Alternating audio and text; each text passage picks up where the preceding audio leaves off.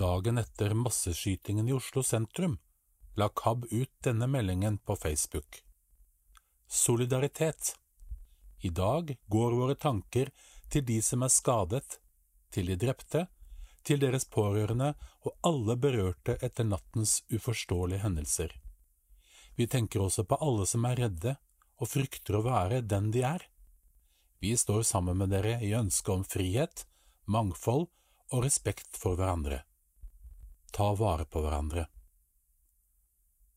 Nå har det gått noen flere dager, og den tragiske hendelsen er like uforståelig. Mange er fremdeles redde og bekymret. Det er ennå tid for ettertanke, refleksjon og bønn midt i den lyse sommertiden.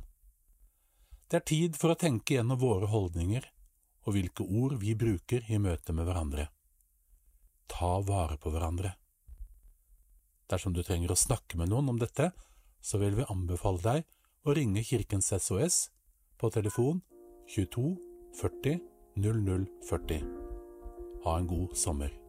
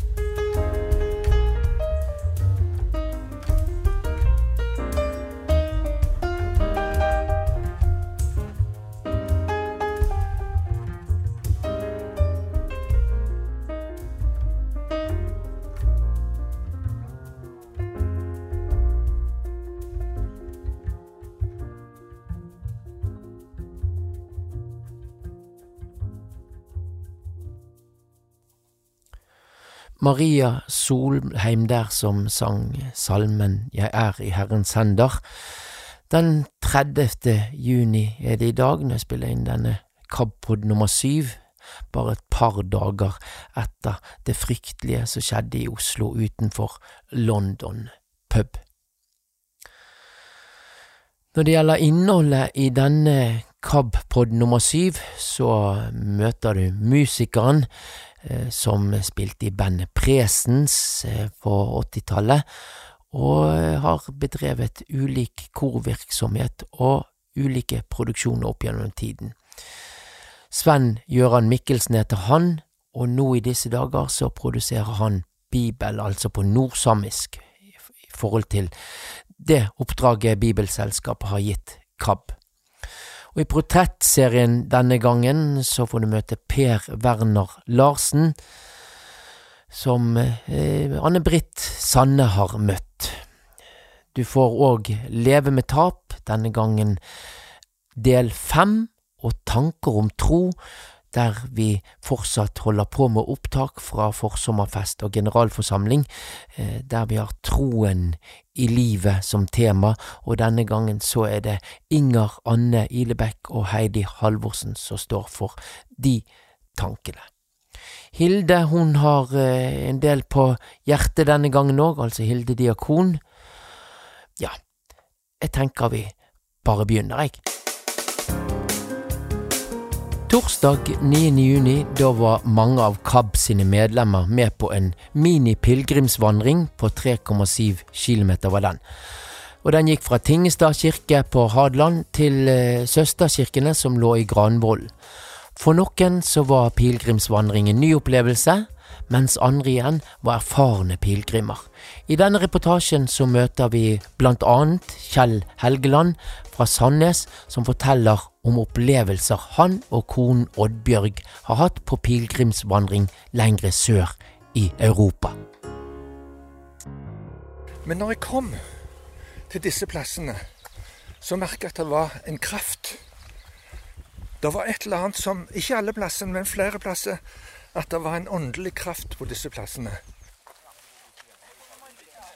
Et pilegrimstog av kvinner og menn, unge og eldre, med eller uten syn, vandrer gjennom et bølgende landskap med enger og jordbruksland på hver side av bygdevegen og pilegrimsleden. Men turen starta ved St. Petri kirka på Tingelstad, der det var diakon Lene Rødningsby fra Gran menighet som møtte oss. Jeg heter Lene, og jeg jobber som diakon her i Gran. Og akkurat nå så er vi på Tingelstad i Gran kommune og utafor Sankt Petri kirke. Og i Gran kommune her som jeg jobber, så er det Det er ikke en så veldig stor kommune, men vi har ni kirker. så, så, det er mange, mange kirker å jobbe i. Og dette her, Sankt Petri som vi står utafor nå, er den tredje eldste kirka. Så det er ikke den eldste vi har. Vi skal til Granevollen, og de to kirkene det er de eldste vi har. Eh, de er, denne her er 800, litt over 800 år gammel. Den er fra 1200-tallet. Og den ser omtrent ut sånn som den gjorde når den ble bygd. Så her har det vært skifta spontak nå, så det blir uh, godt holdt eller godt vedlikeholdt her. Um, rett på nedsida her så går pilegrimsleden rett forbi. Og så ligger det et folkemuseum på, også på andre sida av kirka her, som har uh, omvisninger her i, uh, og litt om hvordan det var å bo her på Hadeland for, for lenge siden. Sankt Petri den er jo i bruk fortsatt, ikke året rundt. Eh, den blir brukt mest på sommeren til noen gudstjenester, og så er det jo en del vielser, da, for det er jo ei en fin kirke. Den er veldig spesiell. Eh, eh, med en veldig høy dørterskel inn her, så jeg har sett eh, flere bruder snubla inn her. uh, og, men den er uh, veldig annerledes enn flere av de andre kirkene vi har her. Men den blir brukt på sommeren. Vi skal bl.a. ha en ordinasjon av en ny prest som er nå her i, i, juni. Da blir denne kirka her brukt. For hun skal jobbe her i Gran Tingelstad. Da kan jeg fortelle at vi har en tilsvarende kirke som eh, bare brukes om sommeren, og det er Bønsnes kirke i Hole. Ja. Ja. Akkurat. Det er litt samme med Mariakirka som vi skal på, på Granavolden. Den, er, eh, den kan brukes hele året, men det er så mye eh, krever så mye å varme den opp at den blir også brukt som en sommerkirke vest.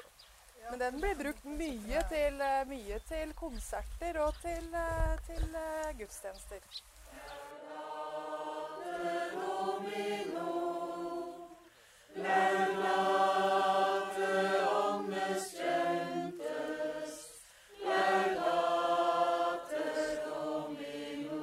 Legg gjerne på flere stemmer. Kjære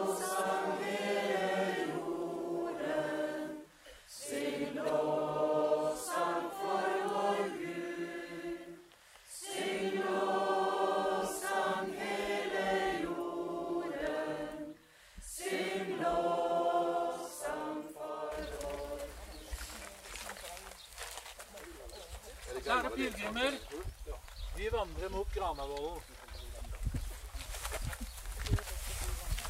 Så var vi i gang med pilegrimsvandringa. I stillhet ei stund, så kom praten i gang att. Og sangen. For noen liker å synge når de vandrer. for godt er mitt humør.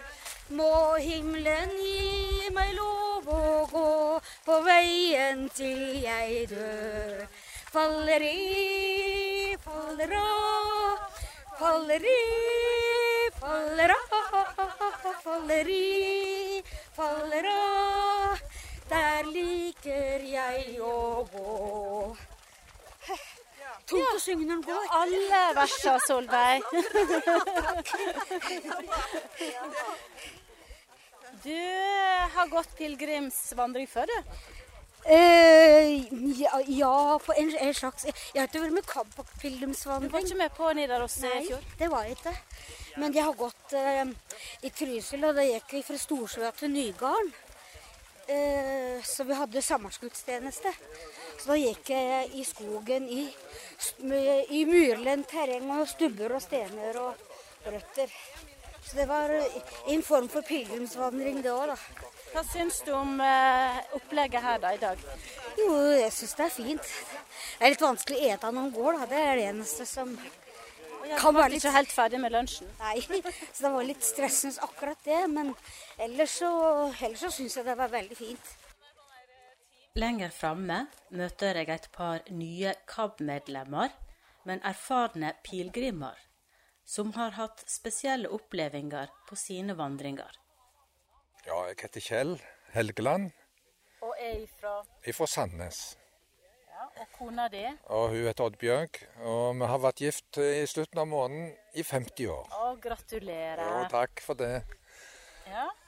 Og nå, nå er vi eh, midt i denne vandringa fra Tingelstad kirke til Granavolden. Og det er vel bare for småtteri å regne i forhold til det dere har gjort før. Nei, egentlig ikke. En, en, må, en må se litt på omstendighetene rundt. Her er det jo mennesker som har en viss form for bevegelseshemning. Og det er jo fantastisk å få lov å gå ut på, på veiene og ha den følelsen av en, av en pilegrimsvandring. Mm. for oss så så vi et, et fjernsynsprogram i 1995. Og da var det Tobben Beck som var ute og vandra med en professor i historie og gikk noen sånn eh, deler av veien til Santiago de Compostela. Og så begynte vi å lete etter informasjon og meldte oss inn i en britiske pilegrimsforening. Og i 1999 så la vi ut på vår vandring. Vi hadde jo alt på ryggen. Men vi var jo ikke mer enn 50 år da, så det gikk jo veldig greit. Men det er et veldig slit å være pilegrim. Det er tre ting som er viktige. Det er nummer én finne en plass å sove. Nummer to eh, må, du, må du få mat i deg.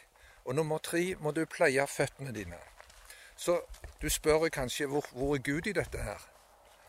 For, for det er de tre fundamentale tingene. Hvis disse går galt, så, så vil du få problemer med naturen din.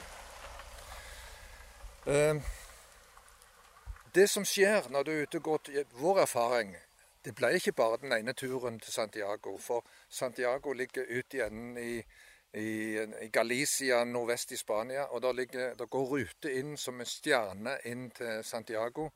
Så vi gikk neste tur fra Porto i Portugal til Santiago. Så gikk vi fra Sevilla, som ligger helt sør i Spania. Og så har vi gått langs den kysten, den nordlige kysten av Spania, langs havet. Det høres helt fantastisk ut, men nå kjenner jeg at jeg blir litt nervøs, for nå går de andre ifra. Så nå skal vi gå mens vi prater. Ja. Det går fint? Ja. Og nå er din kone også eh, kommet etter her. Og dette her forstår jeg at eh, er det noe dere er erfarne med, så er det pilegrimsvandring. Nå har han fortalt om første turen, men det har vært flere. Det har vært flere, ja. Som han sa, så var det da fra, fra Porto til Santiago i 2002. Og i 2004 starta vi i Sevilla. Hadde planer om å gå til Santiago. Måtte gi oss eh, en tredjedel vandring pga. 40 graders varme, og det fantes ingen skygge. Og eh, vi reiste tilbake i 2006. Da ble han syk. Så reiste vi tilbake i 2010 og tok resten av den turen.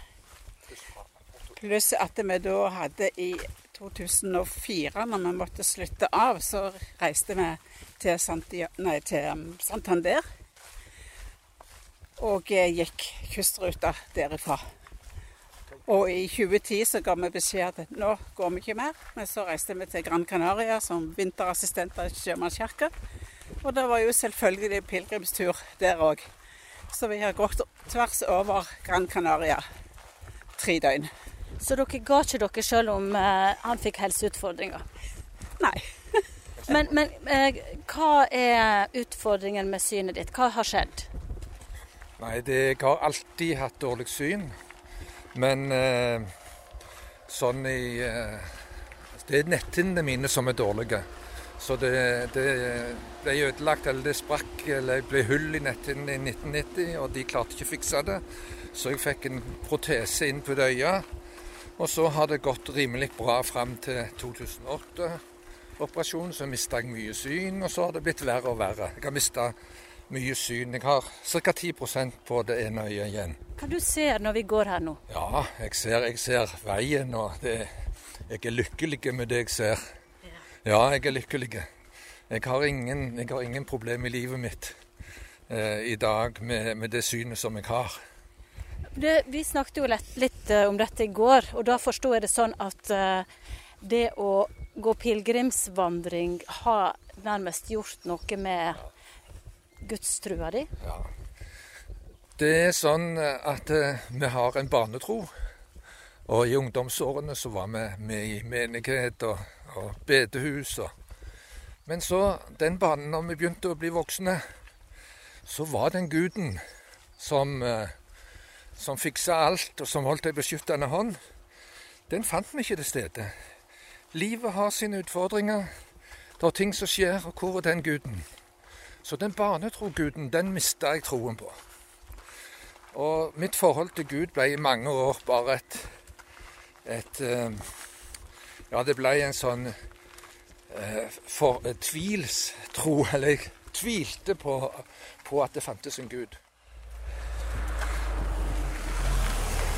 Men så, når vi dro ut på den første pilegrimsvandringen, så i 1999 eh, så var dette en alvorlig eh, foreteelse. Vi måtte stille opp på kontor og be om et pass. Og der måtte vi fylle ut hvorfor vi skulle være pilegrimer. Og vi kunne risikere at en ble kryssforhørte og egentlig ikke fikk passet vårt. Og dermed så fikk du ikke adgang til pilegrimsherbergen underveis. Og vi kryssa av. Vi var kulturelt interesserte, og det var historieinteresserte. Men å være, være sikre, så kryssa vi av åndelig interesserte. Det var sikkerhets skyld. Og vi kom gjennom nåløyet. Vi var ute og gikk pilegrimsvandring. Og så, etter hvert, var det forberedt oss veldig godt. Legender på denne turen høres det er merkelige. Og det som jeg, jeg trodde ingen på det i festet lag og i kantinen på jobben, fortalte de fra tid til annen legender på pilegrimsvandring. Og vi lo av disse her legendene. Men når jeg kom til disse plassene, så merka jeg at det var en kraft. Det var et eller annet som Ikke alle plassene, men flere plasser. At det var en åndelig kraft på disse plassene. Og når vi kom til en, en katedral som heter Burgos, den vil Oddbjørg fortelle hennes opplevelse i katedralen. Vi hadde vært ute og handla nye sokker, og eh, Kjell hadde posene og satt utenfor dette bønnekapellet. Det var mange små kapell inne i katedralen. Og bønnekapellet var bare for pilegrimer pluss de som tilhørte denne katedralen. Jeg gikk inn. Det satt ett menneske der. Og eh, det var en Kristusfigur i full menneskestørrelse. Legenden sier at den er kledd med menneskehud. Men det som jeg opplevde der, det var at når jeg satte meg ned, så hører jeg en stemme som sier Dette gjorde jeg for deg. På norsk? På norsk. På min dialekt. Og da tenkte jeg OK, takk. Så det var det. Så det var, Det var sterkt. ja, det var det. Så da rant jo tårene når jeg kom ut igjen til han, og han forsto ingenting. Det var en forgrått og et bjørk som kom ut fra det kapellet. Og for mitt vedkommende, når vi kom til Santiago og gikk opp, tok hånda på Portico de Gloria, herlighetens port, inngangen til katedralen, og gikk oppover gulvet, så brast det inni meg. Og dermed så ble det endringer i livet vårt. Vi reiste hjem og begynte i menigheten, og etter den tid har vi vært i kirka mellom to og tre ganger i uka siden de siste 20 åra. Så sånn, det vi sier ris eh, pilegrimsvandring er en risikosport. Du kan risikere å bli, å bli eh, skikkelig kristen og tente og, og være overbevist at det finnes, det finnes en Gud. Og når vi er ute og går Hvis det er etter ti dager cirka med slit, så åpnes det en, en gateway opp til Gud. Vi trenger ikke streve eller noe sånt. Vi har Gud midt iblant oss når vi går. Vi spør eh, Nå trenger vi en, en veivisning på ruta, og vi får den. Enten du tror det eller ei. Vi har en drøss med historier som viser at, eh, at det fins en Gud. Beviselig for oss.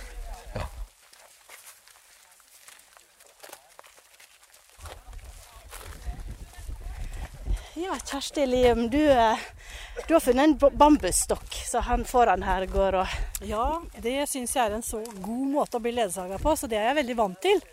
Og særlig når det er smal sti, så er det det beste, syns jeg, da. Har du vært ute på pilegrimsvandring før? Ja, jeg var så heldig at jeg var en av de ti synshemma som fikk gå med KAB i fjor, eh, i Trøndelag. Så det var mitt første møte med å gå pilegrim. Ellers så går jeg jo mye i skog og mark, men jeg syns det her er veldig flott å være med på. Så fjorårsturen ga mersmak? Å ja, helt sant. så vi prøver å få til litt lokale turer hjemme Unnskyld, i lokalmiljøet. Jeg sa jeg skulle lukke igjen munnen, men jeg må få bryte inn. Ja. Du må fortelle på den spesielle turen med Monsen. Oh, ja, Har du vært på tur med Lars Monsen? Ja, jeg har det, vet du. Jeg- Jeg var med på Ingen grenser med Lars Monsen. Oi. Og da var vi jo ute i 30 dager og lå i telt, og da fikk jeg jo en knallstart på det med friluftslivet mitt. så, det, så det har liksom gjort at jeg kanskje har blitt ekstra glad i det å være ute og sove ute og sånn. Du verden. Ja, det må ha vært en stor opplevelse. Ja, det var det. Det var som å vinne i Lotto, syns jeg, å få den eh, billetten til å kunne være sammen med han og lære utrolig mye. Og ikke minst det å være sammen med andre funksjonshemma. For da følte jeg at min blindhet ble egentlig veldig liten. Det å være blind da, det var liksom verken vondt eller eh, Altså, det var Alle de andre så jo. Men jeg kunne bære, jeg orka å gå, jeg gikk og dro, jeg skjøv vogner og løfta. Og jeg følte meg så sterk og så frisk at det var en sånn kjempegod opplevelse. Pluss at jeg lærte veldig mye om andres begrensninger, på en måte, og kanskje satte enda mer pris på mitt eget liv, da. Du er også styreleder i KAB. Ja. Ja, og det har det vært ja. hvordan, har, det vært? så langt? Jo, det har, jeg var først i styret i tre år, og det var jeg glad for, for da fikk jeg jo et innblikk i hva dette handla om. Um, og så har jeg vært styreleder nå, og det har vært en, en stor jobb, det vil jeg si. Mye å tenke på og holde orden på. Det har vært lærerikt og veldig heldig med en fantastisk stab da, som, som eh, bare vil meg vel, og som aldri liksom gjør det så vanskelig for meg, på en måte. Så vi har samarbeida veldig godt, og jeg syns jeg har lært utrolig mye og vokst mye på det å måtte ta litt avgjørelser. og eh, og få lov til å være med på ikke minst den prosessen som vi har i KAB. Hvor nye ting skjer, og som, eh, som vi har hatt et godt styre og jobba sammen. og Jeg syns det har vært kjempefint. Hva er, det, hva er det mest spennende som skjer nå? Ja, nå, akkurat nå så har, det jo vært veldig mye nytt pga.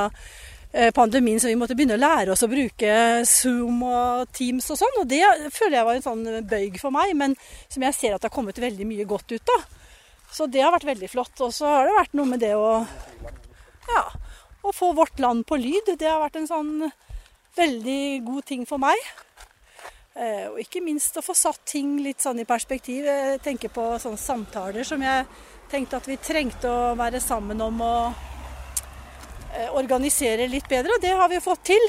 At folk kan få de samtalene når de trenger det med ansatte òg. Jeg kan bare fortelle til deg som lytter at vi krysser nå krysser pilegrimsleden en ja. litt trafikkert vei. Eller ikke så veldig, men at det kommer bil her. Forholdsvis rolig nå, så det gikk bra. Men du, nå gikk jeg akkurat og snakka med noen bak her som er nye i KAB. Nyrekrutterte. Eller de har vel rekruttert seg sjøl, kanskje. Men iallfall, hva tenker du at KAB bør gjøre for å sikre seg nye medlemmer? Ja, vet du jeg tenker jo at vi, vi begynte med kortreist i fjor. Hvor vi drar ut staben, og, og vi i styret reiser ut og besøker folk der de er. Med et opplegg, og det tror jeg er kjempeviktig.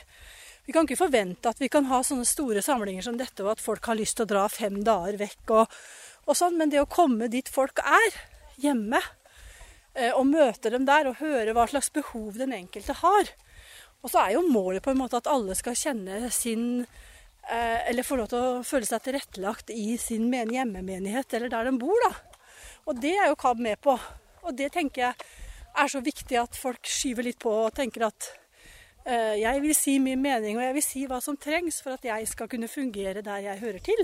Så styrke lokallaga. Styrke lokallaga, eller det som, som eh, ja, vi kaller for kortreist, da. Ja, det er kjempeviktig. Og så jobbe sånn sosialpolitisk, sånn som på en måte vi må gjøre inn mot kirken og mot eh, eh, kommunene og sånn. Jeg tenker vi har mye å gå på i forhold til å rekruttere leder, ledsagere f.eks. dette arrangementet. Kunne kanskje brukt flere i kommunene, hjemkommunen til den enkelte, som kunne se behovet for å ja, Diakoner f.eks., som kunne bli med som ledsagere. Men uh, KAB er ikke så veldig kjent. Hva kan en gjøre for at Ganske små, da. Så har det vært en liten sånn en forsiktig klubb oppe i Askim.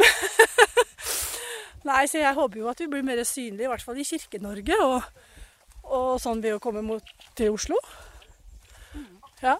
Og så må vi jo Mange av oss er jo med i Blindeforbundet også, så vi må være stolte av KAB og fortelle om det der.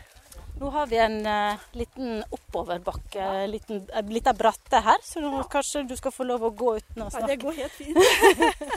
må ha med litt pust. Ja, det er det naturligste. av. Ja. Har det vært en fin tur så langt? Vi er snart framme, tror jeg. For det er jo den beste tida på året, med lukter og friskt gress og blomster og eng Bonde, og bondelandet her, det er kjenner vi på lukta. Så det, det er godt å komme ut av bil og buss og få lov til å bevege seg og være der det lukter og blomstrer. Da får vi la foranværende styreleder, da, Kjersti Lium, gå den tunge bakken til endes. Reporter, det var Anne Sanne. Du, eh, Hilde Grumstad, altså diakonen vår, hun har eh, virkelig rigget seg til og tatt sommeren med storm. Å ja da, du hører det. Ja, Nå sitter jeg i hagen. Nå sitter jeg i hagen og koser meg med føttene i bassenget. For jeg har hatt besøk før i dag av ei lita jente som heter Luna. Eh, og så skal det jo sies at bassenget det er en sånn svart balje som du kan kjøpe på Biltema. Og så kan du bare fylle litt vann oppi der, så har du basseng i hagen. Du, jeg så for meg at du hadde ordentlig basseng nå, og så tenkte jeg hjelpe meg. Ja, men det kan du bare se for deg. Jeg ser for meg det. Så ser jeg for meg deg i en lenestol der du koser deg med beina uti der. Og, og, og da er spørsmålet mitt, eh, Hilde, er det solfaktor eller kokosolje det går i? Eh, kokosolje. Det var det vi brukte før i tiden. Husker du jeg var i Syden på Ja, ja, 80-tallet, jo. sant? Ja, eh, ja, var det kokosolje? Ja, jeg husker det, altså. Og jeg, når jeg var på hytta, vet du, så jeg har hytte på Hvaler, da, og da var det et, eh, et skjær som var akkurat stort nok til meg. Og da smørte jeg, først, da smørte jeg meg først inn med sånn olje, og så svømte jeg ut til det skjæret, og så lå jeg der og ble stekt. Bokstavelig talt. Det luktet svidd. Ja, faktisk. Men du Hilde, vi kan ikke bare eh, eh, fronte kokosolje her. Vi må eh, fronte kablet òg. Og til Ja, ja, ja. høsten, da blir det spennende. Du, til høsten så er det så mye som skjer at eh, jeg blir nesten svimmel av å tenke på det. Men det er bra, det, da. Det begynner jo, det begynner jo allerede i august. For som du jo vet, så har vi lansert et e-læringskurs. Eh, Det begynner å røre litt på seg, sånn at nå har jeg plutselig fått en e-post fra eh, en som jobber i Søreide menighet. I Bergen, det det, du, der. ja. Og det er i Bergen, vet Ja. du. Og, og sammen med, med bispedømmekontoret i Bergen, faktisk, så skal de inviteres inn til en fagdag, og da inviterer de jo bredt. I hvert fall fra hele Bergen fellesrådsområde. Eh, Og da skal det være en hel fagdag om e-læringskurset 100% med. For de ønsker å bli en mer inkluderende At det blir mer inkluderende menigheter i Bergen. Ja, Litt rekapitulasjon her, Hilde. Altså, 100% med det er et kurs som du i hovedsak har står for, og, og, og som dreier Ja. seg om nemlig det at man ikke skal ekskludere folk, at alle skal med. Ja. Så arbeidstittel på det e-læringskurset det er eh, tilrettelegging for barn og unge med en funksjonsutfordring. Så når man tar det kurset, så lærer man jo mer enn syn, da. Men vi tenkte i KAB vi må være litt lure. Hvis vi skal få kirkelig ansatte rundt omkring til å ta et sånt kurs, så må de lære om flere ting enn bare det med syn. Men det er, men det er KAB som står bak kurset, og Den norske kirke har nå omfavnet det med alle hender, holdt jeg på å si. Så da vil de jo gjerne at det kommer noen fra KAB da, vet du, og har et lite foredrag eller et eller annet. Og da tenkte jo jeg at ja, men det har jeg lyst til. Og jeg skal ha med meg en Jeg kjenner en eh, litt sånn artig, kjekk fyr i Bergen, skjønner du.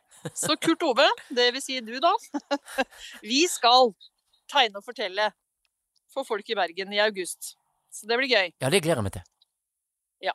Men og du, så, ja, eh, ja, det, du, du har jo vært litt som sånn kortreist planleggingsmøter òg, Ja. du nå? Ja, ja, ja. Um, rett etter at vi har vært i Bergen, da, så skal vi ha et sånt fagforum.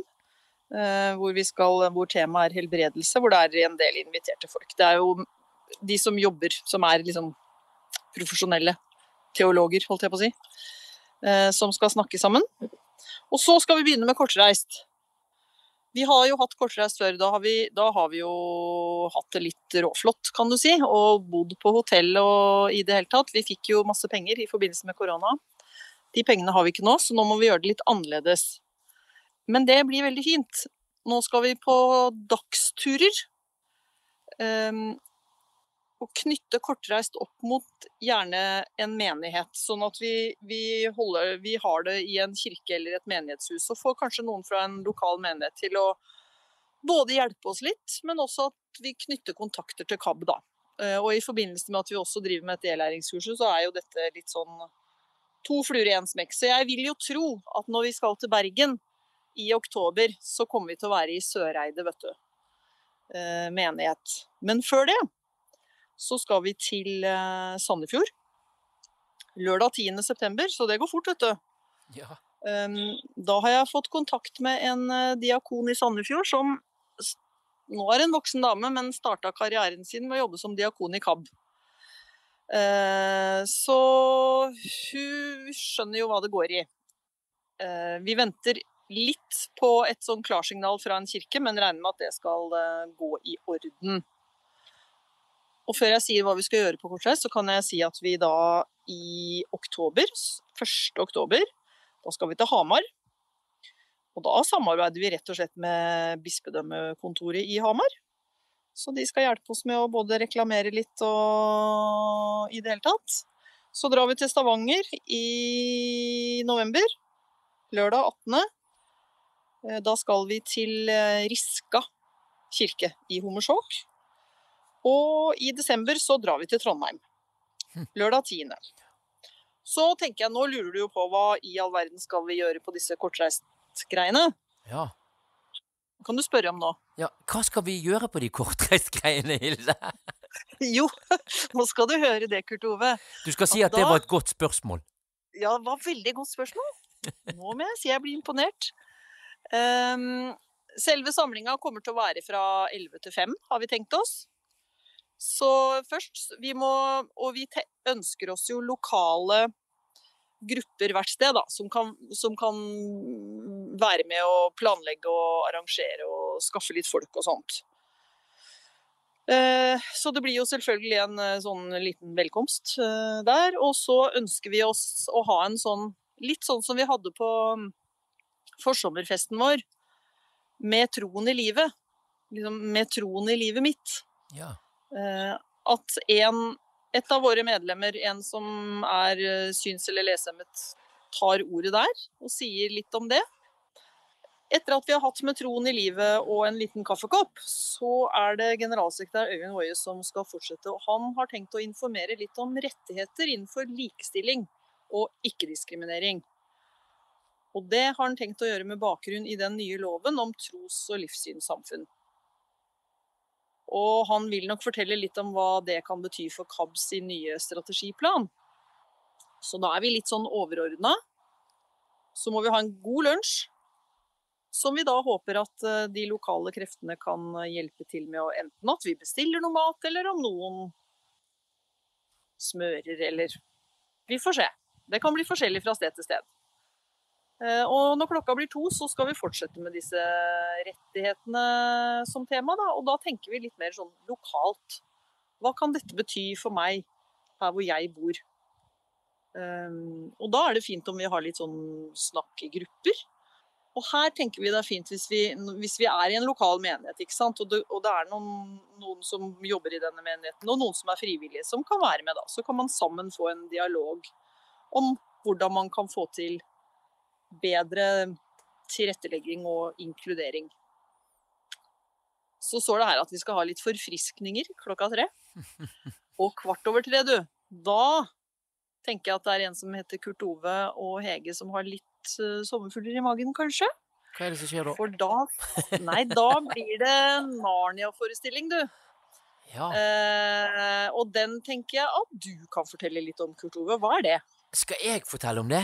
Nå tok du meg Ja, på, på Jo, nei, Narnia-forestillingen er jo på en måte der vi skal ha en sånn fin reise mellom ulike verdener, kanskje litt fra 80-tallet i min verden og Hege sin verden, og Aslan og Peter og Lucy og de sin forjettede verden, Narnia.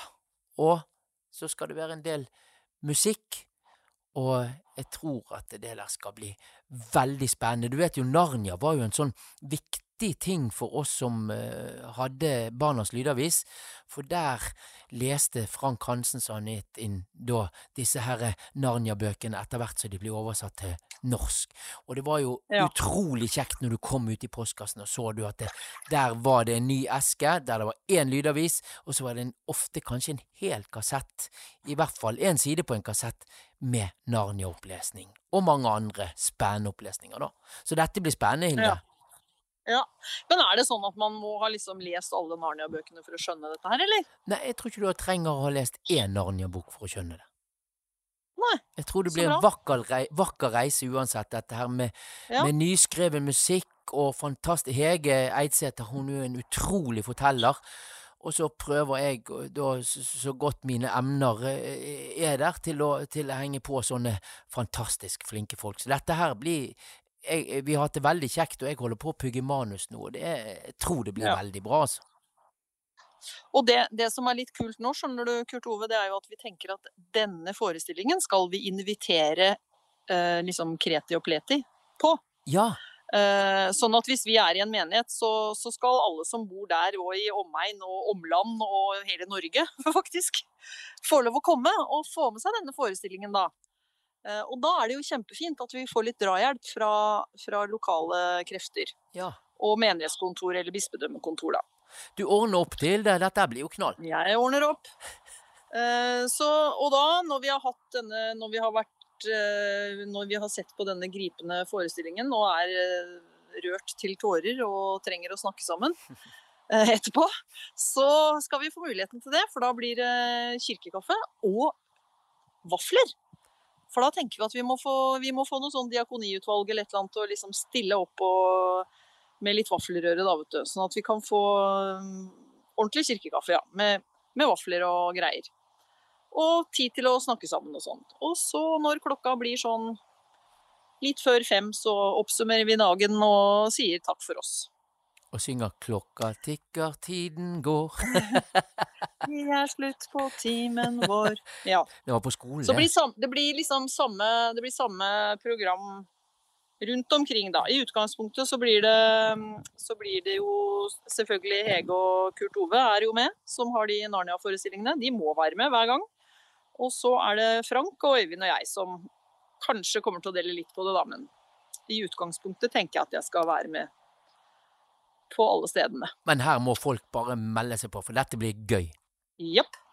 Og gjerne melde ifra hvis de tenker at her kan jeg bidra. Jeg har jo noen i tankene, men, eh, men det er veldig fint å få med flere. Og dette blir jo et så flott arrangement som det er. Som det kan være ganske lett å invitere litt sånn hvis man kjenner noen som ikke har så mye med KAB å gjøre i utgangspunktet. da, Folk som heller går i på Blindeforbundet eller et eller annet. Dette er veldig sånn litt sånn lavterskel og, og fint å få med seg for alle. Du Hilde, dette her Så her er det bare å fri, invitere frimodig.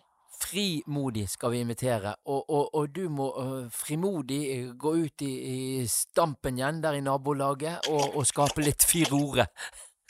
Ja, I will. Kanskje jeg skal prøve å stupe opp igjen? Nei, jeg tror jeg, den er eh, litt for liten til det, tror jeg, ja. God sommer, Hilde, og du må si god sommer til alle som hører deg på KAB når du og koser deg på Ja. stranden. Det gjør jeg altså. Jeg sier virkelig god sommer til alle. Og så, før vi vet ordet av det igjen, så møtes vi på lunsj med Diakonen eller noe annet. Eh, altså, som en bergenser så jakter man alltid på sommeren. Det er ikke så ofte man får han her hjemme, så så eh, jeg tenker at jeg skal ta en telefon til Stavern, for der, der ferierte jeg litt som barn, altså. På Stolpestad camping, godt og varmt i vannet, og som kveldene når vi var trøtt av sol og sjø, så gikk vi opp i kiosken og kjøpte oss pommes frites, eller var det pommes frites? Eh, Sven Gøran eh, Mikkelsen, eh, min utsendte medarbeider i, i, i, i Stavern, er det like fint der nå som det jeg var da jeg var liten på 80-tallet, du? Ja, nå er det i hvert fall veldig fint her. Det er, eh, det det er eh, vel ikke mulig å få mer optimal sommer enn det vi har akkurat i dag. Eh, Det er eh, rundt 5-6-27 varmegrader, knall blå himmel, 1-3 sekundmeter. Og eh, ja, eh, vannet er, eh, er vel rundt 20 par og 20 grader i vannet, tenker jeg. Så, så her er det ordentlig, skikkelig norsk, deilig eh, ja, Jeg kaller det sørlandssommer, selv om vi ikke er så langt eh, sør nå. Men Stavern det er, det er liksom porten til Sørlandet for meg, det. Så, så her nede er det sørlandsstemning. eh, vi ligger i, i Vestfold fylke, da. Ja. Hva ser du ut vinduet nå, da? Ja, hva jeg ser ut vinduet nå jeg, jeg, altså, jeg, jeg sitter ute på terrassen, faktisk. Men, men hvis, hvis jeg går litt opp nå, beveger jeg meg litt, så kan jeg faktisk se over hustaket på, eh, på et hus som ligger nedenfor her. Da ser jeg blått hav. Eh, og så er det omtrent ingen krusninger på havet. Og så ser jeg eh, så vidt litt dis i horisonten. Og så grønne busker. Og, og ja, eh, det er så vakkert at du nesten får vondt i, eh, i mellomgulvet her. Eh, og så sola, da, selvfølgelig, som varmer med sine vennlige stråler. Og, og, og blomsterenger som, eh, som, som, er på sitt aller flotteste nå. Så eh, det er vakkert her nede i Stavern. Eh, du vet at nå er det jo også veldig fint å reise ut uh, på kysten her og, og, fiske makrell. Jeg vet ikke om dere spiser så mye makrell i Bergen, jeg vet ikke hvordan det er. Men, oh, jo, det gjør vi. Ja, dere gjør det. Men oppe i Nord-Norge så vet jeg at de, de, bruker det mest som agn, men her bruker vi det som mat, vi. Så uh, det, det, er liksom også litt av sommeren, det å stikke ut og dra opp litt makrell, og så, og så grille de. Uh, Små sprøstekte makreller med masse pepper og salt på. Og, oh. og du vet den lukta der Ja, når du kommer tilbake fra litt uh, trøtt og sliten og, vært, og så, så legger det på grillen, og så har du litt pepperrotsaus og og litt agurksalat eh, og sånn. Nei, det er jo helt vidunderlig. Du, sitte, ja, ja. du Sven Gøran, eh, du Krabb de ligger ikke på, på latsiden, selv om de er sommer der, skjønner du. Så du har ansvar nå for den nordsamiske bibelproduksjonen som KAB gjør for Bibelselskapet? Ja, det er helt riktig. Uh, KAB ligger vel egentlig aldri på latsida, har jeg inntrykk av. Det er uh, en driftig organisasjon som gjør mye interessante ting. Og, uh, vi har blitt involvert nå i å produsere lydboken 'Det gamle testamentet' på, på nordsamisk. Og det er en en veldig eh, interessant og viktig oppgave, føler vi. Det er viktig at nordsamene også får tilgang lyd, på lydbok på, på, Bibelen og Gamle testamentet. Det Nye testamentet er jo allerede ferdig produsert, ettersom jeg har forstått. Men, mens det er jo også da, i Norsk Lydstudio, da, som jeg eh, representerer, som, eh, som, som, eh, gjør Det gamle testamentet. Så, Eh, akkurat nå eh, i dag så er vel andre økt av, eh, av denne innlesningen nå i juli måned ferdig. Så, så vi har gående produksjon hos oss. Og det er, det er jo ganske spesielt dette med å produsere det på et språk som vi ikke kan. Da må vi selvfølgelig ha en innleser som er dyktig og kan språket ordentlig, og som er god til å lese. Og det har jo da Bibelselskapet og, og KAB uh, skaffet til veie. Og så har vi da våre produsenter som sitter og tar opp og prøver å veilede så, så godt vi kan da. Og så I tillegg så må vi også ha med et par andre faggrupper også. Det er språkkonsulenter som da sitter på link eh, på Zoom eller eh, Teams eller den eh, type kommunikasjonsflater, hvor de sitter og følger med på innlesningen og, og, og rettleder hvis det er ting de mener språklig ikke er riktig. Så, så det, er, det, er, mange mennesker involvert. Og i, i, tillegg så har vi også faktisk eh, mulighet for å kunne ta kontakt med teologer som, som, eh, som også kan, kan, komme med forklarende, utdypende eh, tekst eh, i forhold til egentlig hva, hva, er det man sitter og leser, og hvis det er, noe man lurer på. Jeg, jeg, jeg, kan jo ikke nordsamisk i det hele tatt, men jeg regner med at mye av det som står i Gamle Testamentet, det er kanskje også litt fremmed på nordsamisk, så det er ikke så alltid like lett å oversette det. Eh, til eh, det språket, ettersom jeg har forstått. Og da, da kan, det, kan, det, oppstå sånne tvilstilfeller hvor, hvor, eh, den teologiske biten må liksom diskuteres litt med en teolog. Da. Så, så det er et ganske stort apparat, veldig interessant. og, og det, Vår oppgave er jo rett og slett å legge alt til rette for at det skal bli så enkelt og bra som mulig for, for innleser å, å lese inn dette. Og og i, og i, tillegg da passe på at lyden blir god nok, da selvfølgelig. Det er jo vår oppgave. Og så er det, så er det jo sånn at eh, eh, det er en kjent skuespiller. Stemmen fra Frost på samisk er jo eh, med og deltar som innleser her. Ja.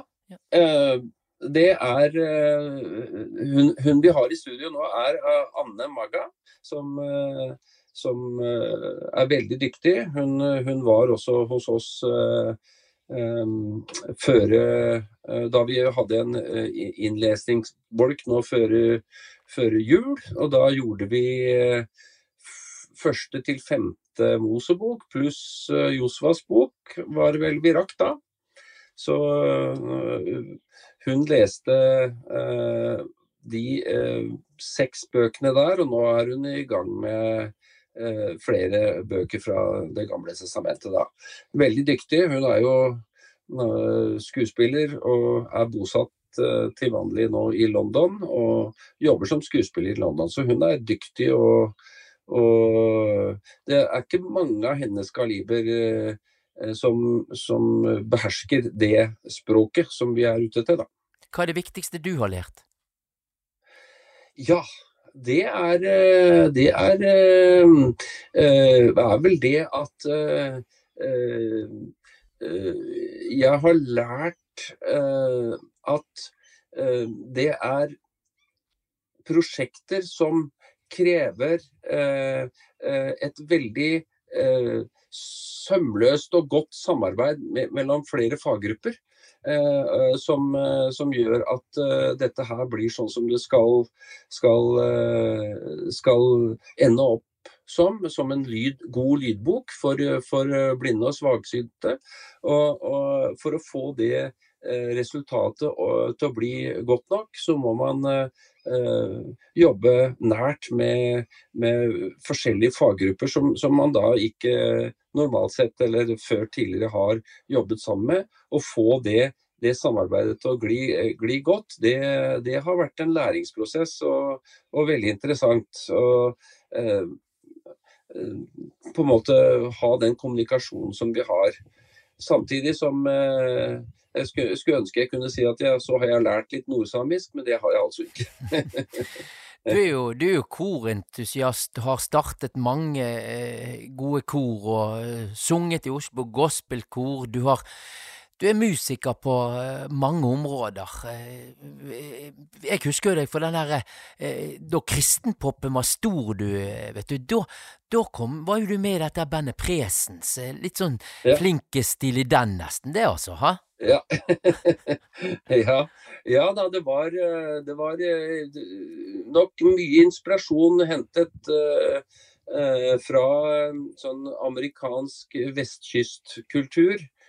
Som Pilot var et band som het, og, og, og som du nevner, Steely Dan da, og Donald Fagan og de gutta der. Og, og Pages med Eh, Richard Page i spissen osv. Det, det er jo musikere som, som, jeg elsker å høre på i dag Vokalisten også. i eh, Mista Mista, det var det visst. Ja, ja, ikke sant. Eh, og, og, Donald Fagan også en fantastisk musiker.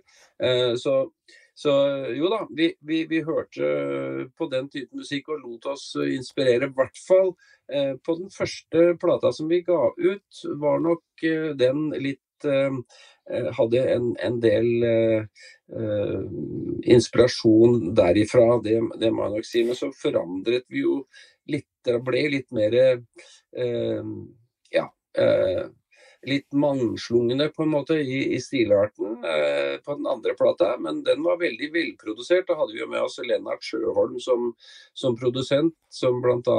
Eh, produserte Carola og, og, sånne svenske flinke folk. da. Men hvordan var det å være med i det bandet? Altså, det var jo da liksom Det var stort dette med kristenpoppen, Å reise rundt da og spille og, og, og Prøv å sette litt ord på den tiden. Ja, øh, det er, øh, det er mange, veldig mange flotte opplevelser jeg hadde med Altså Den gangen så var det jo, var det jo ikke sånn som øh, band som er veldig godt etablert i dag, som har med seg et svært crew. og, og sånn at vi gjorde jo egentlig alt fra A til Å sjøl. Altså vi, vi hadde en svær bandbil, og vi vi, vi hadde med oss utstyret og og eh, måtte rigge alt eh, før vi skulle gå på scenen, så mange ganger så var jeg så sliten når jeg kom på scenen at jeg, at jeg skulle egentlig aldri ha stått der og spilt, for at jeg, var, jeg hadde vært uh, rigge, mann og, og, og, bærehjelp for meg sjøl. det var et tungt utstyr, vet du. Så, så, og så hadde vi kjørt bil, mange bil på forhånd, så det var ganske tøft. Men vi, vi, vi har jo utrolig mange flotte opplevelser. Jeg husker bl.a. Så det var, det var vel på sommeren det. Var vi på turné på Vestlandet. Og vi skulle ned til Jondalen, tror jeg. Og da ned, nedkjøringa der det var utrolig bratt. Og vi hadde med ei veldig uh, kjent vokalist som vi, vi, vi bl.a. gjorde noe i Grieghallen sammen med i Bergen. Hun Sheila Walsh. Ehm, eh, hun, hun, var en ganske stor artist på MTV bl.a. Eh, som, eh, som, som, var med oss da. også. skulle vi da kjøre, kjøre nedover disse bratte bakkene i, i, i vestlandsk natur. Og så begynte bremseveska og, og koke. Og det var vel egentlig bare et under at vi kom oss ned helskinna, tror jeg. Så det, det, det virket som vi hadde eh, hjelp av høyere makter. Det, det var en litt skremmende opplevelse, men litt, litt, morsomt var det. Og vi var jo litt gærne som, eh, som unge gutter. Så, så, men det, hun var litt, litt, betenkt, hun Sheila Walls. Det, det, kan jeg huske. Du har jo eh, folk som har eh, nådd eh, langt, og på, for noen år siden så var vel Donkeyboy på alles lepper, for å si det sånn. Så hva, hva tenker du om det? Ja, altså det, det, er, det, er, jo veldig Jeg er jo litt stolt av det. At gutt, jeg har tre sønner, og alle er, er i, på øverste hylle når det gjelder å være musikkprodusenter. I hvert fall så jobber de med med veldig kjente artister. Eh, og de er også utøvende musikere sjøl. Så, så eldstemannen min, eh, Peter, han, eh, han, er jo en av medlemmene i, i Donkeyboy. Og når, når, de slo igjennom, så, så var jo det, det, først og fremst veldig, veldig gøy for han. For han hadde jo hatt en drøm om det, å få til noe. Spilte jo i band siden han var ganske ung gutt i i, i Drammen med, med, noe som heter Taktløst først. Og, eh, og så etter hvert så ble det Donkeyboy. jeg husker jeg var på, på, på, konsert med Donkeyboy i Drammen jeg, hvor det var 15 stykker til stede. og Det var stort sett bare familie og ingen andre der. Så, så plutselig så, så, så, slo de gjennom eh, i forbindelse med når de var med på den der eh, VG topp 100-lista, eller hva det heter, eh, på, på eh, Rådhusplassen? Ja, ja, altså på Råd, Rådhusplassen i Oslo. Eh, og det var, eh, det var, det var jo Da sa det liksom pang, da. Så og det var jo klart, Som pappa var jo det veldig moro. Og jeg syns det var fint det de kom med også. 'Ambitions', som eh, kanskje er den største hiten deres uh, også i dag. Det, det, var jo den de slo igjennom med. og det, det, det var veldig gøy. Og det er jo det er litt rart på en måte å, å se at sønnen din blir på en måte en popstjerne, men, men jeg har i hvert fall ikke bevisst lagt føringer for at det skulle bli sånn. Eldstemann Peter han, han, tok jo økonomisk utdannelse og er, uh, er uh, fra BI da, og har uh, sånn siviløkonomisk utdannelse. og så, så, men så, så blei ble det at så han blei musiker, han òg, allikevel. så, du, tiden går fort eh, når man har det moro, du. Men, men, men litt ja. helt til slutt der. KAB, altså. Du har jo, det er jo ikke første gang du er implisert i, i, i denne organisasjonen heller? Nei da. Eh, eh, Øyvind Woie, som er generalsekretær nå, eh, han og jeg har hatt god kontakt helt fra tilbake på Ja, det var vel på slutten av 80-tallet, begynnelsen av 90-tallet, så vidt jeg kan huske. Vi har to sånne highlights her som jeg husker, og det var at jeg har produsert to hørespillserier. Eh, hvor eh, eh, Frank Tangen var manusforfatter for den ene, og så tror jeg kanskje det var Øyvind selv som skrev den andre. Og, og den, den, første var hvor Frank Tangen skrev, det var 'Veien mot regnbuen'. Og så den andre var historien om Fabian. Så det, det, det KAB driver med, det er, det er veldig prisverdig og veldig viktig. Det er det faktisk. Så det er jeg stolt av å kunne være en del av. Du, et spørsmål her. Du, du lager jo musikk og, og, og, sånn. Kommer det noe album fra deg snart? Ja, det gjør det faktisk. Jeg driver og jobber med mitt eget prosjekt. I tillegg til at jeg har min egen vokalgruppe nå. Som jeg har kalt for navnet mitt, altså Sven J. Vocals da, på, på engelsk. Så, så, vi har gitt ut et par, eller tre singler allerede. Men sånn alene så kommer jeg nok til å gi ut et album nå. Jeg, nå må jeg se jeg får gjort det før jeg blir for gammel. Og da er det med ditt navn? Det er med mitt navn, ja. For oss som skal søke det opp på Spotify. Ja. Du, eh, jeg kunne jo snakke til det uendelige, men, eh, ja. men, men eh, til slutt, du. Eh, på Stolpestad der, vet du, i, i kiosken, heter det pommes frites eller pommes frites? Det heter pommes frites. Takk for den. Det, det, definitivt. Pommes frites er, det er en fornorskning og en fordumming av det språket. Som, det er jo et, et fransk ord, så det heter pommes frites.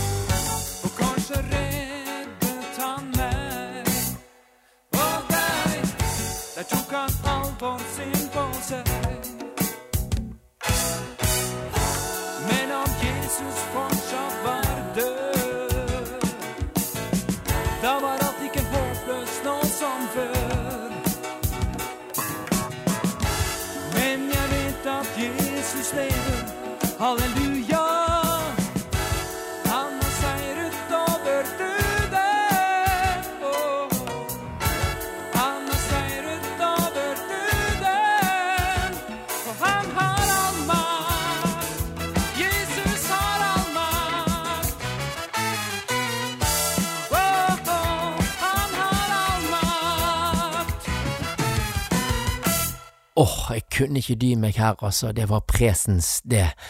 Med han Sven Gjøran Mikkelsen som sang der, faktisk. Du, da blir det del fem av eh, Å leve med tap. Denne gang er det Kristin Berg.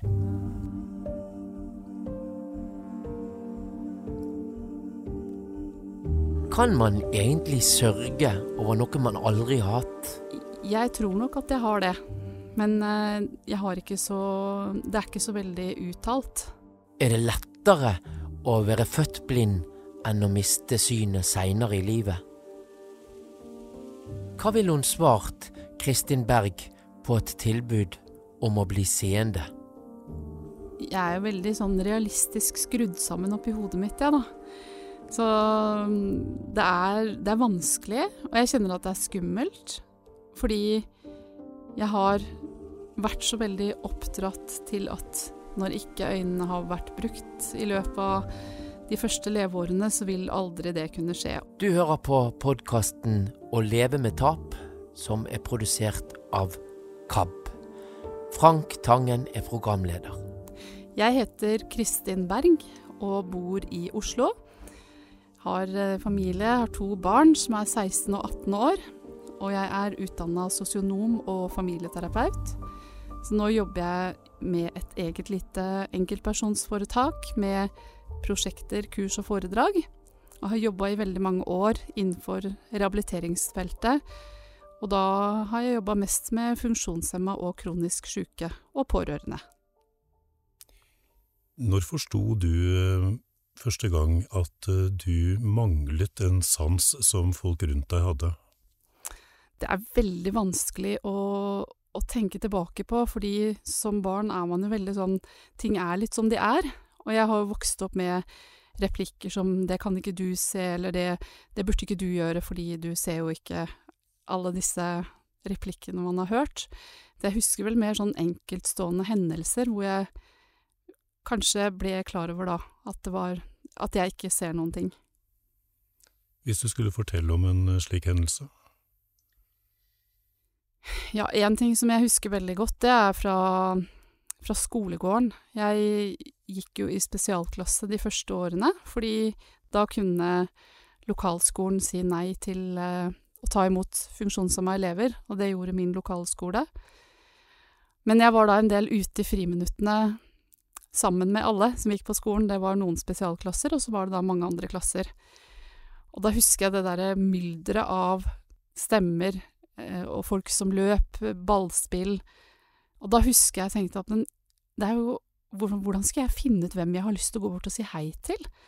Eller hvordan skal jeg, hva kan jeg være med å gjøre sammen med de andre, for det var jo flere hundre elever på skolen der, så det var jo en stor skole. Det er en av de tingene jeg husker veldig godt, som ble en sånn gjentagende greie, ikke sant, som skjedde ofte. Og jeg kjente på det at jeg har jo lyst til å gå bort og snakke med noen eller gjøre noe, men det, det var ikke så veldig enkelt å, å få det til, da.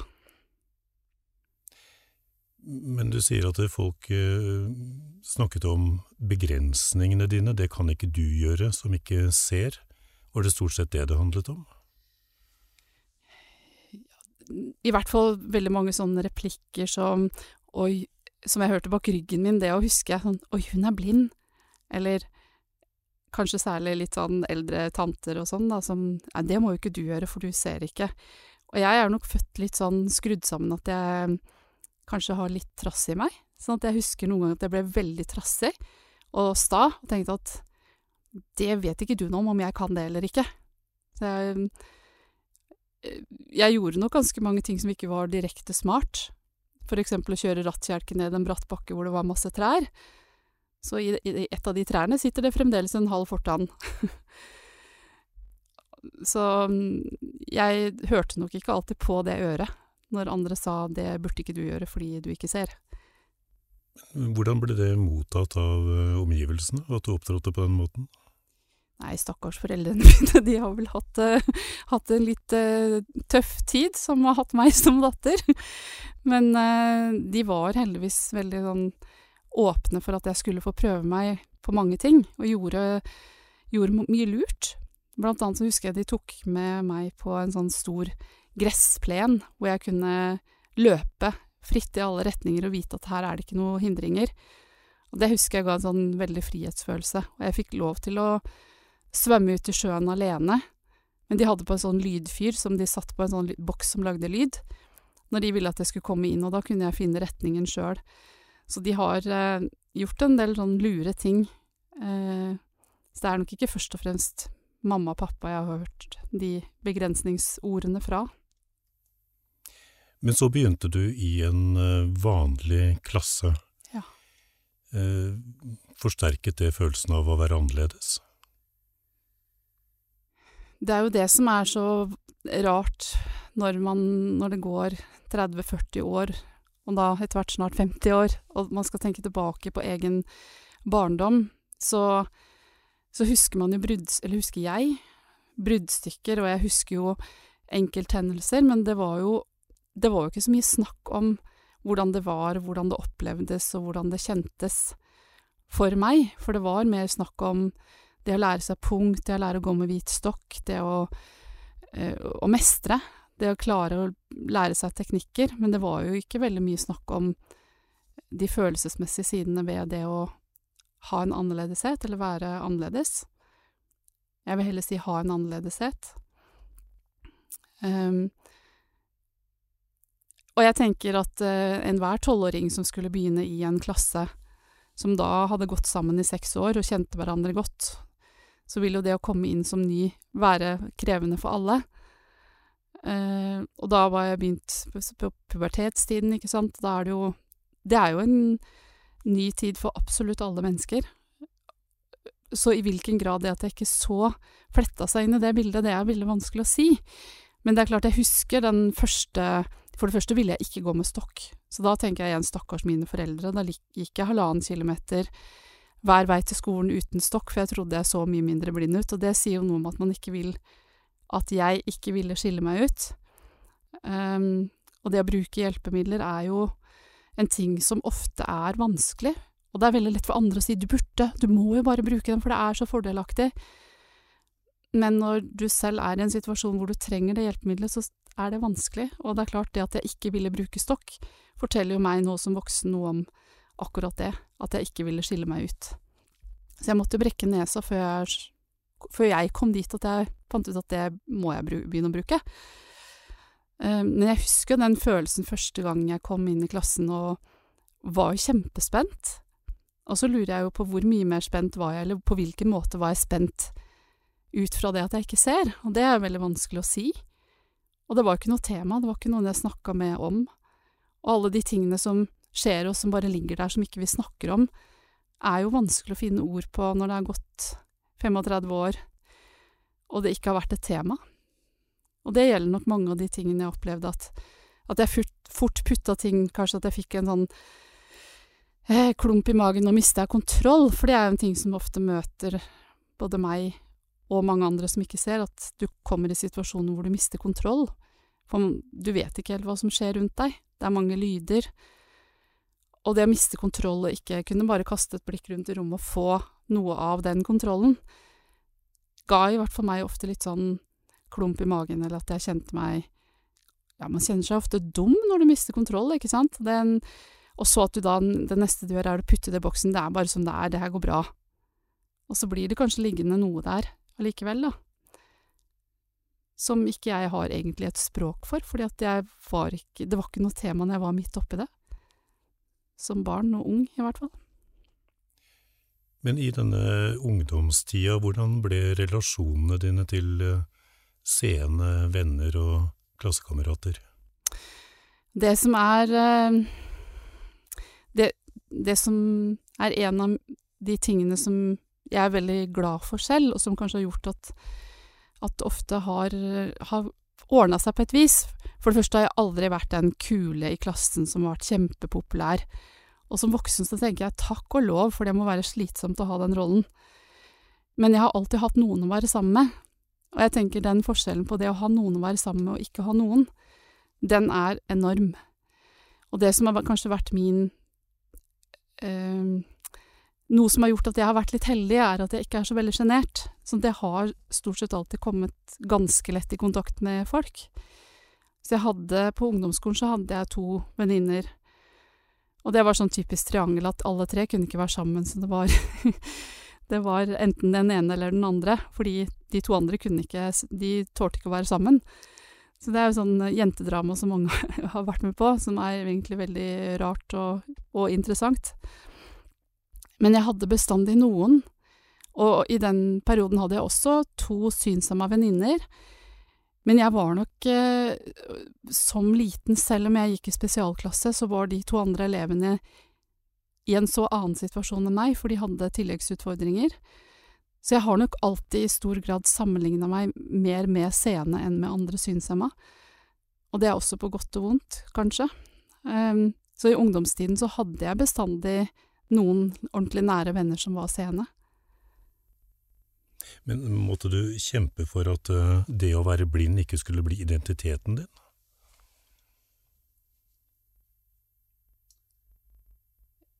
Um, det er veldig vanskelig å svare på, uh, fordi Tror jeg, da, nettopp det at det ikke var noe jeg reflekterte så veldig mye sammen med noen om, så ble det veldig litt sånn som mange kanskje blir oppdratt til, ting er som de er. Ikke sant? Det øh, Jeg har nok ikke fornektet at jeg ikke ser og prøvd, og at jeg ikke skal være, være med meg hele tiden. Men som jeg sa i stad, det at jeg ikke ville gå med stokk, sier jo noe om det, det som veldig mange unge kjenner på, at man ikke vil skille seg ut. Men i hvilken grad jeg jobba med min identitetsbygging, så var nok ikke jeg noe mer bevisst på det enn andre 14-åringer er. Så det er litt eh, tilfeldig hvem man kommer sammen med, tilfeldig hva man gjør, og hvordan man blir møtt på skolen, ikke minst. Jeg var veldig heldig, for jeg hadde lærere som, som stilte like store krav til meg som til andre. Jeg ble ikke tatt ut av noen fag, det var ikke et tema. Og det er jeg veldig glad for i dag, å tenke tilbake på. Og jeg er veldig lei meg fordi jeg ser en del funksjonshemma elever får fritak i fag. Og da kan jeg jo snakke om de tilfellene jeg kjenner godt til, i situasjoner hvor det er helt unødvendig, hvor det handler om at man ikke har lagt til rette på en god nok måte. Der var jeg heldig. Jeg hadde lærere som Jeg to, ble ikke tatt ut av gymmen. Eh, jeg deltok på absolutt det jeg kunne. Og det samme i matematikk og de andre fagene. Og det, det gjorde jo sitt til at ikke jeg tenkte så veldig mye på at det var så annerledes. Jeg hadde ikke noe eneundervisning. Ikke da at det er um, Det er veldig bra i de tilfellene det er det beste for, for eleven, men kanskje jeg ville kjent meg mer i gåstegn blind hvis jeg ble tatt ut av klassen i veldig mange timer. Det vet jeg ikke, men på fritida og sånn, så så var jeg både sammen med noen synshemma, jeg var med i et idrettsmiljø som var tilrettelagt for synshemma på den måten at det var ledsagere der og sånn. Så jeg traff jo andre, og det var veldig betydningsfullt for meg. Og det sier kanskje noe om det du spør om identitet. Jeg husker blant annet jeg gikk masse på ski, og vi var borte mange helger, og da, på disse lange bussturene, så husker jeg det var en mann som er 12-13 år eldre enn meg, og han snakka jeg veldig mye med. Da jeg var sånn 12-13-14 år, så snakka jeg veldig mye med han og stilte han spørsmål, og jeg husker at han var en utrolig god lytter. Og en sånn person som har betydd mye for meg seinere, så det å treffe en annen voksen, klok, kunnskapsrik synshemma var veldig viktig, og kanskje noe jeg bærer enda mer med meg fordi jeg tenker han var i jobb. Det tror jeg at jeg da tenkte på, så bra at han jobber. Han hadde familie, han hadde barn. Det var også sånn som ga Uten at jeg tror jeg tenkte så veldig mye på det da, men det var jo noe som gjorde at det var ekstra spennende å snakke med han, har jeg tenkt etterpå, da. Kanskje enda mer enn om jeg hadde truffet en den mann som var Eller en person, om det var mann eller dame, en person på 28 år som ville prate med meg, som, som selv var sene, så vet jeg ikke om det hadde fått helt den samme plassen. Jeg husker det var i hvert fall veldig spennende å prate med han, da. Og det å treffe noen voksne som, som også så dårlig, eller han så ingenting, som fungerte bra, som var morsom, kunnskapsrik, hadde jobb og alt dette her jeg forteller, det betød i hvert fall veldig mye. Og sånne små ting, sånne små møter, er jo kanskje noe av det som bygger identiteten vår også, ikke sant, altså disse viktige møtene, som ofte ikke er så lett å se før det har gått en, en del tid, da.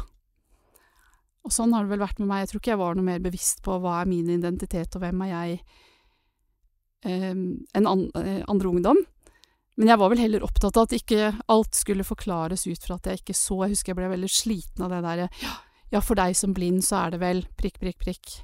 Ja, du som blind, du pleier vel å Og det husker jeg at jeg Jeg likte ikke det, og jeg liker det fremdeles ikke. og det sier vel noe om at jeg ikke vil at den blindheten skal være kjernen i min identitet, da. Noen tenker at eh, det må være enklere å være født blind enn å bli det, for du vet jo ikke hva du skal savne. Hva svarer du på det? Jeg har hørt det noen ganger, for å si det sånn, og jeg er litt sånn nysgjerrig på hva er utgangspunktet for at, at en annen person har behov for å sette det opp mot hverandre. Og dette kunne jeg sagt veldig mye om, eh, og jeg har opplevd det mange ganger, at noen sier akkurat det. Og så tenker jeg at eh, for det første så har jo jeg mista muligheten til å få bilde av en del ting, som kanskje personer som ser, tar helt for gitt. Altså dette med hva, hva er blikkontakt, og hva betyr Jeg har fått med meg hva det betyr i kommunikasjon, men jeg har ikke et bilde av det. Um, eller det å se nyanser i et blikk, ikke sant. Han, han sendte meg et svart blikk. Hva betyr nå det? Og så kan jeg tenke jeg kan høre mye i stemmen på folk, og prøvd å liksom få mitt bilde av det, men jeg vet jo ikke hvordan det stemmer. Eller det å se utover en folkemengde og peke seg ut én person man kjenner igjen, ut fra utseendet. For meg er det nesten ubegripelig. Um, eller det å kunne kjøre bil i trafikken og få et totalbilde av det som er rundt, rundt deg. Eller totalbilde får man jo ikke, da, men du, du får i hvert fall et ganske godt bilde. Så tenker jeg De tingene har ikke jeg et indre bilde av. Det vil jo en person som Så jeg kan jo lett tenke at personer som mister synet, har nå i hvert fall med seg det. Og har kanskje sluppet unna en oppvekst hvor man har hørt veldig mye om hva man kan og ikke kan, hva man er og ikke er, ut fra at man har en funksjonshemming.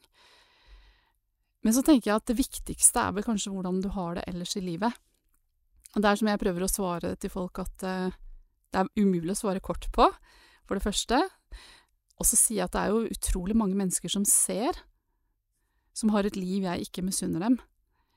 Eh, og det er utrolig mange mennesker som ikke ser, som jeg også tenker at sliter og har, har tunge ting. Og så tenker jeg at de, til syvende og sist så er det jo hvordan vi har det som, som er det viktigste. Sånn for meg så For det første får man aldri muligheten til å velge. Unnskyld, vil du bli født blind, eller syns du det er mer å foretrekke å bli det seinere i livet? Det er et valg man sjelden får. Eller jeg kjenner ikke så mange som har fått det valget, da. Um, og så tenker jeg det viktigste er jo kanskje å prøve å få lov til å være den man er, få lov til å synes at det som er vanskelig, er vanskelig, og det som er bra, er bra.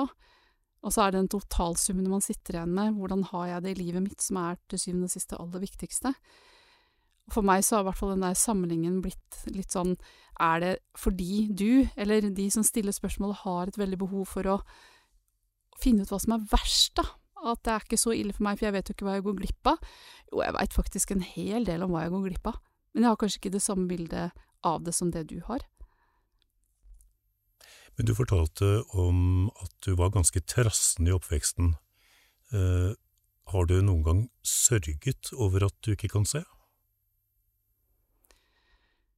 Ja, det er jo et, eh, et tema som jeg har blitt veldig opptatt av eh, i løpet av de siste årene, i bunn og grunn.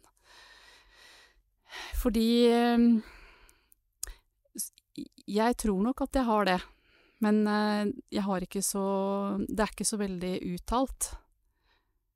Um, fordi jeg har vært en person som av mange grunner har blitt sånn at jeg skal mestre, klare, gjøre ting så fort jeg kan, så effektivt jeg kan, um, bla, bla, bla. Og da har det ikke vært så veldig rom for å egentlig kjenne etter hva har vært trist. Og så tror jeg Jeg oppdaga i hvert fall veldig sånn etter at jeg ble mor, men jeg tenkte ikke så mye på det før nå de siste årene, det heller, men at jeg nok i voksen alder har valgt bort en del situasjoner som har vært ubehagelige, som jeg ikke lenger kunne velge bort etter at jeg fikk barn, fordi da var det deres interesse som var det viktigste. Um, for å gi et eksempel, da. Jeg hadde nok ikke blitt med niesa mi på, på fotballkamp på Lille Tøyen hvor det var fire andre fotballkamper og jeg ikke kjente noen foreldre, fordi det er en ganske kaotisk situasjon. Da ville jeg heller spilt kort med henne eller gjort noe annet. Men da jeg fikk egne barn, så gjorde jeg det, uten å kjenne noen andre voksne. Og da kom det en liten unge bort midt under kampen og sa du står og heier på motstanderens lag, altså. Det er jo unektelig litt komisk i etterkant, men man føler seg jo litt sånn teit. Jeg skjønner jo at antageligvis så valgte jeg bort en del sånne situasjoner før jeg fikk barn, fordi det var ubehagelig. Og så kan man jo spørre hvorfor er det ubehagelig, og hva betyr, hva representerer det for meg, da? Jo, det er jo en påminning om at en del ting er mer tungvint, tar lengre tid, kanskje er mer slitsomt. Noe jeg ikke ser. Og hva syns jeg nå om det, da? Men den måten å tenke på har jeg ikke fått delta så mye i. Så derfor så er det et uh, veldig sånn uartikulert tema, for å si det sånn. Så det, det er nok mye der. Hvor, hvor, vondt var det for meg å stå i skolegården og ikke se hvor de andre var, og kjenne på det at ja, men jeg kan faktisk ikke spille fotball sammen med de andre på samme måte. Eller uh, jeg vet ikke hvor de andre er. Uh, jeg husker følelsen av å være litt sånn dum, rett og slett, og at eh, nå, nå, har jeg ikke helt grep om situasjonen. Og det er klart en påminning om nettopp denne annerledesheten. Men det var jo aldri et tema. Hvor vondt var det, hvor vanskelig var det? Og jeg tror jo alle disse situasjonene hvor du, hvor du opplever at nå er, jeg, nå er jeg dum, dette klarer ikke jeg. Alle de andre rundt meg klarer å løpe fort og tjoho og hoppe paradis og sparke til den lille duppeditten. Um, og så lagde de en sånn spesialparadis oppe i klasserommet vårt med tråder jeg kunne kjenne, men det ble jo ikke det samme som å delta ute i skolegården sammen med de andre i full fart, full svosj. Og hvor, hvordan var nå det, sånn dypest sett? Det er veldig vanskelig å huske, men jeg tror, jeg tror at, uh, at det blir ganske Jo, det, dette med å føle seg dum, at du gang på gang kjenner på denne dumskapen. Men er, Mens i voksen, voksen, alder så har jeg jo mer kommet dit hen at jeg tenker at det er jo rammene rundt, det er jo egentlig hele situasjonen som ofte er litt dum. Og hvis jeg kan si det til meg selv at det er Jeg er sikkert dum mange ganger, men akkurat i de tilfellene jeg snakker om nå, så er det jo situasjonen som er litt dum, og da kan jeg jo si litt andre ting til meg selv. Og jeg føler det også litt annerledes enn når jeg kjenner på den dumhetsfølelsen, da. Men, men, ligger det noen følelser langt under her et sted, la oss kalle det sorg, da, som du skulle ønske at du hadde fått hjelp til å få kontakt med?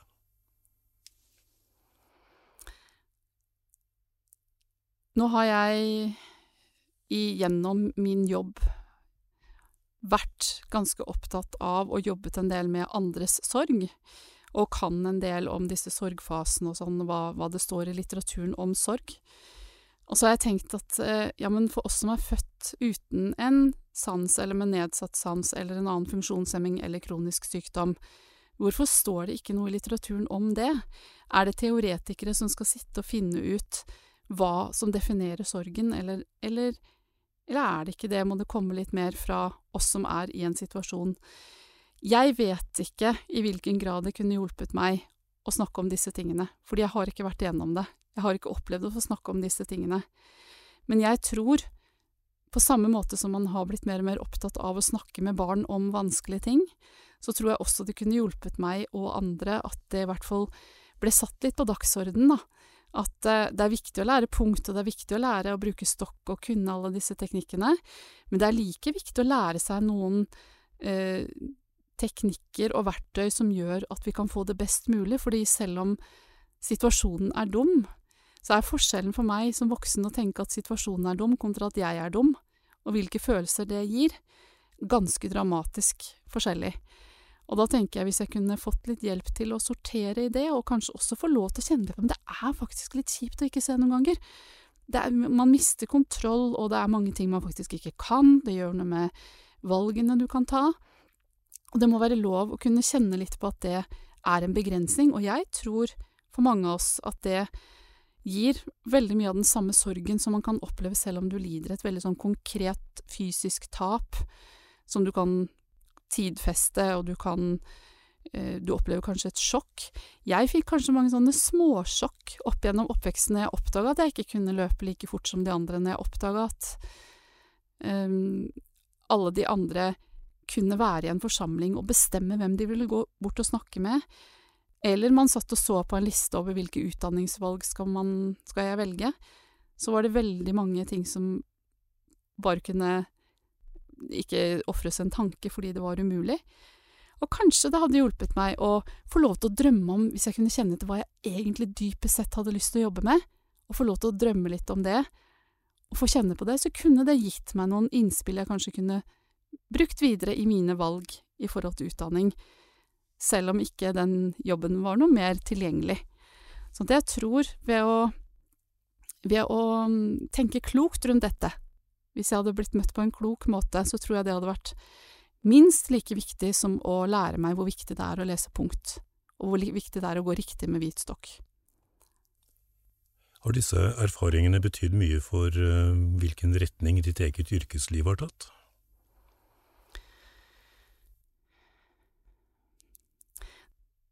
For meg så var det nok ganske tilfeldig hva slags eh, retning jeg valgte. Jeg var nok ganske sånn realistisk på hva som ikke var mulig å velge. Jeg skulle nok ha ønska meg en bedre veiledning da jeg skulle velge utdanning. Ehm, det var liksom veldig sånn at pianostemmer og fysioterapeut, det egna seg veldig godt for synshemma. Og da husker jeg at jeg tenkte at hm, det er ikke sikkert jeg vil bli det selv om det passer godt. Men der skulle jeg nok ønske meg at det var en bedre tilgang på, på kompetanse til å kanskje først og fremst stille noen gode spørsmål. Ikke fortelle meg hva jeg skal, men at jeg kunne fått, fått litt hjelp til å tenke litt bredere og tenke litt, finne ut hva jeg faktisk dypest sett var interessert i, og hva jeg brant for. Så det var nok litt tilfeldig da jeg valgte retning. Har du noen gang stilt deg spørsmålet det er en mening med at du er synshemmet? Nei, jeg har egentlig ikke det. Um, og jeg er uh, Jeg er nok typen som fort kan kjenne på litt provokasjon når jeg hører det. Men jeg kan kjenne veldig på at det kan komme noe mening ut av det, ikke sant, eller gjennom det at jeg ikke ser, men at det er en sånn forhåndsbestemt mening med at jeg ikke skal se, det passer ikke inn i mitt tankesett. Så her er det ingen gud eller noe som har noe med det å gjøre? Jeg tror da i hvert fall ikke at uh, en gud har skapt meg med blinde øyne fordi han tenkte at det var så bra. Men jeg tror heller at man kan få en guddommelig hjelp til å håndtere livet på, på en måte som er best mulig for meg og de jeg har rundt meg. Men det å tenke at jeg har blitt funksjonshemma av en spesiell hensikt, det tenker ikke jeg, men jeg tror absolutt at det kan komme Kanskje jeg får brukt andre sider av meg selv? Kanskje jeg gjør ting nå som jeg ellers ikke ville ha gjort, som det kan komme mening ut av? Det tror jeg.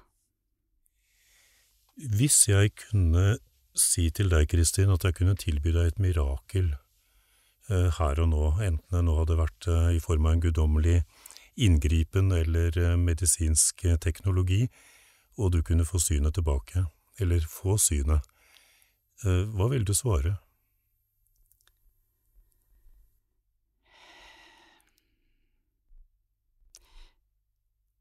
Jeg er jo veldig sånn realistisk skrudd sammen oppi hodet mitt, jeg, da. Så mm, det er, det er vanskelig, og jeg kjenner at det er skummelt, fordi jeg har vært så veldig oppdratt til at når ikke øynene har vært brukt i løpet av de første leveårene, så vil aldri det kunne skje. Og så har jeg lest om at det har skjedd mirakler, og hørt om det, men det angår liksom ikke helt meg, da. Eh, og det tror jeg det ligger mye beskyttelse i. At ved å gå inn på å tenke på det sporet, tenk om jeg kunne få synet, så er det veldig skummelt. Um, og det har vært en veldig lukka dør, men jeg kjenner jo litt at den døra er, står litt på klem nå, fordi det skjer veldig mye spennende i forskningsverdenen rundt dette med syn. Så hvis jeg skal prøve å svare på det spørsmålet ditt, hva jeg, hva jeg ville gjort hvis jeg fikk vite om et sånt mirakel, så vil jeg si hvis jeg kunne få synet tilbake, eller få synet, og, og vite at jeg kunne ta i bruk synssansen, så ville jeg tatt imot det med en gang. Og da, jo, da, begynner jeg å tenke, ja, men betyr det at ikke du er fornøyd med livet og fornøyd med det du har nå? Og det er jeg. Men jeg må jo si at jeg savner veldig å kunne se. I, for, mi, for, min del så gjør jeg det. Um, jeg har nok brukt ganske mye av det jeg har av psykisk forsvar på å prøve å finne en måte å løse de utfordringene som møter meg, eh, på en måte som jeg er komfortabel med. Og jeg tror ikke alt ville blitt rosenrødt og kjempebra selv om jeg fikk synet. Men eh, hvis du kom til meg og sa vil du ha et mirakel av meg, så tror jeg jo ikke det mirakelet hadde kommet fra deg, da, men hvis du hadde vært budbringeren for det, så tror jeg nok at svaret ville vært ja takk. Men jeg kjenner også at det, ville, det er fryktelig skummelt å tenke den tanken. Eh, så for meg blir det litt det å hvis, jeg, hvis dette hadde opptatt meg veld, veldig mye, at jeg gikk nå og tenkte på den forskningen som skjer, eller gikk og tenkte på at Gud kan jo helbrede meg, hvorfor gjør han ikke det? Um, så tror jeg det ville forstyrra meg fra å leve det livet som jeg er veldig fornøyd med og har, har det veldig bra med, selv om jeg samtidig har ting som er vondt innimellom, og som er vanskelig, og som er direkte kobla på at jeg ikke ser. Så tror jeg Jeg tror ikke jeg vil inn, helt inn i det rommet og begynne å kjenne på og tenke om jeg kunne få synet tilbake. Hvorfor skjer det ikke noe? Jeg skulle så inderlig ønske det. Så jeg trives nok bedre i det rasjonelle rommet, hvor jeg kan få lov til å på en måte stå og se litt inn gjennom et vindu en gang imellom og kjenne litt på det. Men jeg vil ikke at det skal få ta for stor plass, for jeg er veldig takknemlig for det livet jeg har. Jeg er veldig fornøyd med det jeg driver med, og, og bruker tida mi på. Stort sett. Ikke alltid, men stort sett. Og da tror jeg kanskje det å være i det rommet hele tiden og kjenne på Tenk om noen kunne kommet og tilbudt meg et mirakel. Så tror jeg det ville tatt veldig mye av min glede her og nå, da. I hvert fall hvis det ikke skjedde.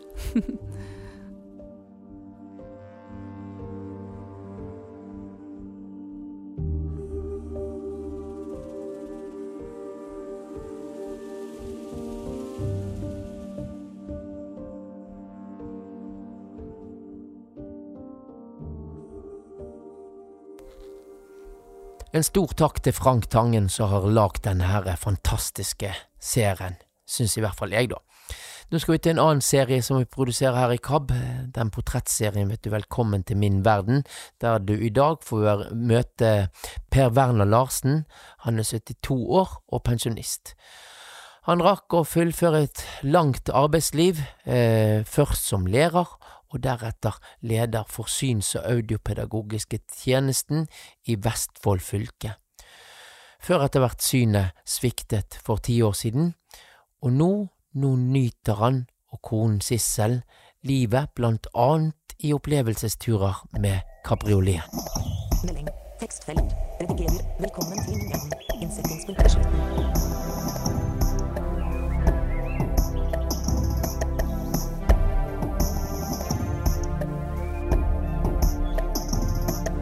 De viktigste egenskapene mine er vel at jeg stort sett er i godt humør. Jeg våkner hver morgen og smiler. Humor er viktig for Per Werner Larsen fra Sandefjord. For ti år siden mista han synet. Han måtte slutte å kjøre bil, og solgte båten som han var så glad i. Men Per Werner og kona Sissel finner nye gleder, og kjøreturer i kabrioleten er en av dem. Som en skjønner, at en mista synet mer og mer. Og så slutta jeg å kjøre for ti år siden, men interessen for bil har jo vært der. Ja, du har alltid vært glad i å kjøre bil? Alltid. Tok bil på 18-årsdagen. Har du hatt mange biler opp igjennom? Mange, mange biler. Hva slags bil er det du har hatt? Stort sett Volvo. Ja. Men i tillegg så har vi jo en sånn eh, sommerbil. En Mercedes Cabriolet. Og den eh, har vi lyst til å ta deg med en liten tur, da. Og en kjøretur med en kabriolet, det er noe mer enn en kjøretur. Det er en opplevelsestur. Så velkommen på tur. Ja, nå gleder jeg meg. Og så fant vi ut på våre begynnende eldre dager at nei, nå må vi ha litt vind i håret eller ikke håret. Mm. Og så fant Per en, denne kabrioleten på Finn, og han har leita i flere år. Og så realiserte vi det, og så fikk jeg på en måte den til 70-årsdagen min. Sissel setter seg bak rattet, Per Werner i passasjersetet framme og jeg i baksetet. Taket er av, sola varmer litt, og det jeg tror vi alle tre kjenner, er en følelse av forventning og frihet. Nei, det er et eh, vidunderlig sted å bo, for det er jo sjøen rett ved, og så er det veldig mange gode naboer rundt. Som har skjønt det at eh, jeg ser dårlig. Mm. Og når de kommer, så de fleste av de da, de sier bestandig der Ja, det er Britt. Og det er den ene og den andre, og det er veldig mange hjelpsomme naboer og gode naboer som jeg godt kan be om hjelp, da. Mm, så fint. Så jeg er blitt eh, avhengig av det, og, og tør å spørre dem også. Ja, det er jo en Og får tilbakemelding på at det bare er hyggelig. Så det Så vi har det veldig hyggelig her. Men du, det her var jo ikke kaldt. Det her var jo kjempefint. ja. Får en fin bris i eh, hodet her. ja. Og her, eh, her har vi jo Tønsbergfjorden innover, da. Og så ligger jo Nøtterøy rett over, som du ser ut på. Og nå kommer sola og varmer oss litt òg. det gjør den altså. Er dere ofte ute på tur med kabrioleten? På sommeren? Den er jo ganske ny for oss, da, så vi skal ta en skikkelig sommertur eh, nå i år. Hvor går turen hen da? Den går til Vestlandet. Ja. Det var et godt valg. Ja, var det ikke det? Ja. Hvor skal vi reise da? Ja. ja. Skal dere ha noen tips fra Ja. vestlendingen? Ja. Gjerne. Jo da, her er jo en vidunderlig tur å gå, da. Dette kaller vi for strandpromenaden. Ja. Det er den daglige, den daglige turen din, Per. Ja. Og ofte min nå, da. Jeg har jo hatt førerhund Ja. som eh, vi dessverre måtte ta eh, torsdag før palmehelga nå i år.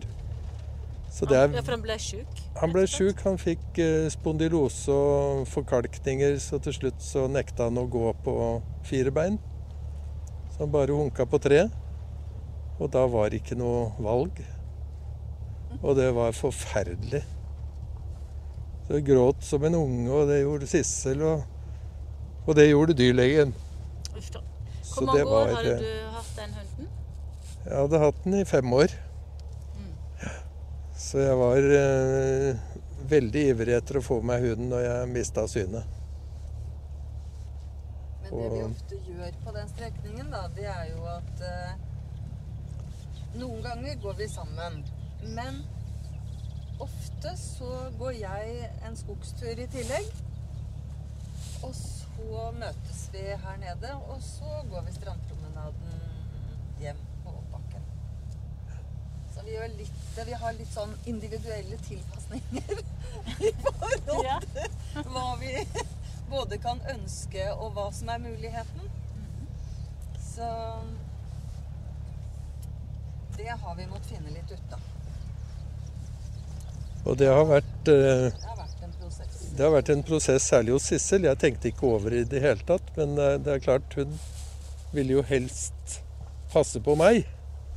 Mens jeg syns det er deilig å gå aleine og fintenke av og til. Så, så når jeg blei klar over at hun egentlig tenkte mest på meg og, og tenkte at jeg ikke likte å, å gå aleine, så hadde vi en runde på det at jo, jeg syns det er deilig av og til å kunne gå aleine der hvor jeg er kjent. Og særlig når jeg har bikkja med meg, så er jo ikke det noe problem. Men jeg har også lånt bort føreren min, så han kunne få litt ekstra god mosjon, da. Og gikk da tur med Sissel mens jeg tappa meg etter veien bortover her, for her er jeg jo godt kjent. Det var, det var viktig for dere med en del sånne avklaringer og god kommunikasjon underveis, da? Veldig viktig med en åpenhet rundt det. For det blir noen runder, for livet blir litt annerledes.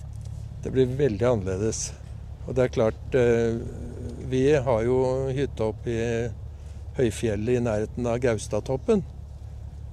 Og det var jo et eh, mål i seg sjøl hver sommer å komme seg til Gaustatoppen. Og etter hvert så ble det helt håpløst å komme seg ned. Fordi at jeg mista jo synet mer og mer, og så ikke om det var fem centimeter eller én meter til neste stein nedover. Så det sa seg sjøl at jeg fikk mindre, mindre og mindre bevegelsestrygghet, da. Og ga opp, egentlig. Så var vi da heldige at Gaustadbanen, altså det går en bane fra eh, bånn av Gaustatoppen, så går et tog rett øh, vannrett innover. Og så skifter du ut et nytt tog, omtrent som Fløibanen i Bergen. Og så tar du 45 grader helt til topps. Og når den banen kom, så har vi vært på Gaustatoppen ganske ofte.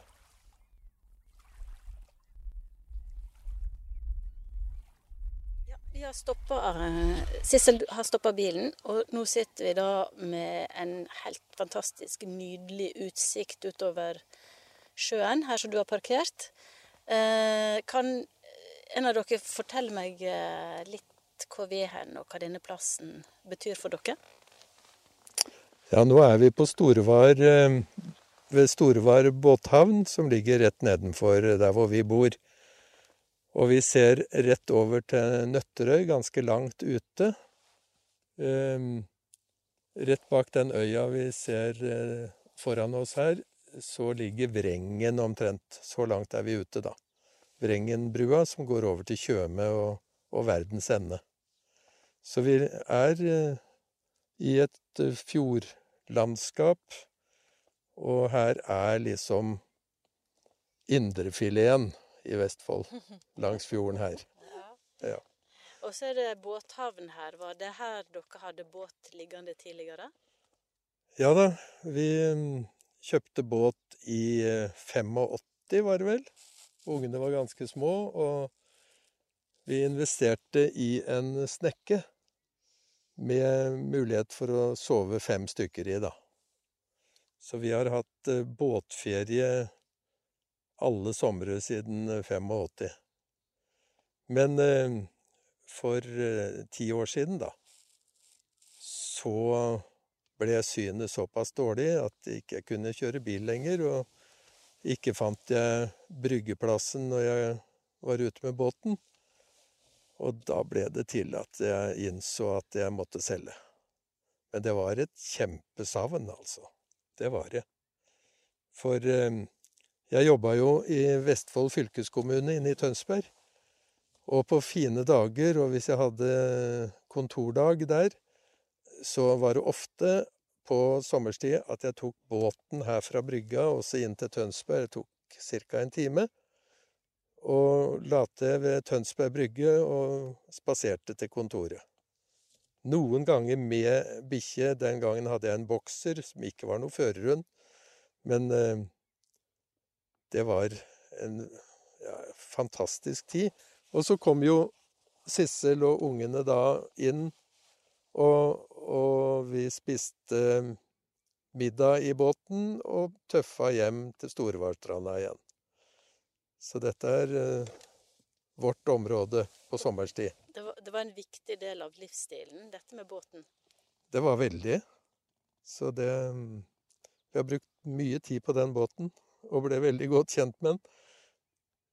Enkelte somre så kunne jeg jo ligge med huet ned i motoren der og holde på å- bake den opp.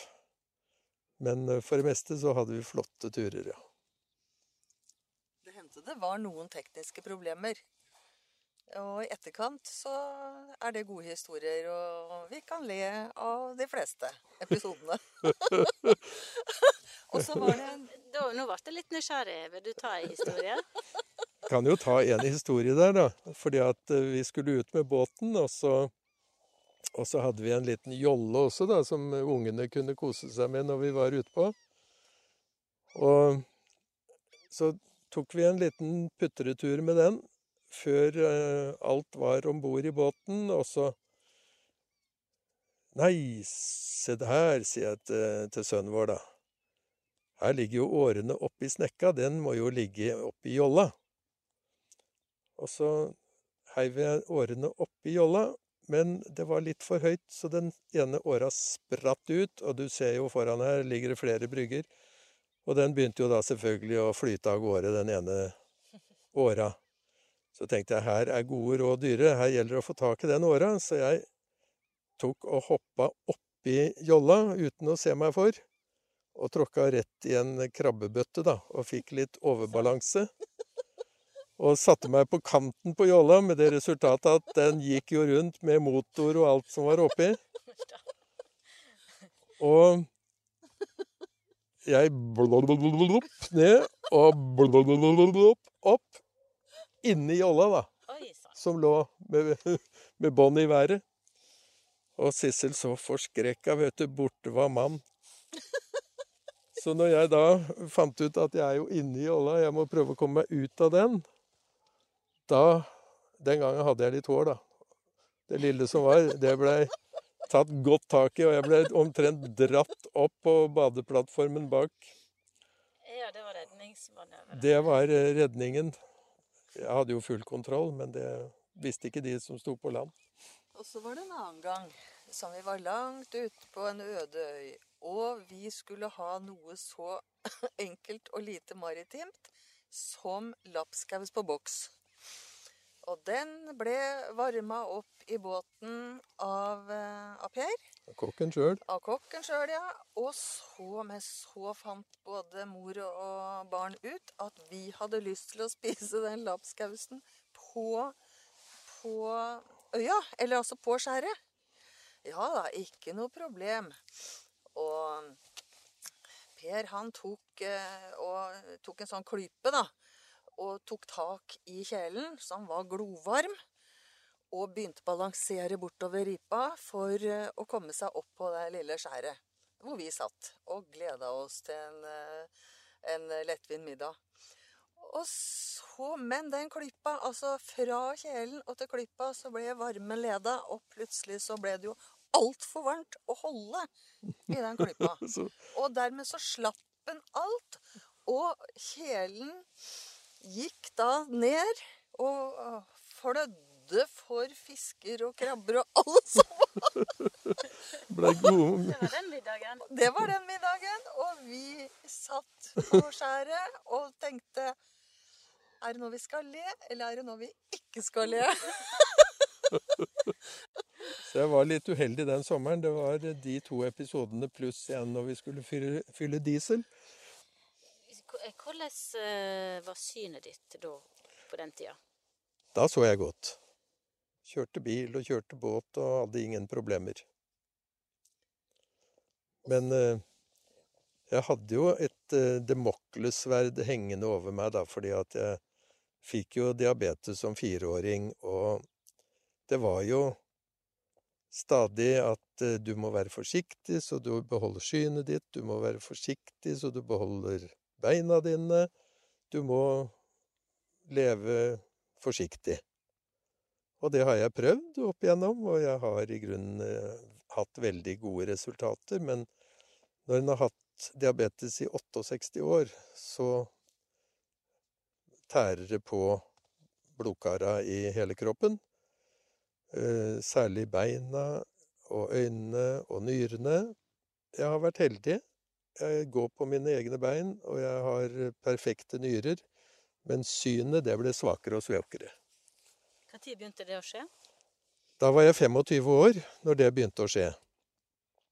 Og kom til Rikshospitalet da, og fikk veldig hardhendt behandling av bruk av laser.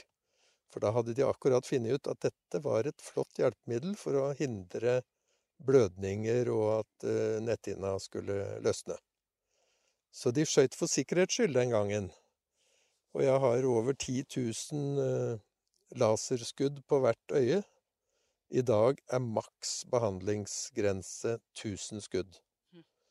Så de blei altså pepra en periode, så mens jeg fortsatt kjørte bil, så begynte den uh, netthinna som ser ut som en flott rød sol i, i solnedgang, den så ut som en svidd pizza Grandiosa. Og det var ikke så mange år etter det at eh, alle disse brannsåra grodde over i hverandre, og det er svære felt som jeg da ikke ser på. Men jeg ser en liten vinkel opp til høyre på det beste, øyne, beste øyet, men det er veldig tåkete. Så jeg kjenner ikke folk igjen på gata, og jeg klarer ikke å ferdes i skog og mark uten å ha noen til å ledsage. Når var det du måtte eh, parkere bilen og, og etter hvert selge båten? Altså hva tid var Ja, da var vi kommet til 2012. Da fikk jeg ikke fornya sertifikatet på grunn av synet. Og da hadde jeg også allerede slutta å kjøre når det var mørkt. Så jeg hadde utfordringer et par år i hvert fall før jeg kom til det resultatet at jeg måtte bare levere sertifikatet fra meg. Så det var i 2012. Da var jeg 62. Så fortsatte jeg å jobbe i tre år, og var leder av syns- og audiopedagogtjenesten i Vestfold fylke, som var først ute med disse tjenestene, som var å hjelpe barn og ungdom på, i skolen, da.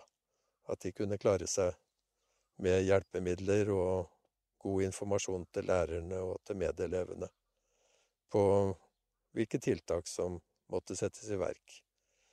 Og jeg hadde jo spesialutdanning innen hørsel, da, og har en døvelærerutdannelse og tunghørtlærerutdannelse. Så det dreiv jeg med da i veldig mange år, helt fra jeg var 28 og til jeg da var 65 år. Jeg var veldig glad for at jeg beholdt synet så lenge som jeg gjorde, da. For jeg jobba jo til jeg var 65, og det var naturlig med å redusere og, og etter hvert pensjonere seg. Så jeg må si at det var en, en verdig avslutning. Hadde jeg sett godt, hadde jeg nok jobba til jeg var 75. For jeg var veldig glad i den jobben. Og jeg tenkte jo med meg at eh, jeg kommer ikke til å skjønne hva jeg skal gjøre når jeg en gang slutter å jobbe. Men jeg blei hanka inn av Blindeforbundet og har vært med i styret og er nestleder i fylkesstyret, er leder av tilgjengelighetsutvalget i fylket, har vært med i brukerutvalg på sykehuset i fire år, har vært med i brukerråd i kommunene for funksjonshemmede, og bruker tida mi på aktiviteter, da. Det høres jo nesten ut som du har en fulltidsjobb fortsatt. Om ikke fulltidsjobb, så er jeg i hvert fall opptatt en to-tre dager i uka. Det er jo frivillig arbeid det meste av det du nevner? Ja. Mm. Det er det. Hva betydning har det å være i aktivitet? Jeg tror det har veldig bra betydning for meg, fordi at jeg er veldig glad i folk. Og så har det en god betydning også for Sissel, at, hun ikke, at ikke det er 24-7 hele tida. Det kan du si litt om. Er du enig i den analysen? Ja, fordi at vi har jo hatt eh, hvert vårt arbeidsliv. Og vi har i alle år eh, ja, kommet hjem etter endt eh, arbeidsdag og kunnet dele mange ting og kunnet drøfte mange ting. Og det har vært interessant, mange interessante temaer som vi har, eh, har drøfta over middagsbordet eller kaffen. Eh, jeg er også pedagog, da heller har vært eh, pedagog, utdanna pedagog. Og, så vi har hatt mange felles temaer å drøfte. Vi sitter på en sånn fin plass nå som jeg har forstått det er strandpromenaden som dere går tur. Skal vi ut og strekke litt på beina? Det må vi gjøre. Fordi at på en sånn tur så må vi jo ha med oss piknikkurv. Og det har vi, vet du. Og da inviterer vi til en liten piknik ved sjøen og i det grønne. Så flott. Og her står det benker klar til oss. Ja, det gjør det.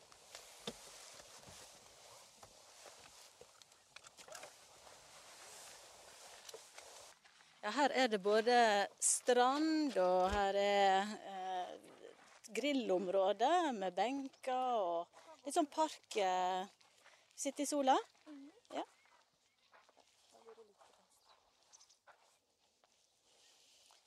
Hvordan er det å navigere uten førerhunden da, Per?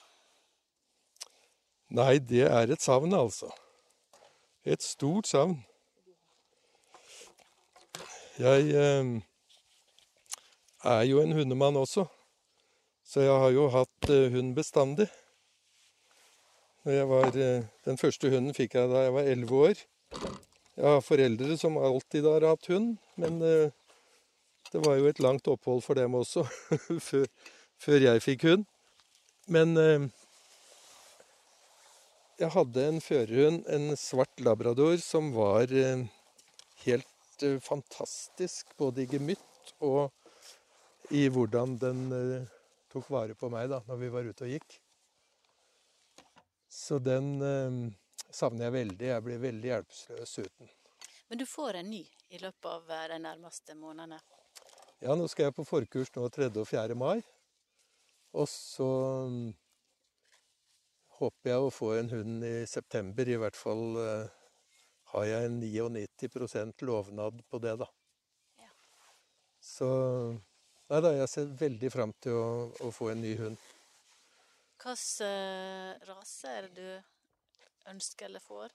Nei, jeg har ønska meg en, eh, en labrador på nytt, for den var eh, fantastisk eh, gemytt og, og veldig mm, familievennlig hund. Så var det ei på syv og et halvt da, som heter Maiken, som sier det. Men bestefar, åssen skal du klare å gå tur nå? Og da måtte vi jo si at nei, det blir jo litt plundrete, men jeg har jo mange som kan hjelpe meg, da. Så det bruker vi. Og Sissel, da, som eh, er mormor med stor M og farmor med stor F, hun farter og kjører på disse ungene som er på dans, på kor, på svømming, på ridning. Jeg er veldig, veldig takknemlig for det, jeg også. Jeg er veldig ofte med på disse aktivitetene deres. Hva da, for eksempel? Nei, jeg sitter ringside, da. På ridning og hører på korsangen og Ja. Ja. Ja, det lyden av eh, kaffe i koppen. Og her har altså Sissel dekka opp med Jeg tror jeg drister meg til å si at dette er hjemmelaga. Hjemmebakst. Ja. Og det er horn med skinke og ost, kanskje. Ja. Og så tror jeg du har laga ei kake. Ja. Og så deilig kaffe. Skikkelig piknik det her, altså. Så koselig. Vi bare mangler vinflaska, men eh, vi er jo ute og kjører, så Ja, Vi får vente til helga. ja. Mm. Du nevnte kor. Jeg har forstått det sånn at du er glad i kor. korsang. Er du med i noe kor sjøl, eller har vært?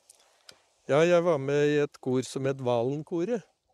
Og jeg blei med der i 1969 som 19-åring. Og det var, eh, det var jo et, et kor den gangen som konkurrerte med Det Norske Solistkor og var absolutt på topp i Norge. Og de gamle blant oss har sikkert hørt Valenkoret i både Ønskekonserten og i andakter. Så dere var berømte, altså?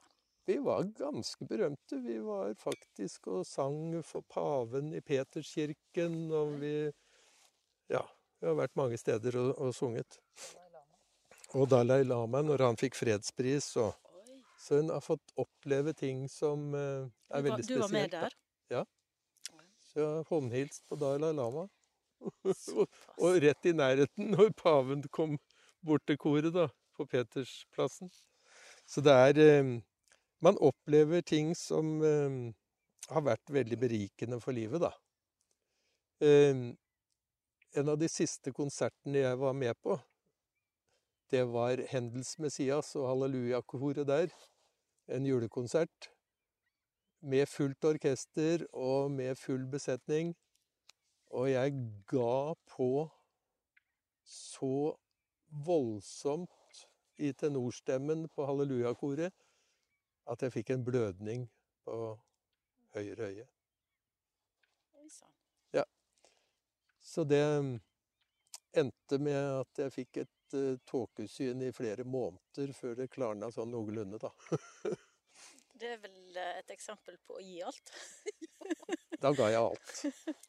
Eh, Etter hvert så mm, ble det veldig vanskelig fordi at vi fikk ny dirigent, og så var han litt mer sånn utprøvende på ting, og det ble mange forskjellige oppstillinger, og det var litt vanskelig faktisk å, å følge opp videre, da. Og så så jeg jo heller ikke notene lenger. så det var litt, eh, litt sånn mot slutten. Men eh, koret ble dessverre nedlagt for eh, fire-fem år siden. Så da måtte jeg være hjemme på mandagskvelden isteden. Men jeg har opplevd absolutt eh, storhetstiden for, eh, for det koret, da. Mange gode minner. Veldig mange gode minner og reiser og konserter og Ja. Ja, vi sitter ute og, og det kom en kar bort nå og beundra bilen deres. Kabrioleten. ja. Så Sissel måtte fortelle litt om eh, bilen mens vi sitter her. Um, kan du gå litt Skal vi gå litt tilbake til eh, i tid? Er du født og oppvokst i området her? Ja, jeg er født og oppvokst eh, på toppen av himmelstigen. eh, I Sandefjord. Og himmelstigen den ligger altså, det er en brattbakke opp til et område som heter Presthagen, som ligger eh, rett ved sentrum i Sandefjord. Der vokste jeg opp med søster og mor og far. En eldre, seks år eldre søster og mor og far. Og jeg vokste opp i et eh, hjem med veldig mye kjærlighet. Og de var veldig stolte av oss ungene. Og det skinte gjennom bestandig. Så skjedde det og, og mine foreldre, de var avholdsfolk. Så hos oss var ikke engang eh, eh, sånn eh, tomtebrygg til jul. Mm. I 1958 så ble far invitert av eh, sjefen sin til et mannsmøte på Strand leirsted utenfor Sandefjord. Og der eh, Og han var ikke så veldig interessert i, i kirke og, og bedehusliv, så det var veldig fremmed for han. Men der ble han salig frelst, altså. På det mannsmøtet der ute. Og siden 58 så ble jo ja, barndom og ungdomsliv og Og sånn ble jo prega av at eh, han fikk oss med alle sammen i Indremisjonen, da. I Sandfjord.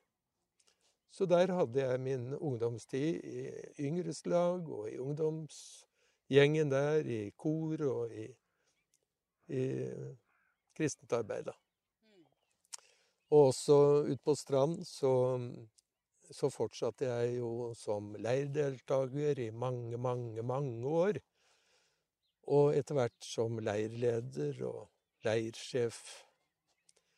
Så det var en veldig flott karriere. Eh, nå er det sønn og svigerdatter som er mest gira der ute på stranden. Ja, for dere har brakt videre noe av dette engasjementet da, til barna. Ja da, vi har det. Vi har jo hatt det med der ute og på leirer og Og eldstejenta vår var jo kjøkkenjente der i mange, mange somre. Så, så din eh, gudstro blir på en måte iverksatt med mye aktivitet, da, forstår jeg? At du engasjerer deg der òg, og er aktiv? Og har vært aktiv? Jeg har vært veldig aktiv i, i indremisjonsarbeid og kristent arbeid, men eh, er jo litt forferdet nå over eh, at de har eh, valgt å være veldig restriktive over å ha det høyt under taket. Det er ikke ønskelig på Nordmisjon, som de kaller seg nå i Sandfjord, å ha prester med som, som vier likekjønnede, f.eks. Men det er du for? Det er jeg så for. Fordi jeg mener at mennesker som er glad i hverandre, de skal få lov til å være glad i hverandre. Eh, før, ja, i 1975, så tok jeg videreutdanning i, i Halden. Og elevlaget på Halden lærerskolen, da, de inviterte Friele, Kim Friele, til å holde et foredrag. Og jeg var 25 år den gangen. Jeg hadde lille Cecilie på ett. Og jeg dro på det møtet og var full av fordommer. Ja. Men tenkte med meg at jo, dette vil jeg dra på og høre om. Og så fortalte hun om eh, urettferdighet, om forbigåelse, om utestengelse, om saksjoner mot de som var glad i hverandre av samme kjønn. Og jeg kom hjem til Sissel på kvelden da og fortalte at dette må jeg bare være for. Dette må jeg støtte. At eh, homofile og lesbiske skal få lov til å leve ut det livet som de har fått. Så siden 1975 så har jeg vært veldig for det, og planta det også i mine egne unger. Og jeg tenkte på det når vi var eh, unge og hadde små unger. Tenk om en av dem kom hjem og forteller at de har en annen legning. Og så har vi sagt at dette er bare tull. Det er jeg veldig glad for at jeg har tatt det standpunktet. Og vi har venner som opplevde at eh, deres barn fant seg likekjønnede kjærester, og at jeg kunne fortelle den historien til dem. Dette har jeg vært for siden 1975.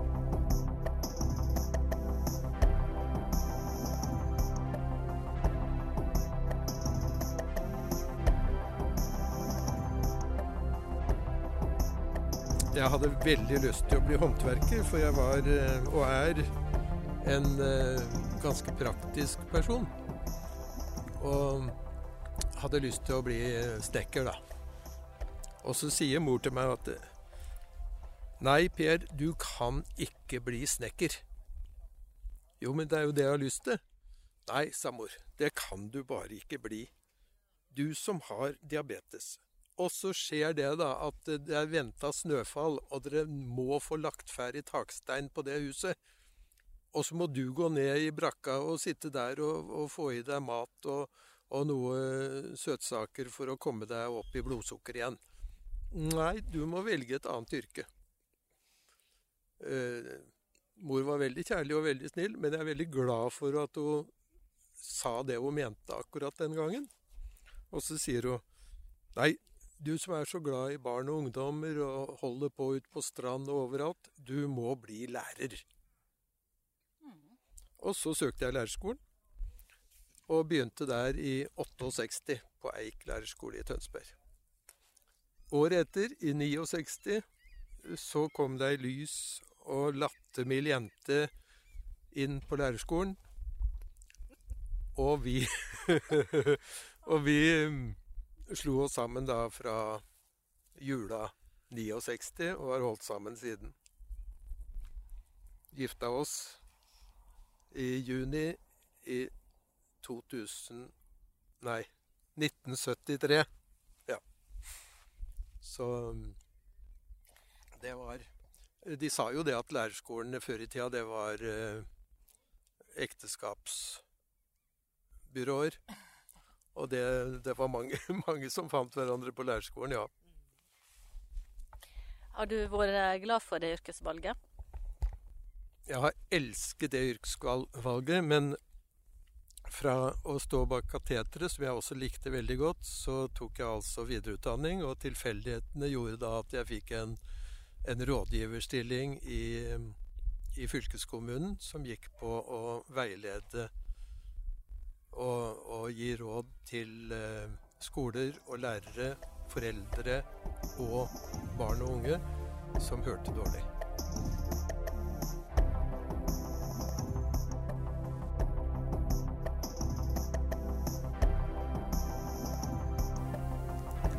Mens vi nyter maten, kaffen og naturen, forteller Per Werner og Sissel om prosjektet Samspill, som de var med å utvikle.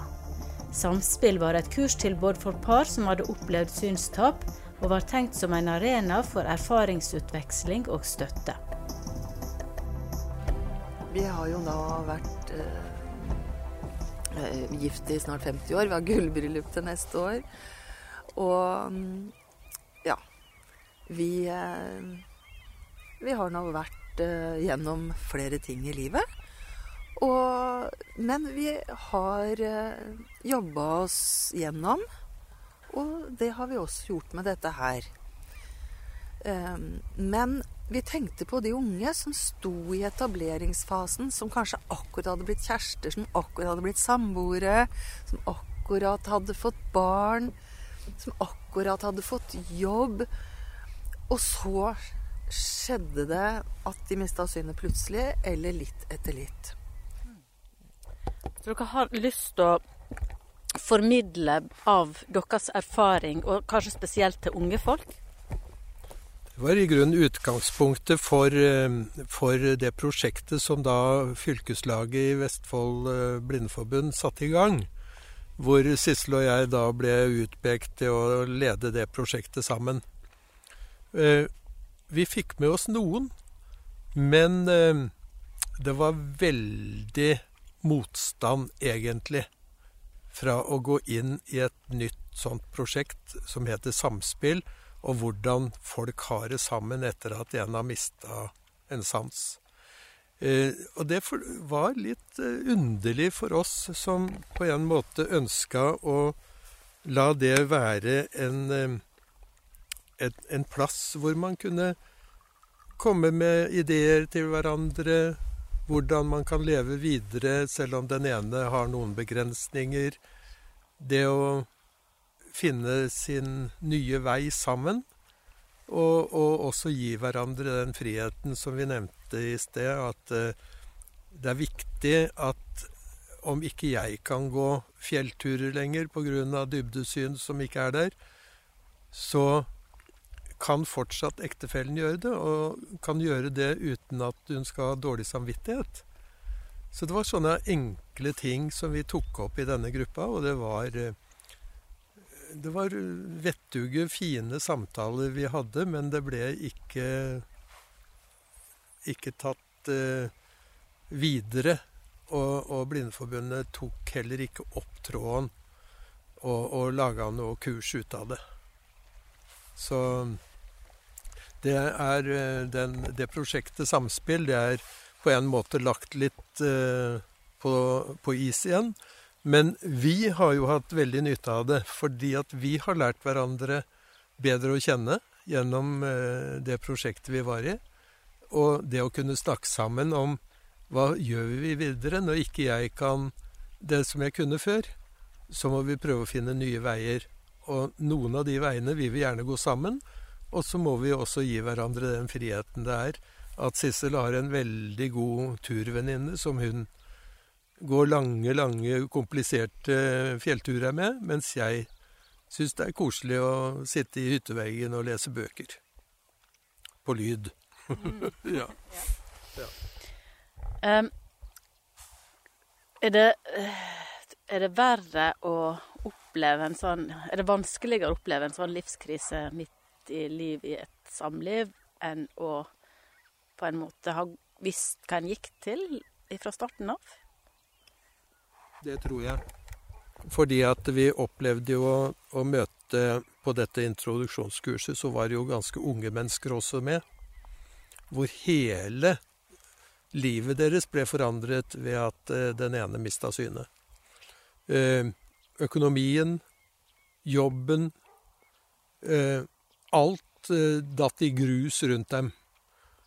Og da er det viktig å ha et, et sted som en kan få snakka sammen, finne veier ut av det, istedenfor å bli så fortvila at man sier til seg selv Nei, dette går ikke. Det går ikke. Jeg vil ikke. Jeg kan ikke. Jeg skal ikke mer. Jeg orker ikke mer.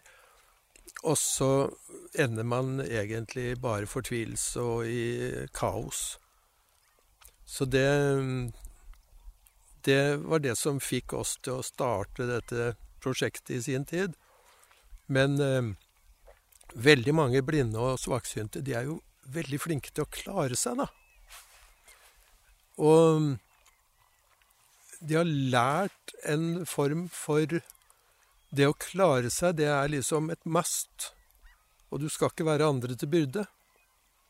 Eh, du har lært å ikke la foreldre eller andre bli fortvila over din egen situasjon. Og det har jo kommet fram også i samtaler som vi har hatt. Så det er en eh, det er mange som, eh, som lever eh, ganske tøffe og, og strevsomme liv hvor man ikke greier å snakke sammen. Og dessverre så ser vi jo og vet at det er mange som går fra hverandre når den ene får en funksjonshemming.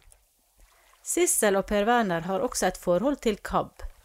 Hun er med i styret, og han er engasjert i arbeidet som blir gjort.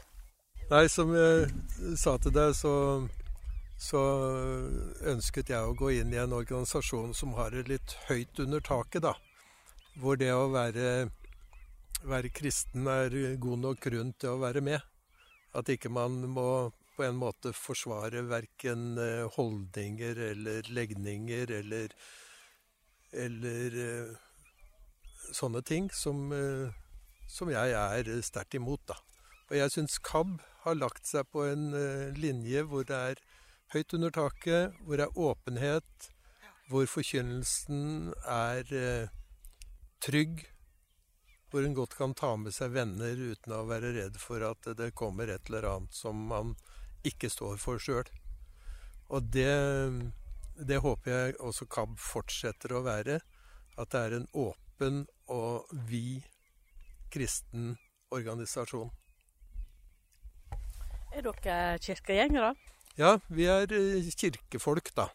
Og har jo sittet i menighetsråd eh, Jeg har sittet i én periode, og du har vel sittet i to.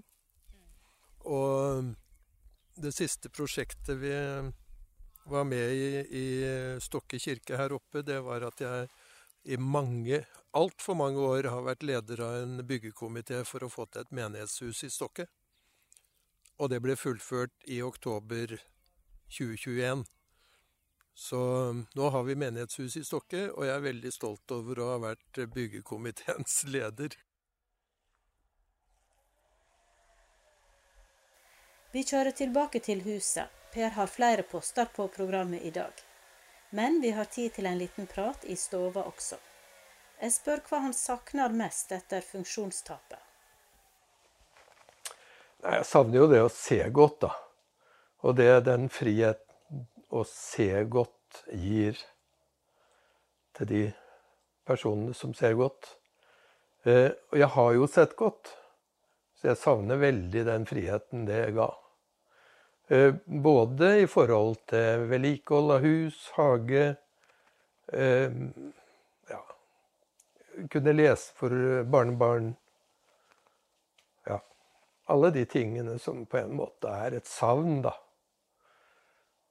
Men eh, midt oppi det så har jeg jo også opplevd veldig mye etter at jeg mista synet mye. Jeg er aktivt med i Blindeforbundet. Vi har vært på lofotfiske et par ganger. Og det er jo ikke så mange av naboene her som har vært. Og når jeg forteller at jeg har vært på lofotfiske, så kan de jo ikke helt skjønne det, men jeg sier det er jo i regi av Blindeforbundet. Fiska du? Og da har jeg fiska. Ja, Fikk du fisk? Da fikk vi fisk. Og vi måtte, når vi kom tilbake til, til syns- og mestringssenteret på Evenes, så måtte vi jo da filetere. Og med de kuttskadene som det ga enkelte. Men det var en opplevelse å være ute i elementene på, på Lofotkysten. Og vi hadde skikkelig uvær den ene gangen med høye bølger og snøføyke. Og, og opplevde virkelig hva lofotfiske er for noen. Og tenkte tilbake på hva det var i gamle dager, da, når de rodde båter mens vi var i en svær, flott uh, fiskeskøyte. Men det er jo opplevelser som ikke alle får. Og vi har fått det takket være Blindeforbundet. Har du en drive til å hele tida skulle lære noe? Jeg er jo lærer, så jeg syns det er veldig spennende å, å tenke på hvordan de som hadde lese- og skrivevansker, hadde det i sin skolehverdag. For nå er jo jeg der at jeg ikke greier å lese lenger. Og det Jeg har prøvd meg litt på punktskrift, men som gammel så får du ikke det inn som en rutine, altså. Men jeg er heldig. Jeg har jo lydbøker, og jeg har Sissel, kona mi, som lese- og sekretærhjelp, lønna av Nav. Mm. Og det er jo et velferdsgode som vi benytter oss veldig av. Og Sissel har jo faktisk en oppimot en 20% stilling for meg. Det er mye som hun leser og må svare på. Mm. Hva er det beste i din situasjon? Nei, Det beste er jo de mulighetene som er i vårt samfunn, og hva, hva ulike organisasjoner gir av tilbud da, som ivaretar menneskene rundt seg. Og jeg er veldig heldig. Jeg har ektefelle, jeg har barn, jeg har barnebarn. Alle som på en måte bryr seg om og ivaretar meg, da. Ved at er det en, en, trapp eller en kant eller et eller annet, så selv nest yngste på syv og et halvt år er veldig fort uh, hos meg med handa og sier 'jeg skal hjelpe deg, jeg er bestefar'. Ja. Så det er stort. Hvordan tror du det påvirker de som er nærmest rundt deg, din, din situasjon? Altså, Hvordan påvirker det deg? Nei, altså fra å være en besserwisser, da, så må jeg jo bare innrømme at jeg må både høre på og ta imot hjelp. og det, det, sitter litt langt inne når du har vært vant til å gjøre alt uh, sjøl, da. Men uh, det er jo Det er jo flott å merke at de ikke gir meg opp. men heller eh, ja, ønsker å hjelpe til, da. Har du noe ønske om Eller er det noe råd du vil gi til oss som ser, om hvordan vi bør forholde oss? Ja, ta vare på dagen. Det er eh, rådet jeg vil gi. Ta vare på den dagen du har, og, og utnytt den. På godt Men- og vondt. Og, og hva med når vi møter blinde eller svaksynte på vår vei? Er det noe vi bør tenke på, gjøre eller si? Ja, altså jeg er av den typen at jeg tar imot hjelp når den blir budt. Men jeg ber også om hjelp hvis jeg står og venter på en buss f.eks. Og, og ikke vet hvilken buss som kommer på, på stoppet.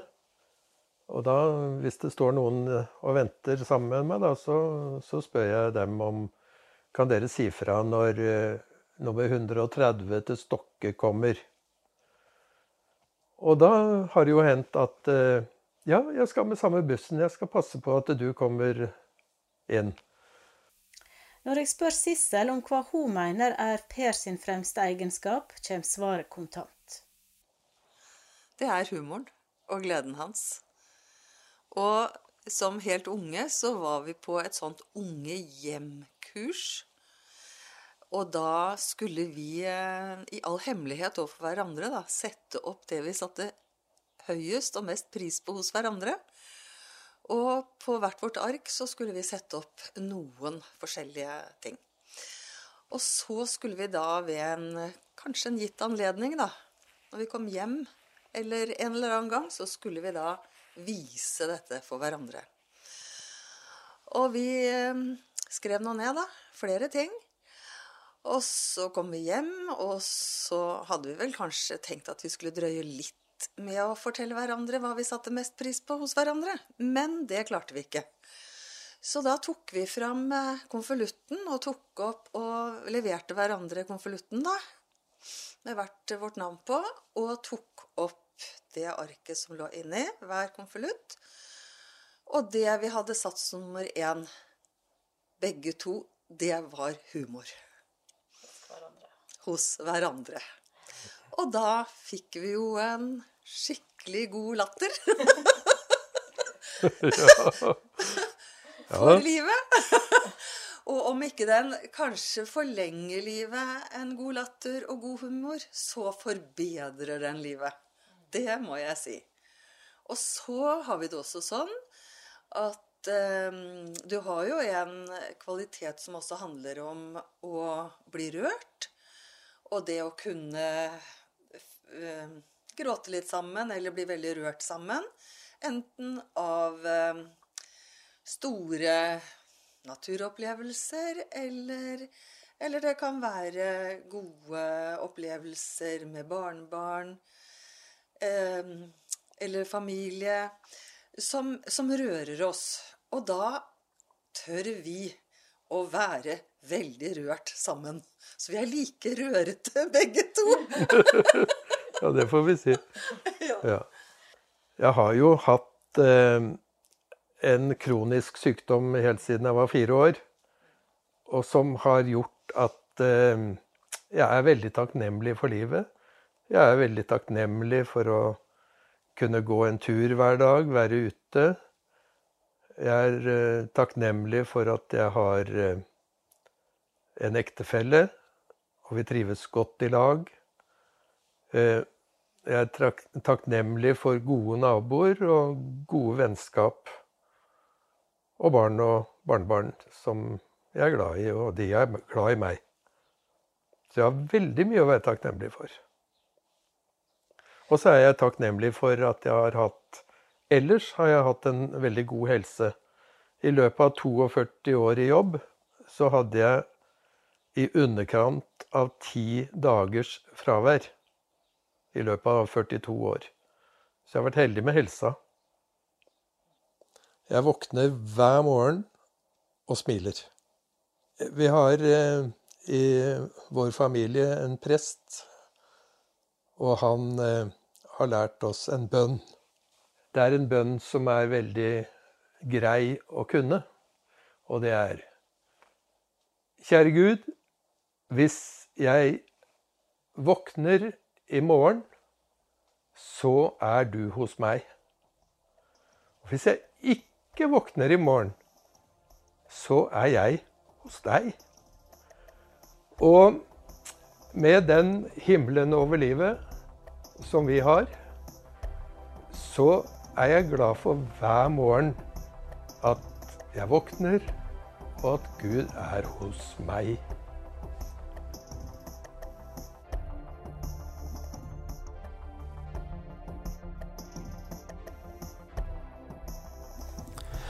Anne Sanne var reporter eh, i denne delen av Velkommen til min verden. Du, nå eh, går denne KABpod nummer syv mot slutten òg. Altså, jeg tar opp eh, KABpod i et sånt musikkinnspillingsprogram, og nå har jeg kommet til mange tusen takter ut. Så det at jeg tror det er mye å bite i på denne KABpoden der. Eh, i etterkant av Tanker og tro, så blir det siste innslaget nå, så finner du ulike spennende tilbud som vi har, altså, av blader og den slags, som legges inn i etterkanten. Så her er det mye videre å bite i, så du må ikke trykke på stoppknappen ennå. Men da blir det da tanker og tro, og som sagt så er jo det et opptak fra forsommerfesten og generalforsamlingen, der vi hadde tema med troen i livet, og de som skal snakke om dette i dag, det er Inger Anne Ilebekk og Heidi Halvorsen. Jeg er Heidi Halvorsen, og så har vi Inger Anne som dere snart skal få høre stemmen til. Jeg ringte Inger Anne og spurte om hun hadde noe dikt hun hadde lyst til å lese, eller noe sånt. Og så sa hun at hun egentlig tenkt en del på noe som hun kunne tenke seg å dele som ikke var dikt. Og det syns jeg var fint. Så da skal vi dele litt sammen nå i kveld. Det har jeg gleda meg til, Inger Anne. Så du skal få lov å begynne, og så synger jeg en sang før jeg skal si litt helt etter at du har snakka litt.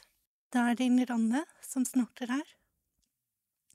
Jeg syns det veldig, var veldig hyggelig når Heidi ringte og spurte om jeg kunne dele noe. Men jeg er nok ikke Jeg skriver nok ned mer litt tanker som kommer til meg, enn det blir litt en diktform. Men sånn, sånn er min måte å dele ting på.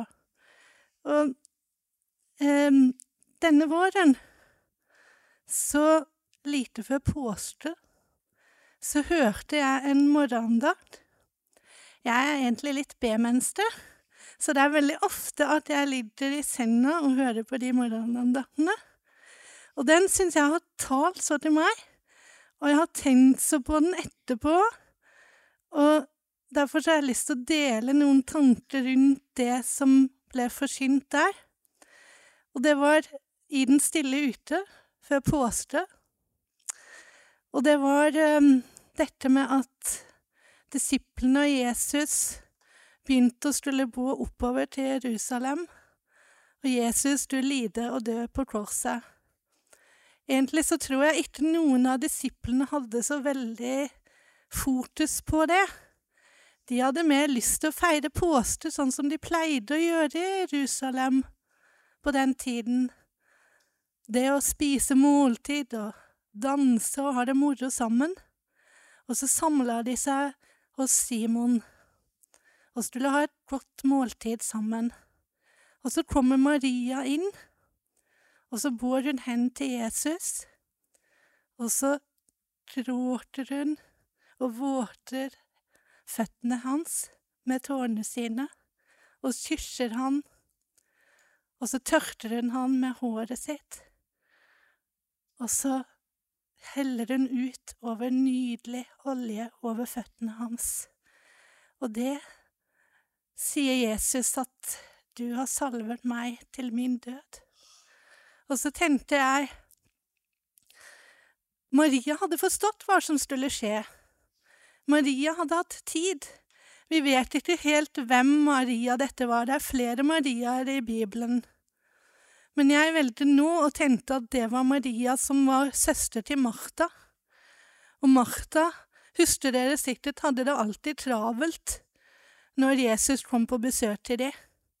Men Maria, hun satte seg ned, Og hun tok seg tid til å lytte på hva Jesus fortalte henne. Og hun hadde forstått hva Jesus skulle gjøre, at han skulle lide og dø og stå opp igjen for oss.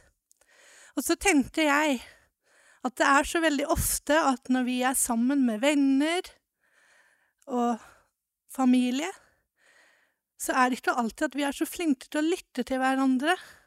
Og det tenkte at vi burde bli flinkere til å lytte til hverandre. Vi bør være flinkere til å høre hva de, den neste vil si til oss. Og det tenkte jeg også at Jesus sier kanskje ord og ting til oss, og så klarer vi ikke alltid å lytte etter hva han vil si. Men hvis vi blir stille, at vi også kan sette oss ned med Jesus sine føtter, ta tid til å høre hva han vil gi oss. Det er også det å ha tid til å lese Guds ord. Jeg er ikke så veldig flink til det, det blir litt i perioder, men det til å vite hva Bud vil si, og hva han vil bruke til oss. Og så har jeg bare lagra noen sånne tanker rundt dette, og det har jeg bare lyst til å si som en sånn avslutning. Maria, du forsto hva Jesus hadde sagt til deg. Du salvet han med tårer og skyss og nydelig olje som duftet i huset. Maria, du hadde forstått, du hadde tatt deg tid til å lytte hva Jesus ville si til deg, og hva han ville bruke deg til. Lær oss også til å være lyttende og til å høre hva du vil si til oss. Tusen takk.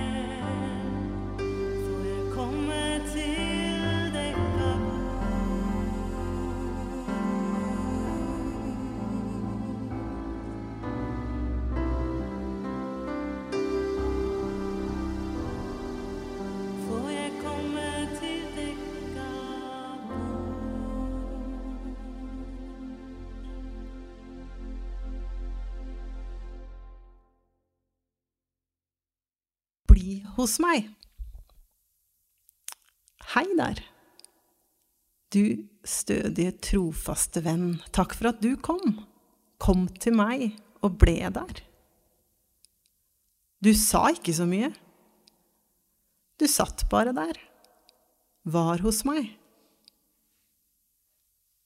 Kanskje du var redd? Eller kanskje du ikke visste hva du skulle si? Eller kanskje du visste det? Visste at det jeg trengte aller mest, ikke var ord eller gode råd. Ikke løsninger og smarte strategier. Men bare at du kom, at noen orka å være der sammen med meg. Slik fant jeg livet igjen. Så takk skal du ha, du tapre og trofaste venn, som fortsatt blir.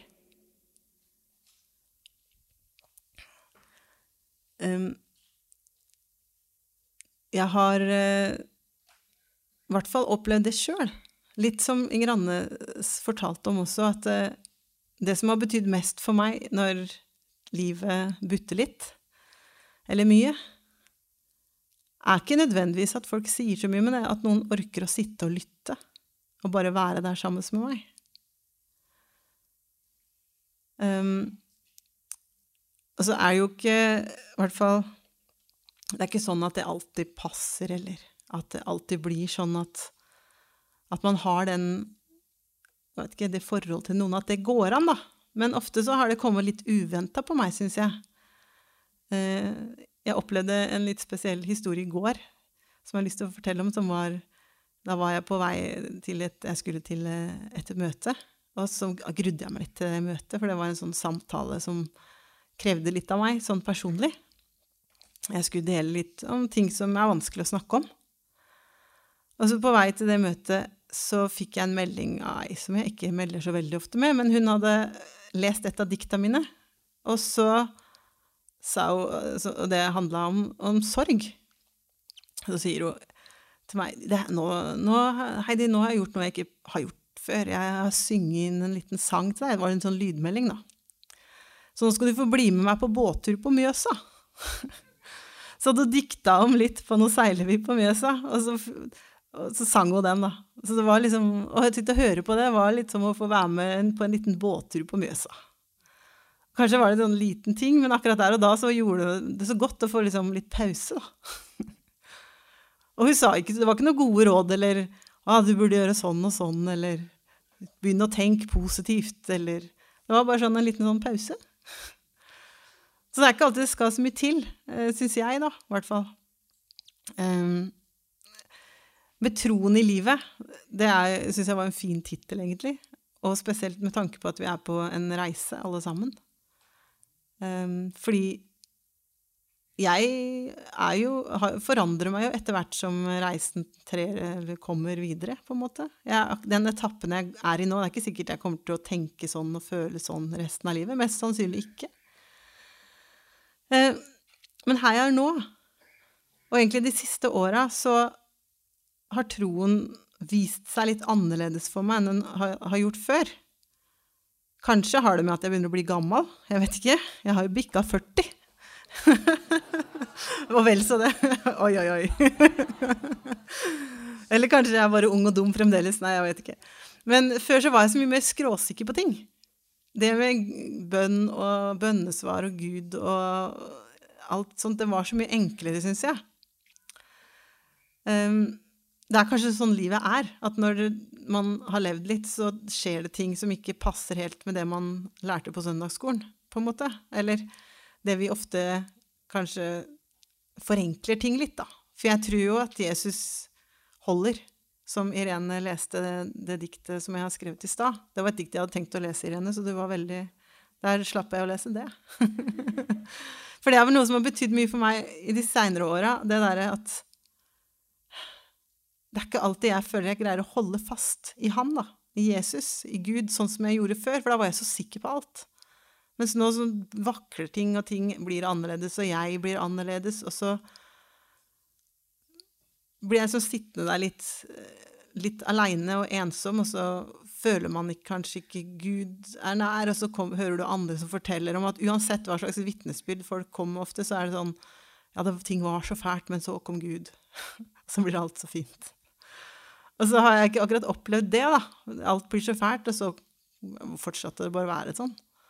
Ikke det at livet mitt er så fælt, det er ikke sånn egentlig, men at jeg, den derre Guds nærvær som ofte folk snakker om, det har vært Jeg har ikke kjent det.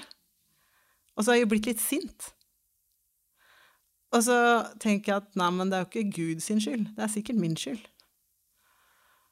og så begynner man å tenke og granske innover og liksom Hva er det jeg gjør feil? For det er så veldig mye lettere hvis liksom, ting hadde funka etter oppskriften, da. Men så er det ikke sånn livet er, tror jeg, i hvert fall. Men så er heldigvis sånn som jeg har opplevd at Gud Hvis jeg ser meg tilbake nå, så er det så mye lettere å se ting som er Ja, kanskje Gud ikke slapp tak i meg likevel. Um, han kom kanskje ikke, eller var der sånn som jeg hadde tenkt, eller trodd. Um, men jeg har fått oppleve mange andre ting. At plutselig så fikk jeg den sangen jeg fikk være med på Mjøsa, liksom. Mens jeg satt der i taxien, eller Så fikk jeg bli med noen ut i skogen og høre på fuglene. Og noen fortalte meg Oi, nå hører vi nattergal. Og jeg hadde aldri hørt en nattergal før forrige mandag. Og det var veldig, veldig fint. Og så får jeg lov å holde en, et tre mellom henda og kjenne barken og ja, stammen og hvor stort det treet er. Hadde ikke sjans til å høre hvor greinene begynte, for det var så høyt oppe.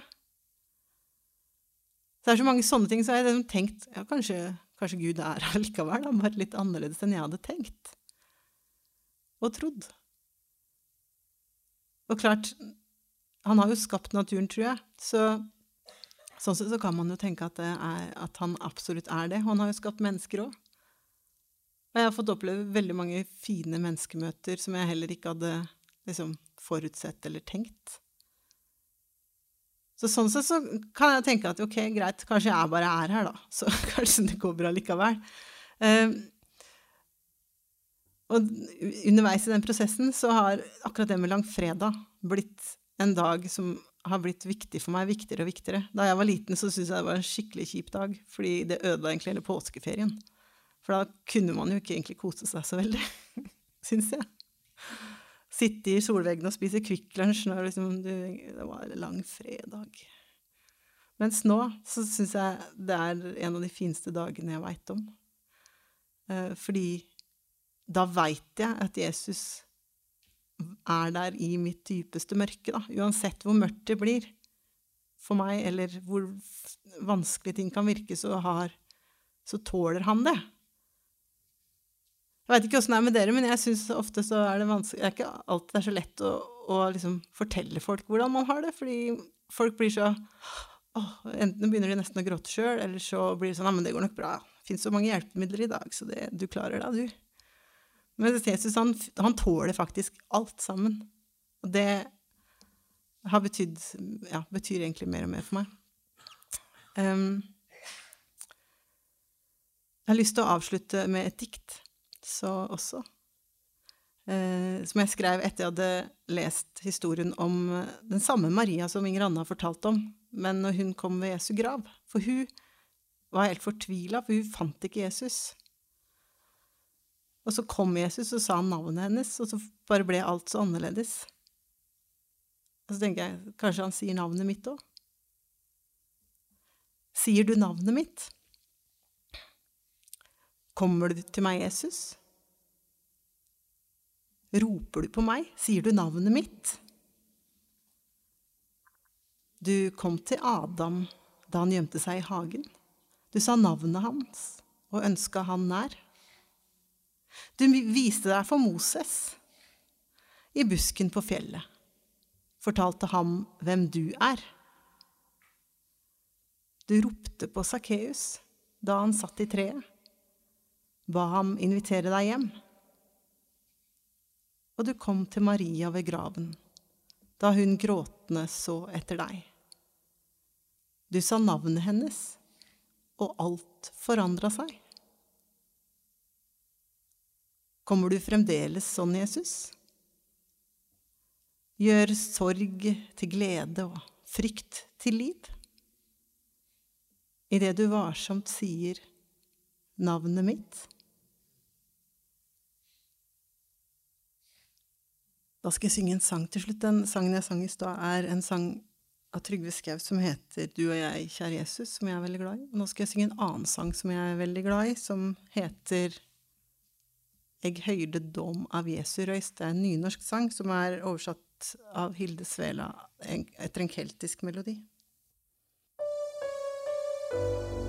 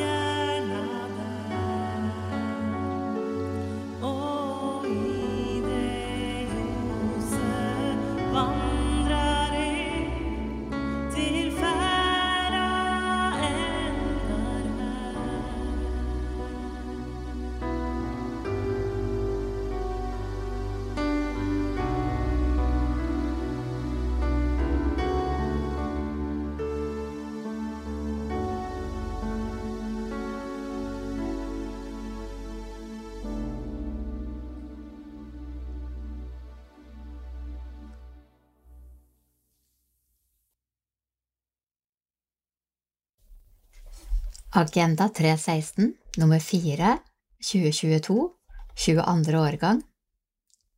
På forsiden leser vi Hovedsaken Humor Seriøst. Livspuls Grønn beredskap. Salum Kashafali Løper med Gud.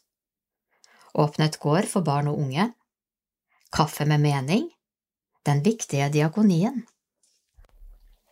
Leder Kristin Vennemo Malmin, redaktør i Agenda 316 Livsviktig humor Hvordan hadde verden sett ut uten humor, latter og fjas? Det ville vært en ganske så trist verden, vil jeg tro. Humor er en nødvendig del av hverdagen vår og av samspillet mellom mennesker. At det myker opp stemningen mellom oss, er det ingen tvil om. Vi ler ikke alltid av det samme, og hva vi syns er morsomt, kan variere fra menneske til menneske, mellom generasjoner og kulturer. Mens min generasjon vokste opp med å bruke ironi og fortelle vitser, vil dagens tenåringer kanskje heller le av en morsom videosnutt på TikTok. Min mann, som er fra Rogaland, ler ofte av helt andre ting enn hva jeg som østlending finner morsomt. Eller har det mer med personlighet eller kjønn å gjøre? Humor og latter hører som kjent ofte sammen, og de velkjente ordene om at en god latter forlenger livet, tror vi det er noe sant i. Latter er helsebringende.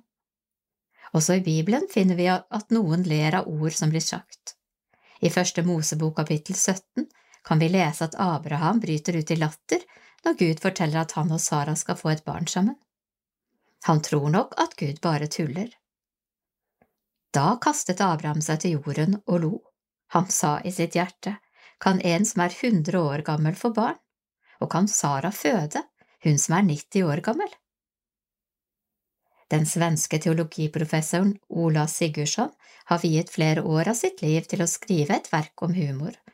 Han mener at humor kan minne om erfaringer av nåde, og hevder at humor kan ha fire ulike funksjoner. Les om dette i hovedsaken. Vi ønsker våre lesere lyse, gode sommerdager fylt med gode doser humor og latter. Åpnet gård for barn og unge Linn Margit Jamsen Bru, 30, sa opp drømmejobben for å drive ulønnet arbeid blant barn og unge. Det har hun aldri angret på. Tekst Hjørdis Halleland Michaelsen Jeg skjønner at det kan høres sprøtt ut. For meg var det riktig. Hver dag våkner jeg opp og kjenner på stor glede over å gjøre noe betydningsfullt. Hva nå, Gud? Bali 2015 På en lang, hvit sandstrand sitter en ung kvinne med solbrunt hud og saltvann i de lange rastaflettene. Linn Margaret Jansen Bru er nylig uteksaminert fra Politihøgskolen. Å bli politi har vært drømmen hennes siden hun var liten jente. Nå var målet nådd, men hvor skulle veien gå videre? Hva nå, Gud? Linn Margrit reiste til Bali for et opphold med bibel, bønn og surfing, for å prate med Gud om fremtiden. Hun lukker øynene, folder hendene, kjenner det tropiske brisen mot ansiktet. Så ser hun det, et bilde. Hun ser Jesus med seg selv vandrende hakk i hæl, og bak henne igjen en uendelig lang rekke med mennesker. Men hvor, Gud? Hvor skal jeg begynne? Ikke en dyp røst fra oven. Karmøy 2022 Svaret jeg fikk var Karmøy, sier Linn Margrethe og ler. Det er snart syv år siden hun var på Bali. Rastafletten er byttet ut med lyse lokker. Den lange, hvite sandstranden er byttet ut med et slitent småbruk på Karmøy. Hørte du en dyp røst fra oven? Linn Margrit ler igjen. Nei, det fungerer sjelden sånn. Det var mer en kjede av hendelser, tegn, hint og mennesker jeg møtte som mente at Gud hadde bruk for meg på Karmøy. Men Linn Margrit var skeptisk. Seriøst, Gud, Karmøy, øya med alle bedehusene, hva i all verden trenger du meg, der, meg til der? Jeg sendte søknader på over 40 jobber mens jeg var på Bali. De første som svarte, var Karmøy lensmannskontor. Det tok jeg som en bekreftelse.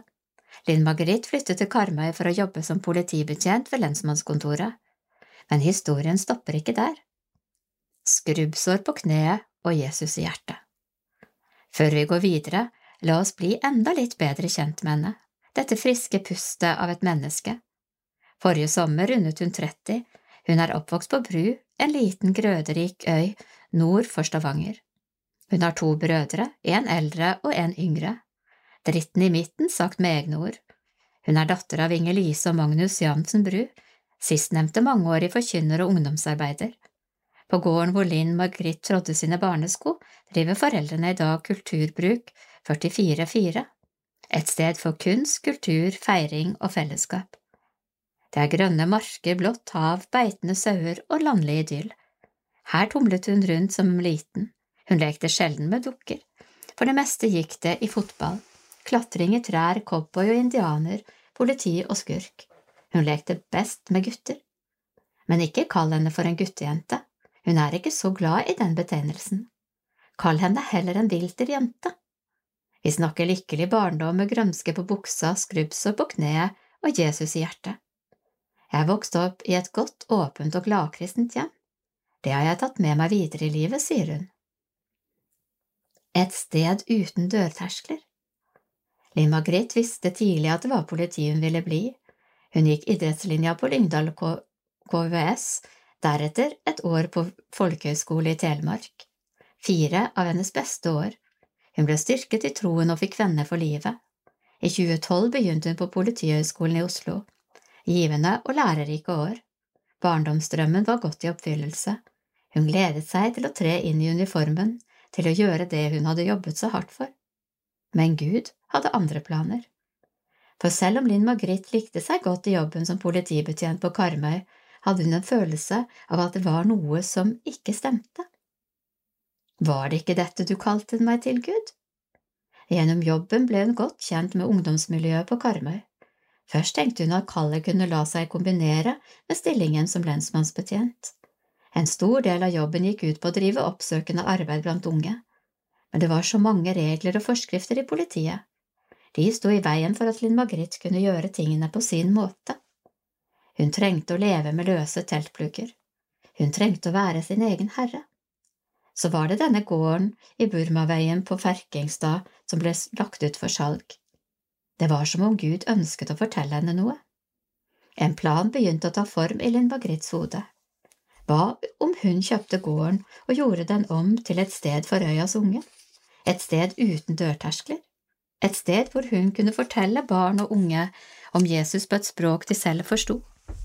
Jeg ba mye, pratet med venner og folk i menigheten. Til slutt ble jeg trygg på at det var dette jeg skulle gjøre. Et palass. Kom, så skal jeg ta dere med på en guidet tur i herligheten. Herligheten er altså gården i Burmaveien på Ferkingstad som Linn Margrit betalte 2,5 millioner for av egne sparepenger og banklån. Vegger skriker etter maling, her er knuste vindusruter, skeive trapper og knirkende dører, men når Linn Margrit viser oss rundt, stråler hun av begeistring, som om det var et palass. Jeg ser hva dere tenker, ler hun. Dere ser problemer, jeg potensialet. Det kommer til å bli knallbra her, forsiktig i trappa, den er ikke helt trygg. Den skal skiftes, sier hun og skyver opp en knirkete rødmalt dør inn til det som en gang var et fjøs, men som nå er et stort rom med flere sittegrupper.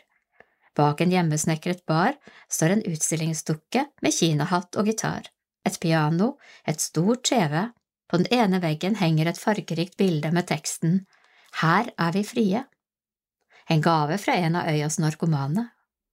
En dør fører inn til et rom som for mange vil fremstå som et eneste kaos av verktøy, skruer, driller, malingsspann, spraybokser og to mopeder som har sett sine beste dager. For en 16-årig mekkeentusiast, derimot, må det være som å komme inn i selve himmelriket. Det var dette Gud ville du skulle gjøre? Ja, jeg vet det høres crazy ut, jeg forstår at det for noen kan virke rart, men jeg har fått en sterk trosgave. Jeg velger å tro at Gud vil det beste for meg. Jeg stiller meg åpen for å la ham lede meg på livsveien. Frem til nå har det ikke gitt meg noe annet enn lykke i livet.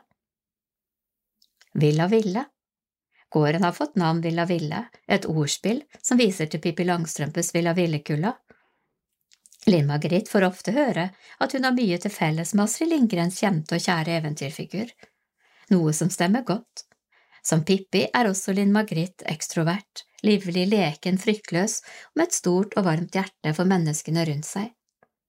Det har jeg aldri gjort før, så det klarer jeg sikkert, sa Pippi. Det samme sier Linn Margrit. Men navnet hun har gitt gården, har også en dypere mening. Det handler om å ville, om livsvilje, gudsvilje og om viljen til å gjøre en endring i livet når det blir vanskelig. Etter et knapt år som lensmannsbetjent sa hun opp stillingen og begynte å jobbe for den kristne internasjonale organisasjonen Young Life, en organisasjon som ble etablert i 1941 av en ungdomspastor i Texas som var opptatt av å møte de unge på hjemmebane og forkynne evangeliet på et språk de kunne forstå. Linn Margrits livsfilosofi i et nøtteskall. Hun får ikke lønn, men forsørges gjennom gaver fra familie, venner og menighet. Har du aldri angret på valget du tok? Nei, eller jo, natten etter at jeg hadde kjøpt gården lå jeg våken og tenkte, hva er det nå du har begitt deg ut på, Linn Margrit? Men det gikk heldigvis fort over. Hver dag får jeg bekreftelse på at valget jeg tok er riktig. Det er helt fantastisk å få lov til å gå i Jesu fotspor. Ingenting kan måle seg med å be frelsesbønnen sammen med et ungt menneske, sier Linn Margrit. Det har hun gjort mange ganger de siste årene. Flere hundre ungdommer har kommet til tro siden Linn Margrit kom til Karmøy. Her er det alltid en oppreid seng, en gryte med kyllingsuppe som putrer på komfyren, eller varm kakao på kjelen. Hit kommer skoleelever for å leke med dyrene på gården, ungdommer for å mekke eller bare henge, rusmisbrukere for å slå av en prat eller sove ut rusen. Nylig flyttet en flyktningfamilie på fem fra Ukraina inn, mor, far, tre sønner og en hund. De er verdens herligste familie, vi trives så godt sammen, og hele familien hjelper til med arbeidet på gården, sier Linn Margrethe. Hun driver fortsatt oppsøkende arbeid, men nå uten uniform. Som politi vet hun hva hun skal se etter, hvilke ungdommer som er i ferd med å falle utenfor, som trenger å bli sett, forstått og hørt. En av dem, som har funnet en trygg havn på Villa Ville, er Marius Hattfjell, gårdens uerstattelige altmuligmann. Trygg havn for Marius. For to år siden beveget Marius seg aldri utenfor hjemmet på Karmøy. Han var deprimert, hadde sosial angst, klarte ikke å være blant folk, klarte ikke å fungere normalt. Jeg droppa ut av skolen, følte ingen hadde bruk for meg, det var mye mørke i livet mitt, forteller han. Via Nav fikk han kontakt med Linn Margaret. Det skulle bli livsendrende for 22-åringen fra Karmøy. Jeg har fått et nytt liv. Nå er jeg her hver uke og jobber på gården. Hadde noen fortalt meg det for ett år siden, hadde jeg trodd de var sprø. Linn Margrit nikker samtykkende. Marius er gull verdt. Jeg har ikke peiling på gårdsdrift. Marius derimot, han kan alt. Han fikser og ordner og setter poteter og gjør det meste av det som skal gjøres på en gård. Linn Margrit brenner for at barn og unge skal ha et sted å være, et sted hvor de kan komme og gjøre noe meningsfullt. Ikke alle passer til å synge i kor eller spille fotball. Noen trenger en plass der de kan komme for å mekke og skru, dyrke poteter, stelle dyr og hogge ved. En plass med trygge ansvarspersoner til stede som har tid til å lytte og samtale, sier hun. Ikke et offer. Å legge ungpikedrømmen og den lange utdannelsen på hylla opplever hun ikke som et offer. Det er ikke sånn at Gud har pålagt meg en byrde som er tung å bære. Valget jeg tok, er ikke bare Guds vilje, det er også min. Jeg elsker dette livet her. Akkurat her og nå kunne jeg ikke tenke meg å gjøre noe annet. Hvor er Linn Margrit Jamsen Bru om ti år? Ja, si det, kanskje jeg har kjøpt en gård et annet sted. Drømmen min er å få skikk på denne gården, få fikset bygningene, få gode folk på plass som kan drive den med samme Young Life-filosofi som i dag. Så kan jeg dra videre og kanskje bygge opp noe lignende et annet sted. Det blir spennende å se hva som skjer. Guds veier er uransakelige. Brenner for de gode sakene. Ronny Myksvold driver et lite kaffebrenneri fra garasjen i Bjerkreim. Målet er at det skal få betydning langt utover landegrensene. Tekst Kristin Horne Det er ikke alle som liker lukten av grønne bønner, men den her er helt fantastisk. Jeg synes det lukter solbær, sier Ronny Muskvold, 38, mens han fyller en neve med bønner fra en striesekk som står på gulvet. Rundt 50 minutters kjøretur fra Stavanger ligger Bjerkreim kommune, hvor Ronny og kona Benedikte bor med sine fire barn mellom ett og ti år. Garasjen brukes ikke til det folk flest bruker garasjer til. Jo, det står noen sykler og litt hageutstyr på utsiden, men på innsiden ruver en stor kaffebrenner fra Tyrkia. Garasjen er liten, men stemningsfullt innredet med lys, kaffeutstyr og bilder på veggene. På gulvet står sekker med grønne bønner klare til å brennes. Røyken fra brenneren slippes ut via et rør, og når han brenner kaffe, kan man kjenne den karakteristiske lukten i gaten. Naboene merker det, men jeg har forstått på dem at det går helt greit, det er ikke den verste lukten, det finnes verre lukter her i Bjerkreim, ler han. Etiopia og Kenya En tur til Etiopia i 2002 var starten på lidenskapen for kaffe. Med inspirasjon fra opplevelsen i Etiopia begynte han å brenne bønner i stekepannen og stekeovnen hjemme, men da han og kona var misjonærer i Kenya, fikk han tegnet og laget sin egen kaffebrenner med hjelp av noen lokale sveisere. Det var også relativt lett å få tilgang på grønne kaffebønner, som gjorde at han lærte mye om prosessen rundt det å brenne bønner. Da han kom hjem til Norge, tok han opp interessen igjen. Vi hadde et såkalt hjemkomstår, og da satt jeg mye på hjemmekontor. Dagene gikk i ett, og jeg kjente på at jeg måtte holde på med noe virkelighetsnært, hvor jeg kunne lukte og kjenne varme. Siden jeg allerede hadde interesse for kaffebrenning, var det ikke så vanskelig å bestemme seg for å starte et lite kaffebrenneri. Det har alltid vært en drøm. I 2018 kjøpte han seg en kommersiell brenner fra Tyrkia og begynte å selge bønner på den lokale kafeen og baren Laksebørsen i Bjerkreim. Etter hvert opprettet han sin egen nettbutikk og fikk abonnenter som hver måned får tilsendt bønner fra Myskvolds mikrobrenneri. I dag teller han 40 abonnenter. I tillegg selger han på diverse utsalg rundt omkring i området. Kaffe med mening Misjonæren fra Bergen driver ikke med kaffe på heltid. Ved siden av jobben med bedriften er han diakonimedarbeider og trosopplærer i Bjerkreim kirke. Etter at jeg begynte, har jeg jobbet mye med personer som er ensomme, og jeg har stått i bresjen for julehjelp, som handler om å gi gaver til dem som trenger det mest i julen. Vi har også lyst til å starte en språkkafé og åpen kirke for ukrainerne når det kommer flere av dem etter hvert. Nestekjærligheten for andre gjennomsyrer ikke bare jobben i kirken, men også bedriften. Produsentene ligger spesielt på hjertet hans. Klimaendringer gjør fremtiden usikker for bøndene fordi plantene ikke trives like godt der de trivdes før. Sanksjonene mot Russland de siste månedene har også ført til at prisen på plantevernmidler har doblet seg, og hvis bøndene dropper dette, kan de risikere at hele avlingen dør fordi de blant annet kan rammes av soppen Coffee First. Ronny mener prisene på kaffe er altfor lave i forhold til all jobben som ligger bak. Det er et tungt fysisk arbeid hvor bøndene ofte bærer på 60–70 kilo sekker, og hvor det sjelden stilles krav til verneutstyr når de behandler plantene med insektmidler. Jeg ønsker å betale godt til dem som har hatt mesteparten av arbeidet med kaffen, og det er produsenten. En 250 grams pose kaffe bør koste minst 100 kroner i butikken. Målet er at det skal bli bedre forhold for dem som trenger det mest, og det vil jeg at kundene mine skal være med og betale for, sier han og utdyper. Jeg synes det er litt betenkelig at folk reiser på byen og med glede betaler over 100 kroner for et glass med dårlig vin, men klager hvis de må betale mer enn 50 kroner for en god kopp kaffe. Mange bønder slutter å dyrke kaffe fordi det er så lite penger i det, og fordi det gjerne er mer penger i narkotika og andre ting. Overskuddet gis bort. Selv importerer Myskvold kaffen fra seriøse aktører som betaler bøndene godt. Etiopia-kaffen han selger, importeres direkte fra Addis Abeba i samarbeid med Children's Burn and Wound Care Foundation. Da vet han at stiftelsen får god avkastning på kaffen. Overskuddet fra salg av Etiopia-kaffen går til forebyggingsarbeid, men også operasjoner av brannskadde barn. Selv om årene som misjonærer er over for denne gang, er ikke familien ferdig med Afrika. De har vært tilbake tre ganger etter at de reiste hjem, men om de kommer til å reise ut som misjonærer igjen, er usikkert. Vi er ikke ferdige med Afrika, men vi vet ikke helt hvordan fremtiden ser ut når det gjelder det. Vi er åpne for mye.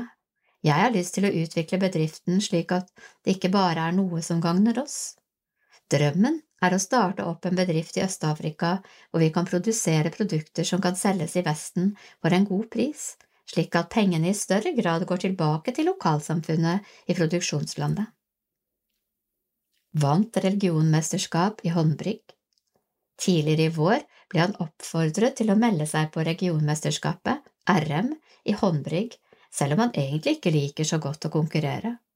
Resultatet ble seier i RM, og turen gikk videre til NM i Oslo i midten av mai.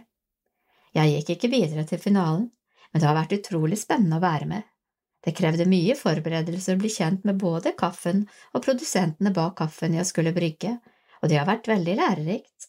Jeg ble blant annet kjent med en bonde i El Salvador som jeg håper å få et langvarig forhold til. Smått og stort Sommerflørt Alt du trenger for å få drømmedama eller drømmemannen, er humor. Spesielt evnen til å le av andre sine vitser eller morsomheter. Det viser en studie omtalt av nrk.no. Start likevel gjerne med øyekontakt og et enkelt smil, oppfordrer en av forskerne bak studien, professor Leif Edvard Ottesen Kenner ved Institutt for psykologi ved NTNU. Naturen er bra for immunforsvaret. Kontakt med naturen kan forhindre forstyrrelser i immunforsvaret, for eksempel autoimmune sykdommer og allergier. Det viser en finsk studie omtalt av forskning.no. Det å utsettes for et mangfold av ufarlige mikrober og allergener når du er liten, ser ut til å få immunsystemet på rett kjøl. Derfor har ofte folk som har vokst opp på bygda, tilsynelatende lavere risiko for allergier og andre immunrelaterte sykdommer. Lykkeligst i verden i ti år har vi fått høre hvilket land som er verdens lykkeligste. Tallene fra undersøkelsen, World Happiness Report, er basert på spørsmål hvor man skal rangere hvor fornøyd man er med livet sitt på en skala fra null til ti. Finland topper på femte år på rad denne listen. Nederst ligger Libanon og Afghanistan. Norge er den åttende lykkeligste nasjonen i verden, skriver forskning.no.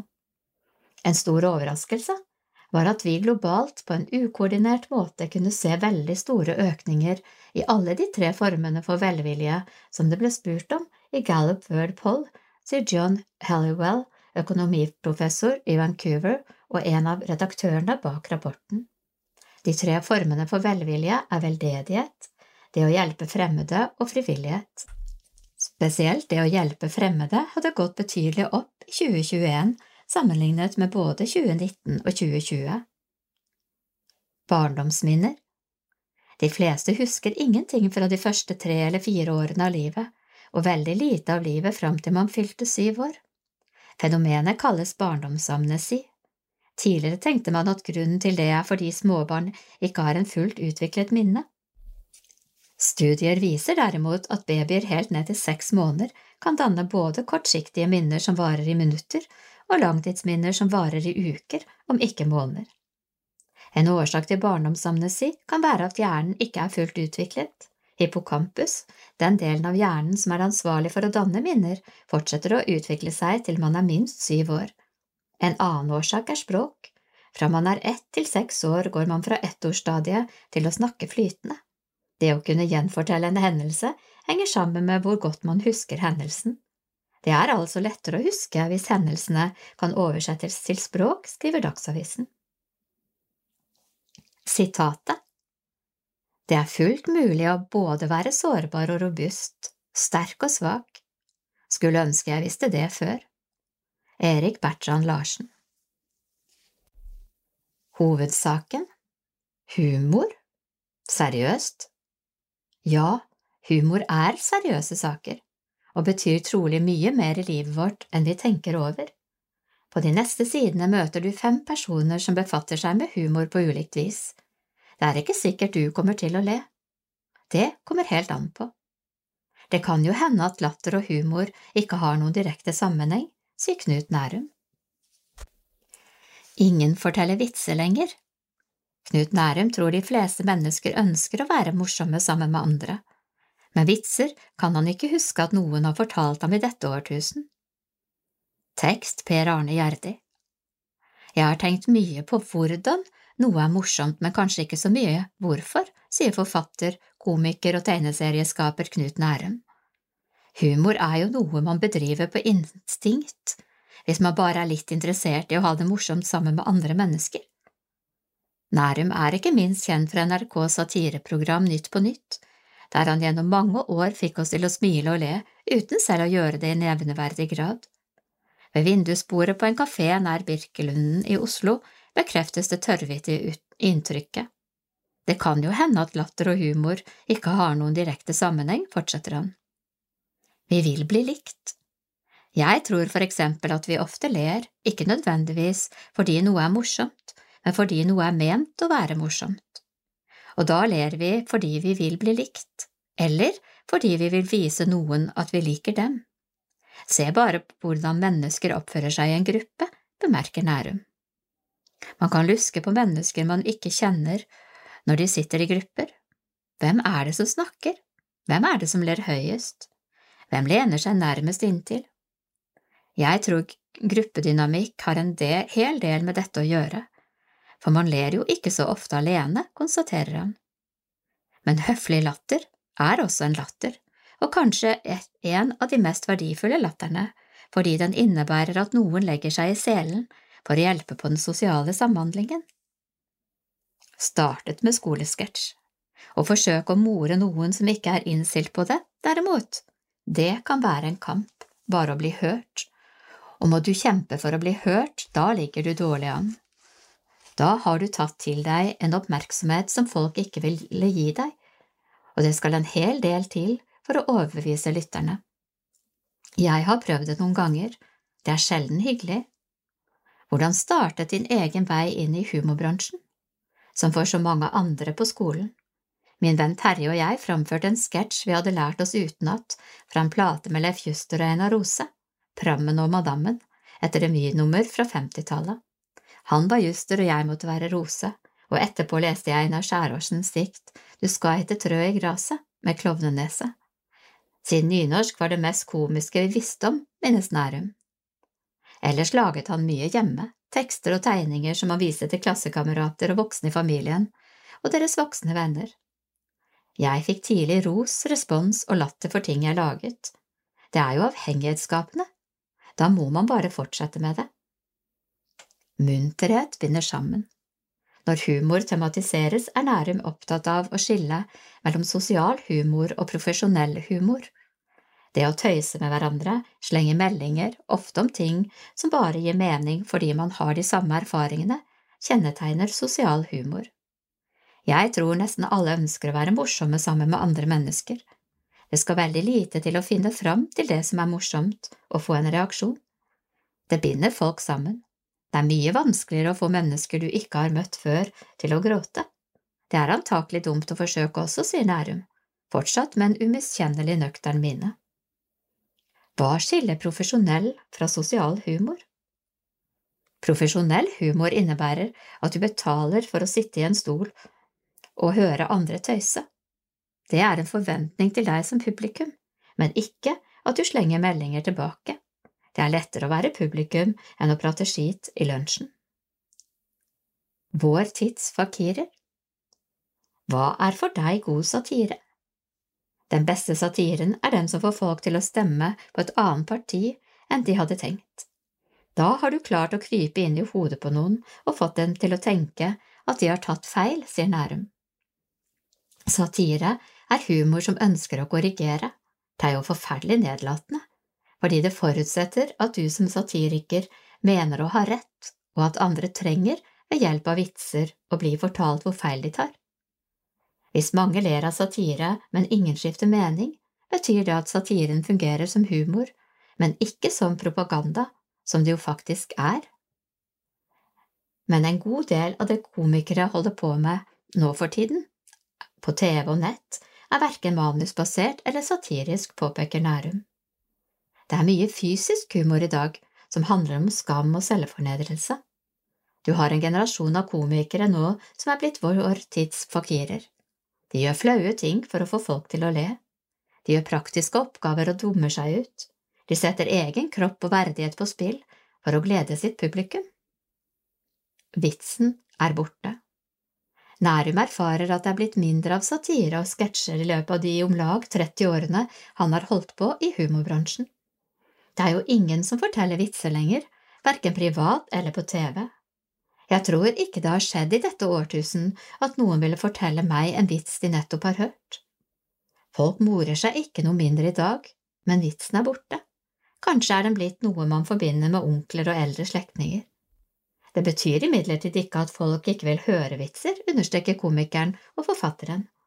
Når han er konferansier eller holder sine kåserier, fletter han gjerne inn et antall egenproduserte vitser, som for eksempel denne.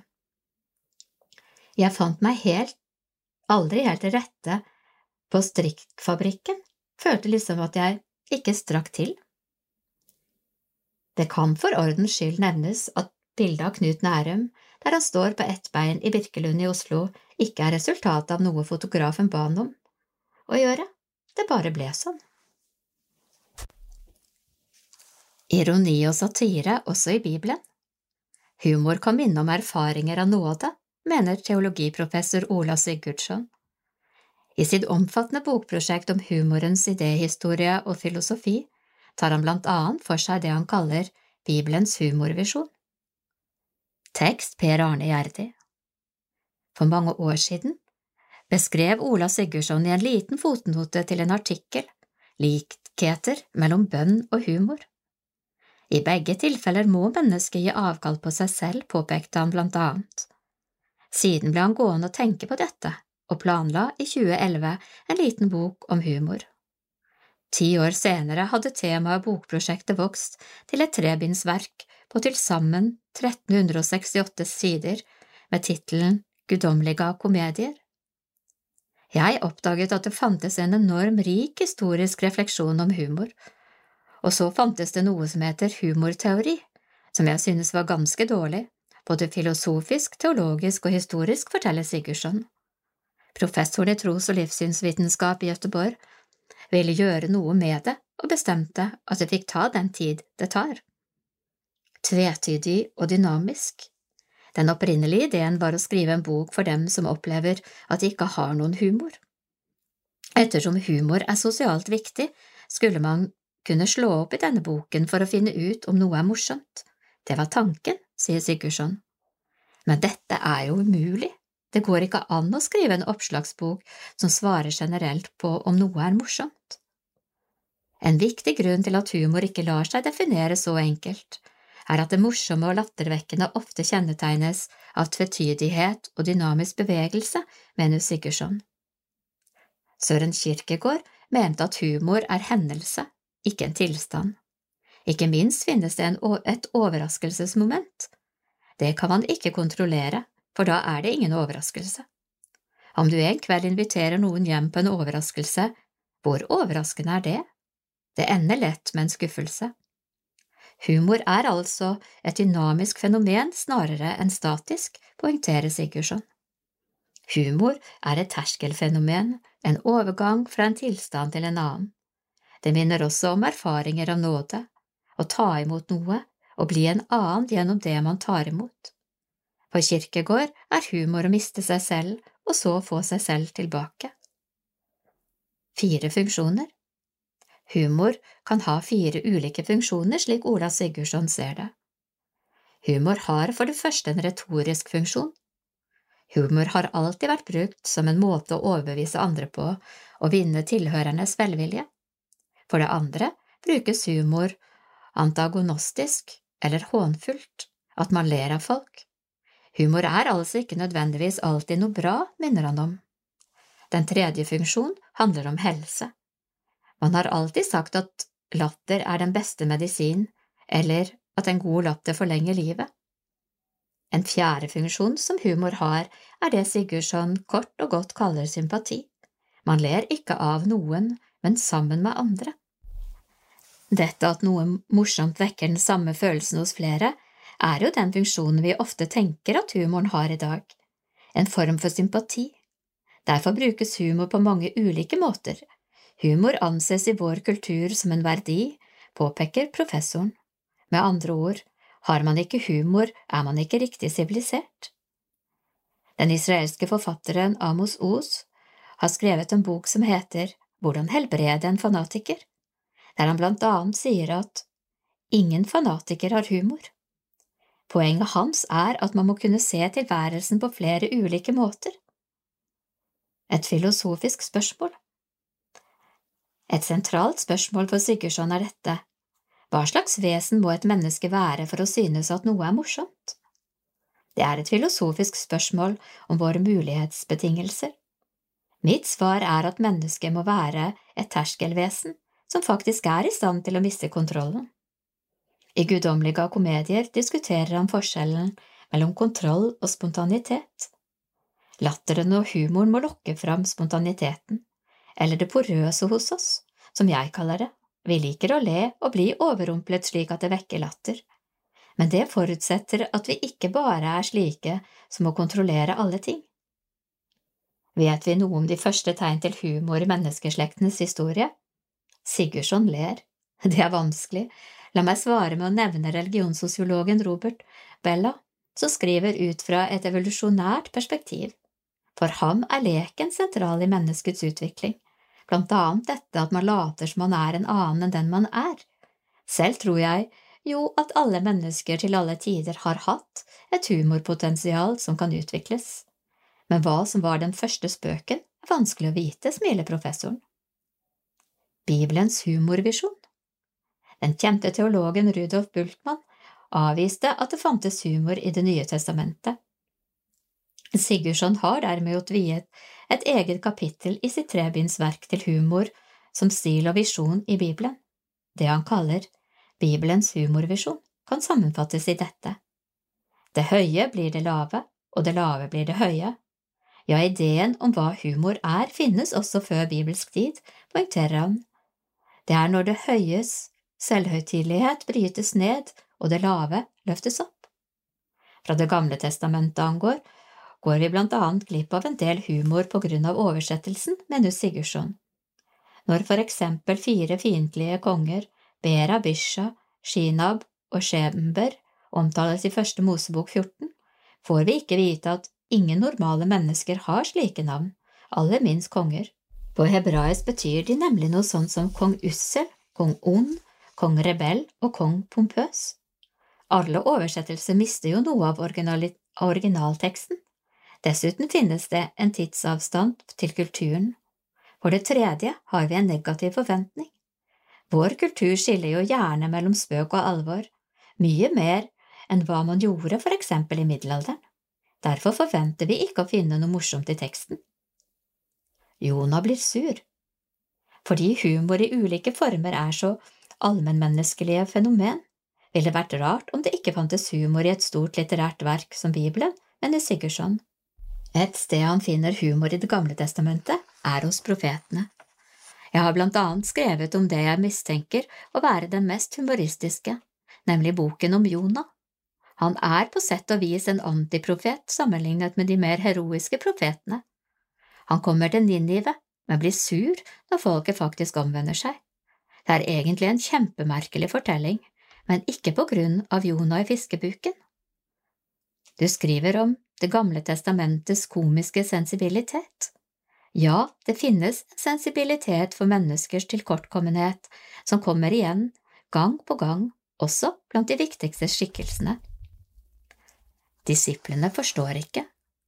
Går vi så til Det nye testamentet, mener Sigurdsson at evangeliene er redigert med et ofte ironisk perspektiv. Disiplene forstår aldri hva som er på gang, men vi lesere forventes å forstå. Det finnes heller ingen helter blant disiplene, og hvis du som leser tror du er en helt, bedrar du deg selv. Humoren i Det nye testamentet er særlig tydelig i Jesu lignelser. Det er drastiske på en humoristisk måte og har et tydelig mønster av vitser, hevder Sigurdsson. Poenget er å treffe lytteren, ikke orientere om et saksforhold, men skape forvandling, utvidelse av perspektivet. Språkhendelser Historisk har man ofte sett på lignelsene som allegorier, altså at de betyr noe bestemt, men etter 1970-tallet har det vokst fram en ny forståelse av lignelsene som språkhendelser som igjen henger sammen med evangeliet som kerygma. Kerygma betyr forkynnelse eller budskap, men da ikke som faktainformasjon, men dynamisk tiltale, forklarer Sigurdsson. Når presten sier dine synder er tilgitt, er det en dynamisk tiltale, en språkhendelse som forandrer. Man går derfra tilgitt, understreker teologiprofessoren. Men også moderne vitser er språkhendelser. De lykkes når de treffer oss. Poenget er ikke at Jesus med sine lignelser forsøker å være morsom, men han forteller dem for å treffe og berøre mennesker, og dermed skape forandring. Inntoget i Jerusalem Har du et eksempel på hvordan Jesu lignelser har evnen til å åpne og forvandle? Ta for eksempel den om kamelen og nåløyet. Man har gjennom århundrer debattert hva Jesus egentlig mente. Det går jo ikke an å få en kamel gjennom et nåløye. Noen foreslo at nåløyet var en veldig trang gate, der det så vidt gikk an å passere. Jeg tror tvert om at Jesus peker på det umulige. Det er lettere for en kamel å gå gjennom et nåløye enn for en rik å komme inn i Guds rike. Det er en tiltale som sier at du kan ikke være rik og komme inn i Guds rike. Poenget er ikke at det finnes et svar, men at Jesu ord gjør noe med deg. Du tvinges til å ta stilling. Sigurdsson henter et annet nytestamentlig eksempel fra palmesøndagens inntog i Jerusalem. Det er ikke en lignelse, men likevel en av de tekstene der jeg funderer på hva som egentlig hender. Prosesjon leder tanken til den klassiske fortellingen om når en konge inntar en by, men Jesus kommer altså ridende på et esel. Det betyr noe. Jeg tror palmesøndagens budskap er en politisk satire, der kongen kommer i ydmykhet og ikke i rikdom. Poesi og humor Vi lever i en tid som vil kontrollere alt, også været og naturen, og tross all latter og humor er det en ekstremt alvorlig kultur vi lever i. Dermed tenderer vi å forvise humor til bare å være betydningsløs avslapning, snarere enn noe som påvirker oss som mennesker. Har dette omfattende bokprosjektet forandret noe i ditt syn på humorens betydning? Det har jo vært… Jeg har jo vært opptatt av humor hele livet, og kjenner mange som er veldig morsomme. Også en del poeter, sier Sigurdsson. Han nevner spesielt Ukon, Ulf Carl Olov Nilsson, som har sagt poesi er akkurat det samme som humor, minus selve humoren. Jeg er blitt mer reflekterende når det gjelder humor, og samtidig mer mistenksom mot en del typer av humor. Men fremfor alt har dette prosjektet fordypet mitt syn på hvordan hverdagen og det evige hører sammen, sier Sigurdsson og legger til. Samtidig er det jo noe komisk med en professor som vier ti år til å skrive et verk om humor. Kroppsvæsker og humør Ordet humor kommer fra latin, der det betyr fuktighet eller væske. Antikkens legevitenskap lærte nemlig at sinnstilstanden bestemmes av en bestemt blanding av kroppsvæsker. I England ble ordet humor på 1600-tallet brukt om lunefullhet. Vår moderne betydning stammer fra tysk og engelsk på 1700-tallet. Ordet humør kommer fra det franske ordet humeur, som kom inn i nordisk på 1600-tallet, ifølge Store norske leksikon. Alvoret ligger like under.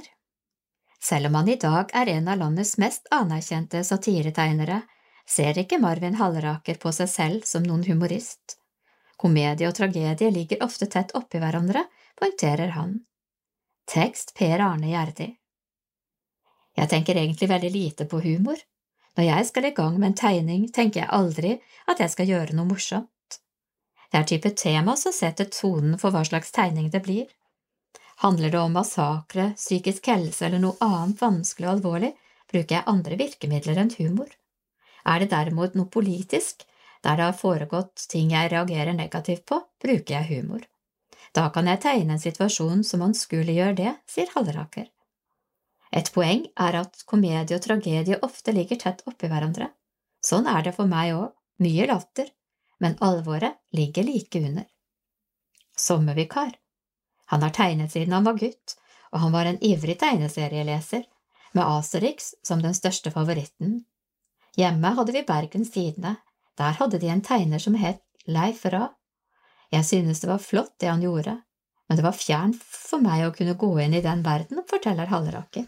Han var 17 da han begynte på kunst- og håndverksskolen i Bergen. Satiretegning var fortsatt ikke blant hans ambisjoner, og heller ikke noe han lærte om på skolen.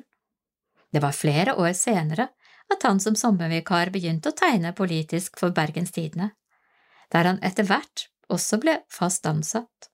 Senere har satirikeren jobbet i Vårt Land, Morgenbladet og Klassekampen, før han kom til sin nåværende arbeidsgiver, Aftenposten. Vil skape en reaksjon. Når jeg tegner politikere, tenker jeg aldri at jeg skal latterliggjøre dem eller ta dem, selv om det kanskje kan virke sånn. Det jeg ønsker med tegningene mine, er å skape en reaksjon. Den kan gjerne være en god og befriende latter, eller det kan være en latter som setter seg litt fast i halsen, fordi du oppdager alvoret i saken. Andre ganger kan du bli trist eller sint, sier Halleraker og legger til. Jeg har ikke noe ønske om å tråkke på folk, samtidig har jeg ikke vært så redd for at folk skal bli sinte eller støtt. Trump Jeg føler jeg mislyktes hvis tegningen min bare blir en illustrasjon, som en pynt på avissiden, det er det verste, synes jeg. Er det personer eller tema du liker spesielt godt å tegne? Jeg foretrekker jo å jobbe med tematikk og saker som jeg selv blir personlig engasjert av. Det er vel derfor jeg har tegnet mye Trump, fordi det skjedde såpass rystende og skremmende ting, og latterlige ting, han var liksom i monitor hele tiden. Satire under press I dag er satire under hardt press. Med begrenset ytringsrom, erfarer Halleraker. Han er redd kunstformen vil forsvinne. Så lenge jeg kan huske, har det vært en forståelse for hva satire er, også politikerne har sett betydningen, men nå aksepteres satire i stadig mindre grad. Det blir sett på som krenkende og ufint. Du må holde tunga rett i munnen. Ting er blitt veldig gravalvorlig, på liv og død, svart og hvitt. Ting blir tatt opp i verste mening. Tidligere kunne du bevege deg helt på kanten og være såpass skarp at du risikerte å gå for langt. Nå må du holde deg ti meter fra kanten, sier Marvin Halleraker. Latter gjør folk åpne. Halvor Nordhaug vil gjerne at folk ler et par ganger når han holder en preken. Men du skal ha en viss trygghet for å bruke humor og kunne improvisere, sier biskopen i Bjørgvin. Tekst Per Arne Gjerdi Humor er oljen som smører alle menneskelige samvær, sier Halvor Nordhaug så snart vi bringer temaet på banen. Humor handler i mindre grad om at vi bestemmer oss for å ha det morsomt, og det er ekstremt krevende når noen prøver å være morsom hele tiden, synes han. Godt, god humor er replikken, tonefallet, blikket eller den morsomme historien som er del av en helhet. Det som også fungerer godt i forkynnelsen, er ikke at jeg slår av en vits, men at jeg forteller noe mer indirekte morsomt, sier biskopen i Bjørkvin. Selvironi Jeg har nok som ambisjon når jeg holder en preken at folk skal le et par ganger underveis. For det første er det et kjent, men retorisk grep. Hvis du vil knytte en relasjon til noen, fungerer humor veldig godt, særlig selvironi som alltid er svært vellykket, ikke minst i Norge. For vi liker jo at ikke at noen skal gjøre seg bedre enn andre, sier Norhaug. Som forkynner befinner du deg jo i en slags ovenpå-situasjon, i forhold til det du snakker til. Da er det viktig å fortelle om noe du selv har gjort som kanskje ikke var så lurt, men ganske morsomt. Da knytter du en relasjon og viser at du er et vanlig menneske som folk kan identifisere seg med. Jesu brødunder. Biskopen holdt nylig en preken om Jesu brødunder. Det handlet om folk som er på reise, men som ikke har med mat. Jeg sa i min preken at når jeg er på reise, er det ikke mangel på mat. På en bispevisitas går det ikke lang tid mellom hver bordsetning, og jeg må sitte en uke på ergometersykkel for å oppnå matchvekt igjen. Det er ikke sånn du skoggeler av, men folk humrer fordi det skaper gjenkjennelse. Jeg forteller ikke først og fremst for å underholde folk, men for å skape en relasjon. Samtidig formidler jeg at det er hyggelig å være på Visitas, med mye god mat som et kompliment til vertskapet, sier Norhaug. Når du får folk til å le, enten ved å kommentere en pussig eller si noe som er ustyrtelig morsomt, gjør du dem også åpne og tilgjengelige for det du vil si.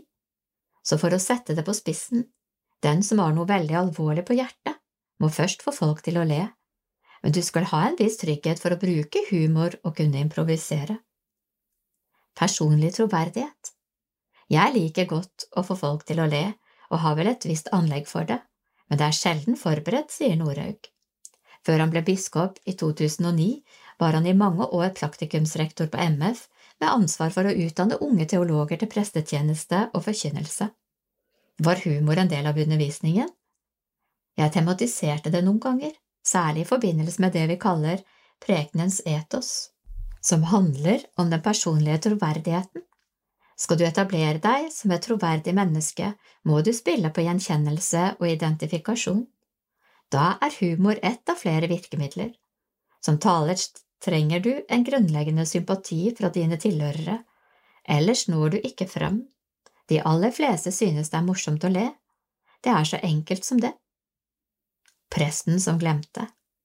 Går det noen grenser for hva man kan spøke med? Ikke når det gjelder kirken i alle fall, svarer Norhaug etter en lang tenkepause. Der er det utrolig mye morsomt å ta fatt i, særlig tabber og pinligheter. For eksempel presten som har glemt å skru av myggmikrofonen han har på seg, og som under salmen etter prekenen ringer til sin kone og sier, biskopen sitter her i salen, vi må vel egentlig be ham hjem på kaffe, men orker vi det da? Er det en historie fra virkeligheten? Nei, det vet jeg ikke, men at presten under salmen før prekenen går for å late vannet uten å slå av myggen, det ville vært rart om ikke det har skjedd. Det er et eksempel på noe helt alminnelig som blir ekstremt morsomt, fordi det er en prest som gjør det, midt i gudstjenesten. Jeg reagerer på at alt skal være så perfekt. Nærmere 120 000 følger henne på Instagram. Der vekker Olaug Bollestad smil og latter med sine glimt fra liv og hverdag. Men humor, nei, det var ikke baktanken, bedyrer KrF-lederen. Tekst Per Arne Gjerdi. Det har ikke manglet humor i Olaug Bollestads oppvekst, ungdomsår og yrkesliv. Det har fulgt henne, enten hun har vært leder på Horve leirsted i Rogaland, elev på bibelskolen i Staffels gate eller sykepleier i møte med mennesker i mange slags livssituasjoner. Jeg har jobbet tett på både død og nytt liv, og skal du i helsevesenet overleve med det spennet, må du også ha det kjekt og ha humor. Bedehus, liv og kristne leire, har det gitt deg et morsomme minner? Herlighet, leirlivet på Horve var jo bare en svær fest. Vi hadde bibeltimer, kveldssamlinger, sjelesorg og bønnemøter, og det var fint, men guri så mye kjekt vi hadde det. For meg var det viktig at alle skulle være med, og at alle skulle ha det kjekt, minnes Olaug. En del beskriver bedehuset som noe tungsintig, og visst var det mange møter der jeg ikke forsto noe av det som ble sagt, men jeg forbinder bedehuset med varmen, humoren og lunheten. Det handler om å skape atmosfære for hele mennesket, slik at de som kommer på leir og aldri har vært i en kristen sammenheng før, møter vanlige folk med humoristisk sans. Flink til å leke Olaug vokste opp med en psykisk syk mor, men på tross av hennes sykdom var mor og far flinke til å leke. Jeg husker at hun en gang satt i et tre da han kom hjem og helte en bøtte vann over ham. Hun var liten, men veldig sprek, og vant alltid 60-meteren på sankthansaften, forteller Olaug, og er snar til å bekjenne at hun kan finne på lignende ting overfor ektemannen Jan Frode. Humor er altså ikke noe jeg har begynt med i det siste. Sånn har jeg alltid vært, og det har alltid fulgt meg og Jan Frode. Vi gikk gulebukk da ungene var små og kledde oss ut i bursdager. Vi har også fylt bensin i full utkledning så folk kikket og lurte. Skjemt og alvor henger sammen, det er livet vårt. I bar overkropp. Det var sommeren 2019, mens hun var landbruks- og matminister, at hun opprettet Instagram-kontoen alfakrøll Olaug Johanna. Tanken var å dele glimt fra hverdagen med Jan Frode, eller som hun kaller dem i alle tekstene, herr og fru Larkins. Antall følgere har steget jevnt og trutt og er nå oppe i nærmere 120 000. Jeg har ingen baktanke med Instagram-kontoen min, at den skal være morsom, jeg viser bare livet mitt som det er. Noe mange har lagt merke til, er at hun tar bilder av Jan Frode i bar overkropp, men han går jo alltid sånn, og har gjort det siden vi ble gift, forteller Olaug. Han kommer hjem fra jobb, henger skjorta eller T-skjorta på en stol og begynner å lage middag eller vaske gulvet. Det er andre som har gjort meg oppmerksom på at han går i baris, for meg er ikke det noe spesielt. Dere satte dere ikke ned en kveld og fant ut hvordan bruke Nei, kjære folk, svarer Rulog før spørsmålet er ferdig stilt. Jan Frode visste ikke engang at jeg hadde startet den kontoen. Når jeg treffer folk på gata som sier de følger meg på Instagram, ja, så er det kjekt, men jeg forstår ikke at det er humor. Er det så morsomt at jeg forteller jeg er glad i mannen min, og at vi viser hverandre at vi er glad i hverandre? Er det så spesielt? Men det er greit at folk ler av det. Ja, for jeg tar ikke meg selv så seriøst. Hvis noen synes det er koselig eller morsomt, så er det helt greit, men for meg er dette bare en måte å skildre liv og hverdag på. Ikke så perfekt. Dette med ektemannen i bar overkropp bærer også litt alvor med seg, tenker hun. Verden er blitt så perfekt, bilder redigeres og retusjeres, men hverdagen til folk er faktisk ikke så perfekt, tror jeg.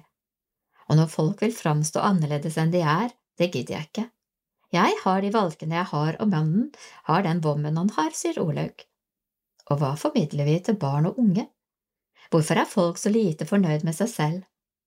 Det er klart at noen trenger å slanke seg fordi det er viktig for helsa, men det jeg reagerer på, er at alt skal være så perfekt, for sånn er det ikke.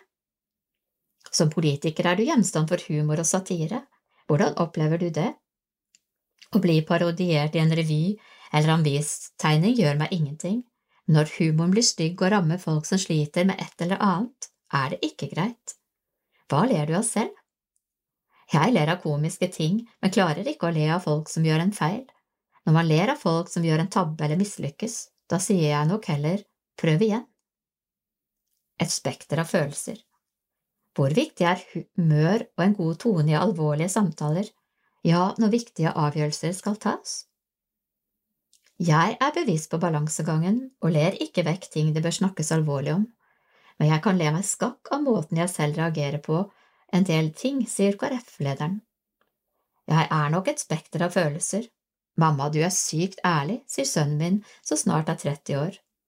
Jeg kan godt terje litt i hagen, leke vannkrig og slikt, men hvis ungdommene kommer og forteller meg om noe i livet sitt, da tar jeg meg tid og bruker alt jeg har av erfaring så alt til sin tid, mener Olaug. Da jeg ble ordfører, følte jeg en forventning om at jeg skulle være og kle meg sånn og sånn. Men et verv eller en stilling skal ikke forme deg til noe annet enn det du er. Jeg er ekstremt opptatt av at folk skal få lov til å være seg selv, og at det i KrF og politikken generelt må være en bredde og en høyde for forskjellighet, sier Olaug Bollestad. Å være menighet i Norge finnes det et stort antall menigheter i ulike varianter og størrelser. I denne artikkelserien vil du møte noen av dem. Har du tips til en menighet vi bør besøke, som gjør noe som kan inspirere andre, send oss en mail kwm alfakrøll agenda316.no. Diakoni skaper relasjoner. I Bibelen står det at diakonene tjente ved bordene på tirsdagslunsjen i Nordberg menighet i Oslo er det akkurat det to seniordiakonene gjør, de tjener ved bordene og skaper et godt fellesskap for de eldre. Tekst Birgit Nersten Lopaki Det er høyt under taket i kirkestua til Nordberg menighet. Seniorer i flere aldre sitter rundt dekkede bord der mat og kaffe serveres av frivillige og menighetens to seniordiakoner, Lillian Dombestein og Gudrun Aas Homstvedt. Praten går livlig rundt bordene, til tider så høyt at det kan være vanskelig å få med seg det som blir sagt. Ved et av bordene sitter 90 år gamle Jorunn Mjåland, en av dem som trofast dukker opp ikke bare på tirsdagslunsjen, men også i kirken hver søndag. Jeg føler veldig eierskap til denne kirken, fordi jeg har vært med å samle inn penger til den. Min mann var formann i menighetsrådet da kirken var ny, så han tok imot den på menighetens vegne. Derfor føler jeg ekstra tilknytning til denne kirka, forteller hun, og selv om det til tider er vanskelig å høre alt som sies, trives hun godt på tirsdagslunsjen. Hun setter pris på både møtet med andre som kommer dit, og programmet de har hver gang. Ved samme bord sitter Mona og Nottotelle. Ekteparet gir også uttrykk for at de trives godt på tirsdagslunsjen. Det er hyggelig å treffe folk her som man ellers ikke ser, forteller Mona. Mannen Otto er enig. Det er interessant at jeg treffer stadig nye folk. Jeg har med alderen blitt flinkere til å ikke bare flokke meg med det jeg kjenner, men oppdage hvor mange utrolig interessante folk det er. Hva setter du mest pris på her? både det å spise sammen og å treffe folk. Mat setter en spiss på det og bryter noen barrierer. Det er viktig, svarer han. Lunsj uten andakt. Denne tirsdagen forteller Arnhild Fjose om håndverk, natur og kultur på Madagaskar, et land hun har blitt godt kjent med, ikke minst gjennom mormoren som var født og oppvokst på Madagaskar. Iført mormorens svarte festkjole med nydelige kniplinger rundt halsen forteller Arnhild både om krokodiller og lemurer, hun tar for seg silkeveving og vaniljens popularitet. Lillian er den som står bak tiltaket med tirsdagslunsjen, et arrangement hun er godt fornøyd med. I Bibelen står det at diakonene tjente ved bordene. Det gjør vi også her. Tirsdagslunsjen skaper mye godt fellesskap. Vi slipper også mange til som bruker seg selv, sine evner og det de har opplevd. Marianne fra Maridalen, som ble født som tyskerbarn, for eksempel, berørte oss sterkt med sin historie. En viktig del av tirsdagslunsjen er måltidsfellesskapet. Vi har god, næringsrik mat, vi kokte 18 egg i dag, folk får spise seg mette, de blir servert, de blir sett, og de får et påfyll av noe annet. Det kirkelige ligger under, forteller Lillian. Noen vil kanskje si at vi burde hatt en andakt, men da hadde vi ikke fått inn alle dem som kommer hit nå. Her kommer det stadig vekk nye som leser om det i Menighetsbladet, og som vil finne ut hva dette er. De opplever å bli tatt imot, inkludert og sett. Her er det plass til hele spennet av pensjonister, sier Gudrun. Alle skal bli sett.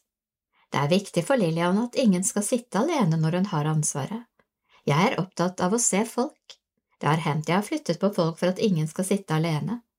Hun jobber aktivt med at de som kommer fast, skal inkludere nye som kommer. Serveringen ved bordene var en endring som kom med pandemien, da alle måtte ha faste plasser og de måtte passe på riktig avstand mellom hver enkelt. Den endringen har diakonene holdt fast på. Når vi går rundt og serverer, får vi sett hver enkelt. I tillegg skjuler det at noen er veldig dårlig til beins. Det er ikke så lett å komme med relator til en buffé, forklarer Lillian. Når du går rundt og serverer, så husker du at kona skal ha te, mannen har kaffe. Og når du snakker med dem om det, så føler de seg sett, kommer det fra Gudrun før hun legger til. Intensjonen og håpet er jo at de en dag også skal tørre å gå inn i kirka. Men det er ikke vi som dytter dem inn eller tvinger det på dem. Vi viser dem at her er det et fellesskap de kan bli en del av. Omsorg er et viktig stikkord. Diakoni er nestekjærlighet i praksis, mener Nilja. Det er en menneskeliggjøring av budskapet, av ordet. Hva er en diakon? I mangfoldet av oppgaver de to diakonene har, er det nettopp omsorg og nestekjærlighet som ligger i bunn. Kirkens omsorgsarbeider, eller egentlig leder av Kirkens omsorgsarbeid, svarer Lillian på spørsmålet om hva en diakon er. Gudrun supplerer med noen historiske fakta. I gamle dager var en diakon en mann med fem års utdanning som var sykepleier og diakon.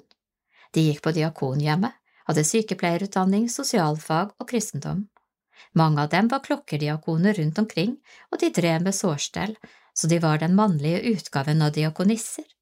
Diakonhjemmets sykehus ble opprettet fordi man ville utdanne diakoner, og de trengte et praksissted. Gudrun forteller at hun for mange år siden jobbet med noen av de gamle klokkerdiakonene som blant annet gikk på sykebesøk i hjemmene og drev med sårstell. Økonomiske ressurser Mange menigheter har ikke økonomi og mulighet for å ansette egen diakon. I Nordberg menighet har de to, det vil si, Gudrun deler seg mellom Nordberg menighet og Maridalen menighet. Midler til lønn kommer fra stiftelsen Nordberg seniordiakoni, som ble opprettet i 2017 i forbindelse med fusjonen mellom Stiftelsen Nordberghjemmet og Det Norske Diakonhjem. Unni Harsten er daglig leder i Nordberg menighet og forteller at det har vært diakon ansatt i menigheten tidligere også, men at de nå bruker de midlene for å lønne en barne- og ungdomsarbeider i stedet. Det har betydd en stor forskjell for oss å ha de to diakonstillingene, vi får gjort helt andre ting enn ellers. Prestene har sine oppgaver de må ta seg av, vi har mange konfirmanter, så en del prestekrefter går med til konfirmantarbeidet. Alt det andre diakonene får gjort, hadde vi ikke kunnet gjøre uten dem. Hun er ikke i tvil om at seniordiakonenes arbeid har vært med på å øke gudstjenesteoppslutningen. Eldrearbeidet står sterkt, det er mange ressursrike pensjonister som kan bidra. Diakonene er viktige for at kirken ikke bare skal bli ordets kirke. Jeg har sans for diakonien som tenker på noe annet enn forkynnelsen av ord, sier Harsten. Blomster på døra De to diakonene går ikke tom for arbeidsoppgaver. De leder ulike komiteer og sørger for god kontakt med Frivillighetssentralen på Sogn i nærheten av Nordberg kirke. De leder gudstjenester, arrangerer kirkeskyss, og i høst startet de opp et prosjekt der de drar på hjemmebesøk til menighetens jubilanter med en blomsterbukett. I Nordberg må de bli 90 år før de får bukett. I går var jeg med blomster til en 90-åring som bor oppi veien her. Jeg har ikke møtt henne før, og hun var så glad for å få besøk. Hun var mye alene, hadde dårlig helse, men ellers helt oppegående. Det var veldig fint, forteller Lillian. Tilbakemeldingene de har fått på besøk med blomster, har vært så gode at det nå har blitt en fast del av diakonitjenesten. Det er ikke like mange eldre i Maridalen, så der får også 85-åringene blomster, sier Gudrun, som også hadde levert blomster på døra dagen før til en jubilant. Sorgarbeid En annen viktig del av diakonihverdagen er sorgarbeid. Både Lillian og Gudrun leder flere sorggrupper. Nylig startet de også opp med en sorgkafé. Det er stor pågang på sorggruppene, et konsept utviklet av Sorgsenteret på Ahus. Det er maks åtte i gruppa, og den lukkes etter en periode. Lillian forteller at etterspørselen er stor. Sorgkafeen er for å avhjelpe det. Det kom ni personer første gang, kafeen er åpen for alle, og man kan komme og gå som man vil, legger Lillian til. I Maridalen håper Gudrun at hun kan få i gang et arbeid for menn. Det har ikke bare vært enkelt. Mennene ble først invitert på kveldsmat uten damer, der de fikk utfordringen å finne på noe de hadde lyst til å gjøre. Ideen har hun nå sendt videre til sognepresten i Maridalen. Jeg håper det er et arbeid som kan vokse litt. Seniorkonsert i Maridalen kirke er et annet prosjekt Gudrun har dratt i gang i samarbeid med Marka mobile eldresenter, som legger sine samlinger til kirka når det er konsert. Da er det samling først og konsert etterpå. Fordelen med det er at vi åpner kirkerommet for mennesker som kanskje ikke naturlig ville gått dit, sier Gudrun. Maridalen menighet har stadig nye ideer, som da en kunstner i fjor fikk henge opp bildene sine i kirka selv om han ikke var noen kirkegjenger. Da åpnet vi det rommet for ham, spiller Gudrun. Unge møter eldre. På sin kant har Lillian engasjert seg i flere prosjekter der unge får møte med eldre. Noe som allerede er i gang før hun begynte, var en ordning der ungdommer fra menigheten ble med på sykehjemmet for å bringe, tilbringe tid med de gamle der. Dette har vært umulig å følge opp under pandemien, men diakonen regner med de skal komme i gang igjen til høsten. Noe av det samme skjer i samarbeidsprosjekter med ungdomsskoleeleven, der elever på niende trinn blant annet kan velge et fag som heter Innsats for andre. Da går to og to elever sammen om en fotobok i samarbeid med en senior som Lillian foreslår. De besøker senioren, intervjuer vedkommende, tar bilder av seniorens bilder og av seg selv og den eldre. Sluttresultatet er en fotobok om senioren som ungdommene har møtt. Utover at det blir en bok, har prosjektet også skapt relasjoner mellom de unge og de eldre som verken diakonen eller skolen forutså. En av seniorene fortalte at hun ikke gledet seg til jul fordi mange av de hun kjente var borte. Da advent kom, troppet jentene som skrev om henne, opp på døra med en adventskalender, en pakkekalender de selv hadde laget til sin senior. Hun hadde aldri i sitt liv fått noe slikt. De gjorde det helt på eget initiativ, det var ikke noe krav fra skolen eller fra oss, og i påska dro de hjem til henne med et digert påskeegg. Også forrige gang skjedde det noe lignende. En familie fikk, tok julebaks med til senioren og inviterte på middag, og de gamle gir konfirmasjonskort. Så det har skapt relasjoner mellom gamle og unge som du ikke hadde sett for deg? Ja, og hun her, sier Lillian og peker på en av bøkene hun har hentet, har stikket til disse to jentene.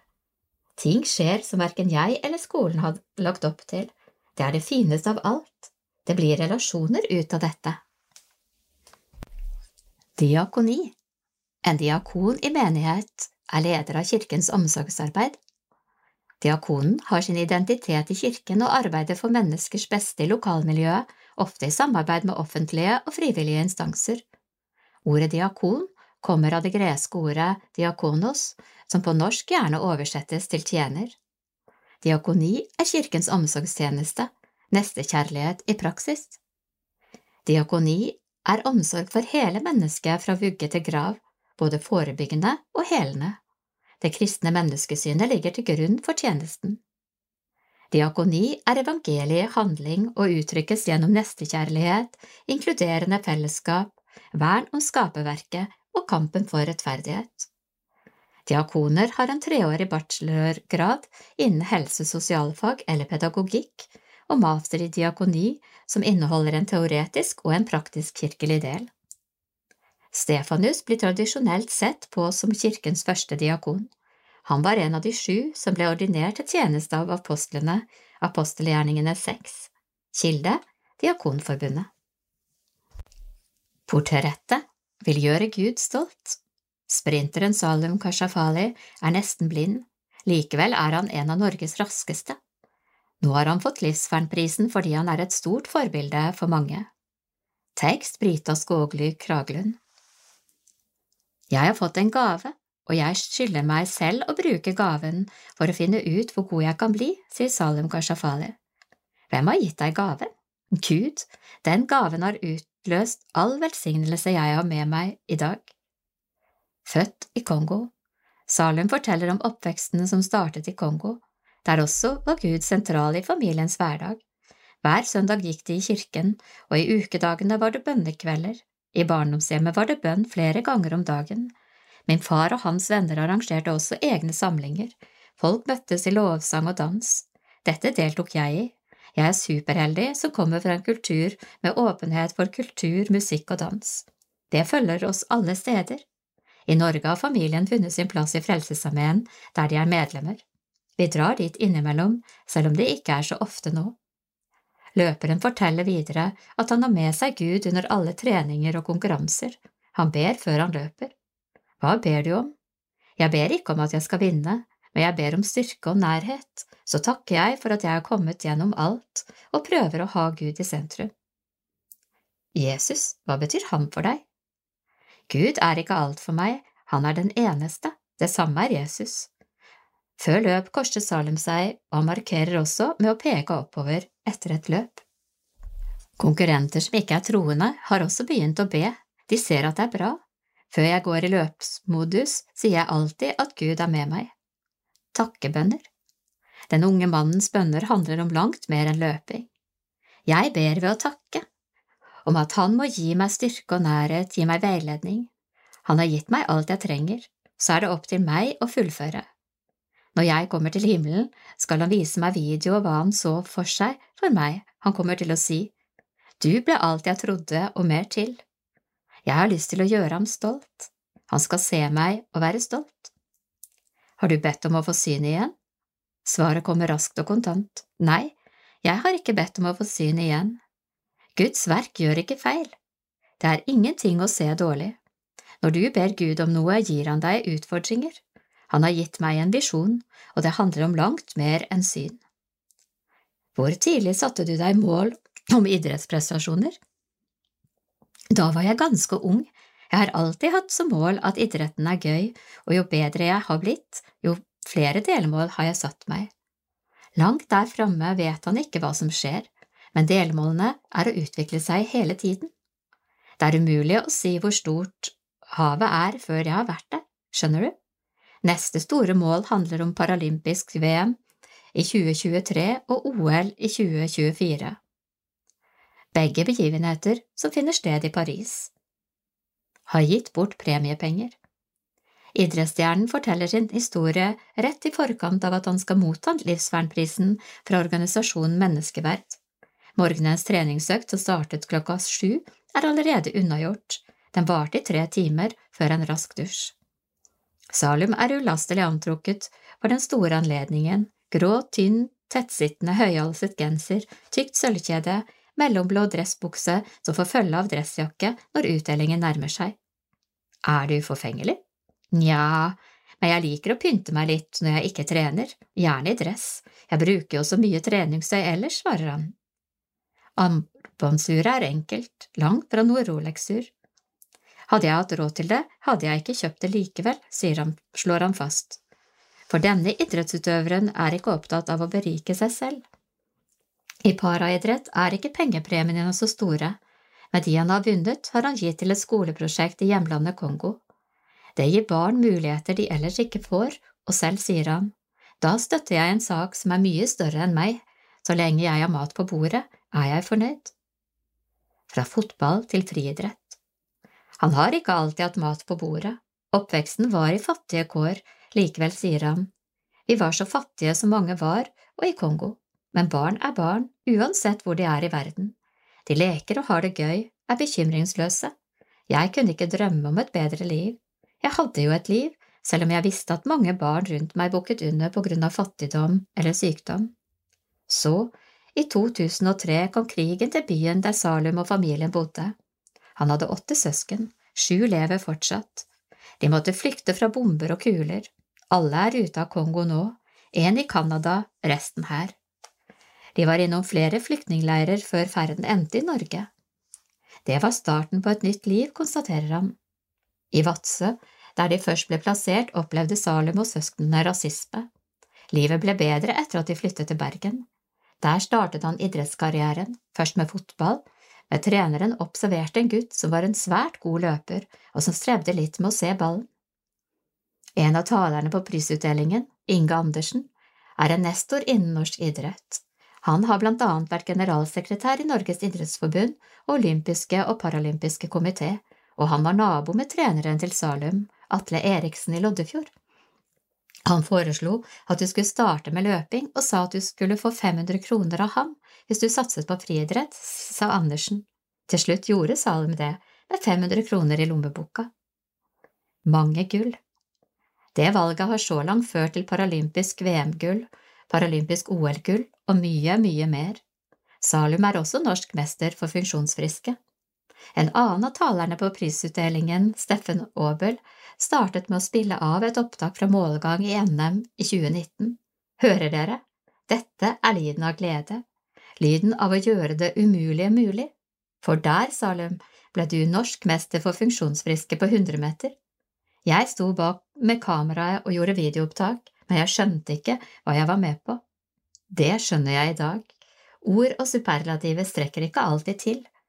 Du er mitt store forbilde, en toppidrettsutøver som har gjort motgang til styrke. I ditt hode har du ingen funksjonshemming, ingen bekymring. Du er den visjonære fremtidsoptimisten. En verden lytter til deg når du snakker. Med dine verdier er du et forbilde for oss.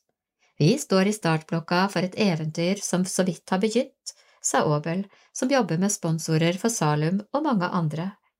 Nå kan løperen leve av sponsorinntektene. Våknet uten å kunne se. Mange lurer på hvordan Salum ser banen når han løper. Som barn måtte han alltid sitte langt fremme i klassen, uten at synet ble testet, men så, en morgen våknet han opp uten å kunne se.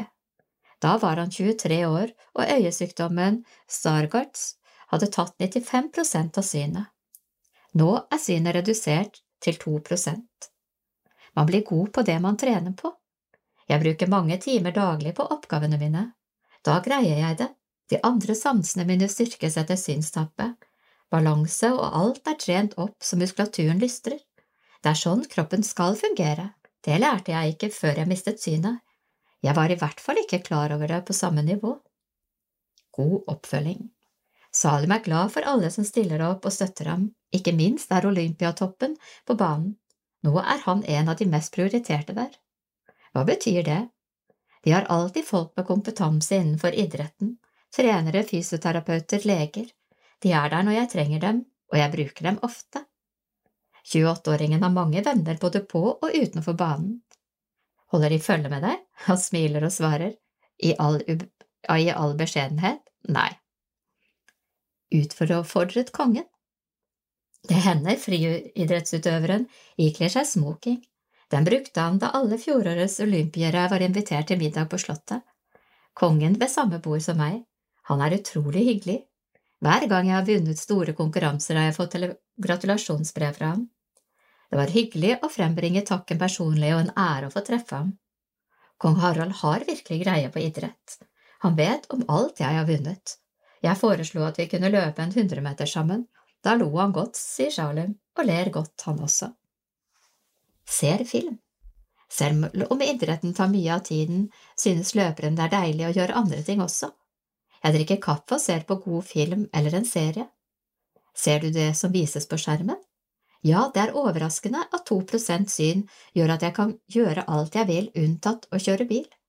Jeg kommer meg godt rundt på egen hånd, jeg bruker ikke hvit stokk. Man blir god på det man trener på. Det er noen uker siden han fikk telefon fra Menneskeverd.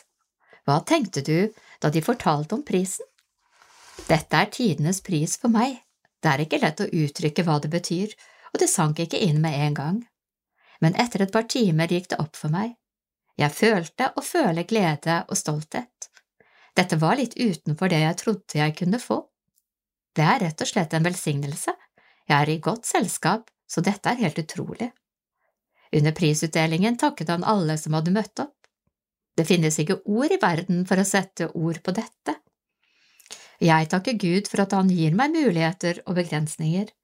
Min familie vet hvor vi kommer fra, hva vi har gjort og hva vi kan.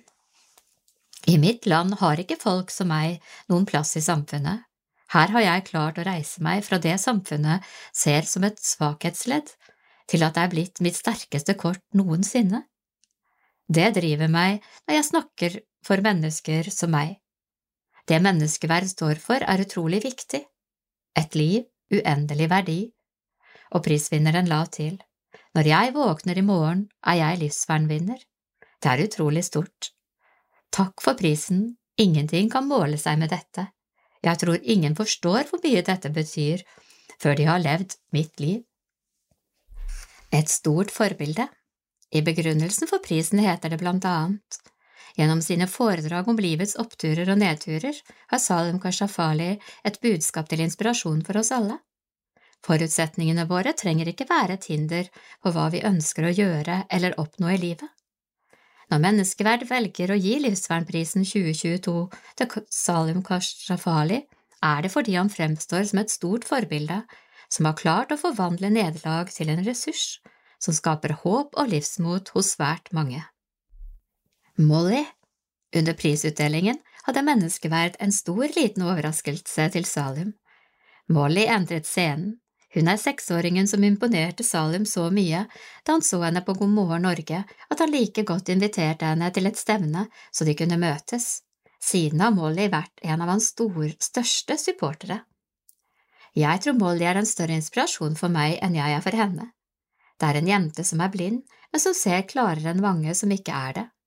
Hun er en stor inspirasjon for meg, sa han etter gulløpet i Tokyo i 2021. Men her, på scenen i teatersalen på Hotell Continental, hadde Molly fått et stort oppdrag. Hun fikk overrekke Salim selve symbolet på livsvernprisen, en liten statue. Hva liker du med Salim, ble hun spurt. Han er fin og koselig å være sammen med, god å gi klem, jeg digger ham, og han digger meg, svarte den munnrappe bestevennen til Salim. Prisvinneren smilte stort da han satte seg på huk og snakket med Molly. Den høyreiste, velkledde unge mannen har flere favoritter. Hvordan står det til med kjærligheten? Jeg har kjæreste, forteller han. Svaret blir etterfulgt av en god latter før han legger til. Ingen kommentar. Det er relativt nytt og veldig hyggelig, jeg har ikke hatt så mye tid til sånt, jeg har jo tenkt veldig mye på meg selv. Salum Agese Kashafali, 28 år, født i Goma, Kongo, bor i Bergen, friidrettsutøver, sprinter, er både paralympisk, europamester, verdensmester og olympisk mester, norgesmester på 100 meter, personlig rekord 10,43. Sommerquiz. Tre ganger 16 spørsmål av Per Arne Gjerdi. Klassisk musikk. 1. Hva var Herbert von Karajan? 2. Hva er Beethovens femte symfoni også kjent som? 3. Hvem skrev Kjempeviseslåtten? Svar 1. Dirigent 2. Skjebnesymfonien 3.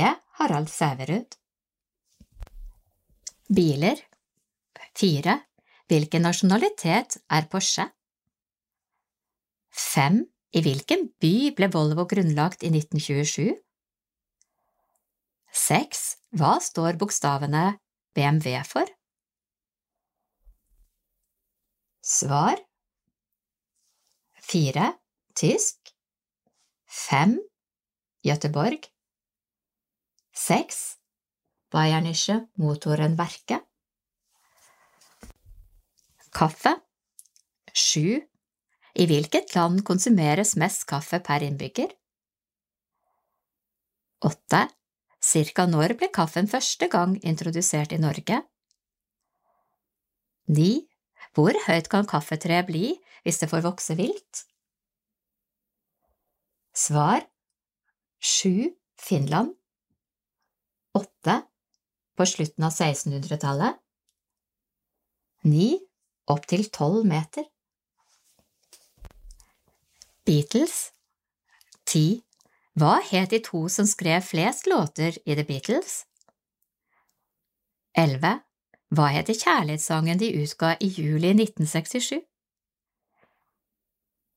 Tolv. Hva heter albumet med det berømte gatebildecoveret fra 1969? Svar Ti. John Lennon og Paul McCartney Elleve. All You Need Is Love 12. Abbey Road Grønnsaker 13. Hva kalles grønnsakenes konge? 14. Hvor mange prosent vann er det i en slangeagurk? 15. Fra hvilken del av verden stammer mais fra? Svar 13. Asparges 14. 96 15. Sør-Amerika Datagründere 16. Hvor gammel var Steve Jobs da han grunnla Apple? 17. Paul Allen grunnla i 1975 Microsoft sammen med hvem? 18. Hva heter hovedmannen bak Facebook? Svar 16, 21 år, i 1976 17. Bill Gates 18. Mark Zuckerberg Norsk misjon 19. Organisasjonen Carl Ludvig Reichelt stiftet, hva heter den i dag? 20. Hva het Indremisjonsselskapets siste generalsekretær? 21. Misjon bak jernteppet, hva heter organisasjonen i dag? Svar 19. Areopagos 20. Anfinn Skåheim 21. Stefanus-alliansen Ukraina 22. Hva heter elven gjennom hovedstaden Kyiv? 23. Hvor gammel er president Zelenskyj? 24. Hva heter Ukrainas nest største by?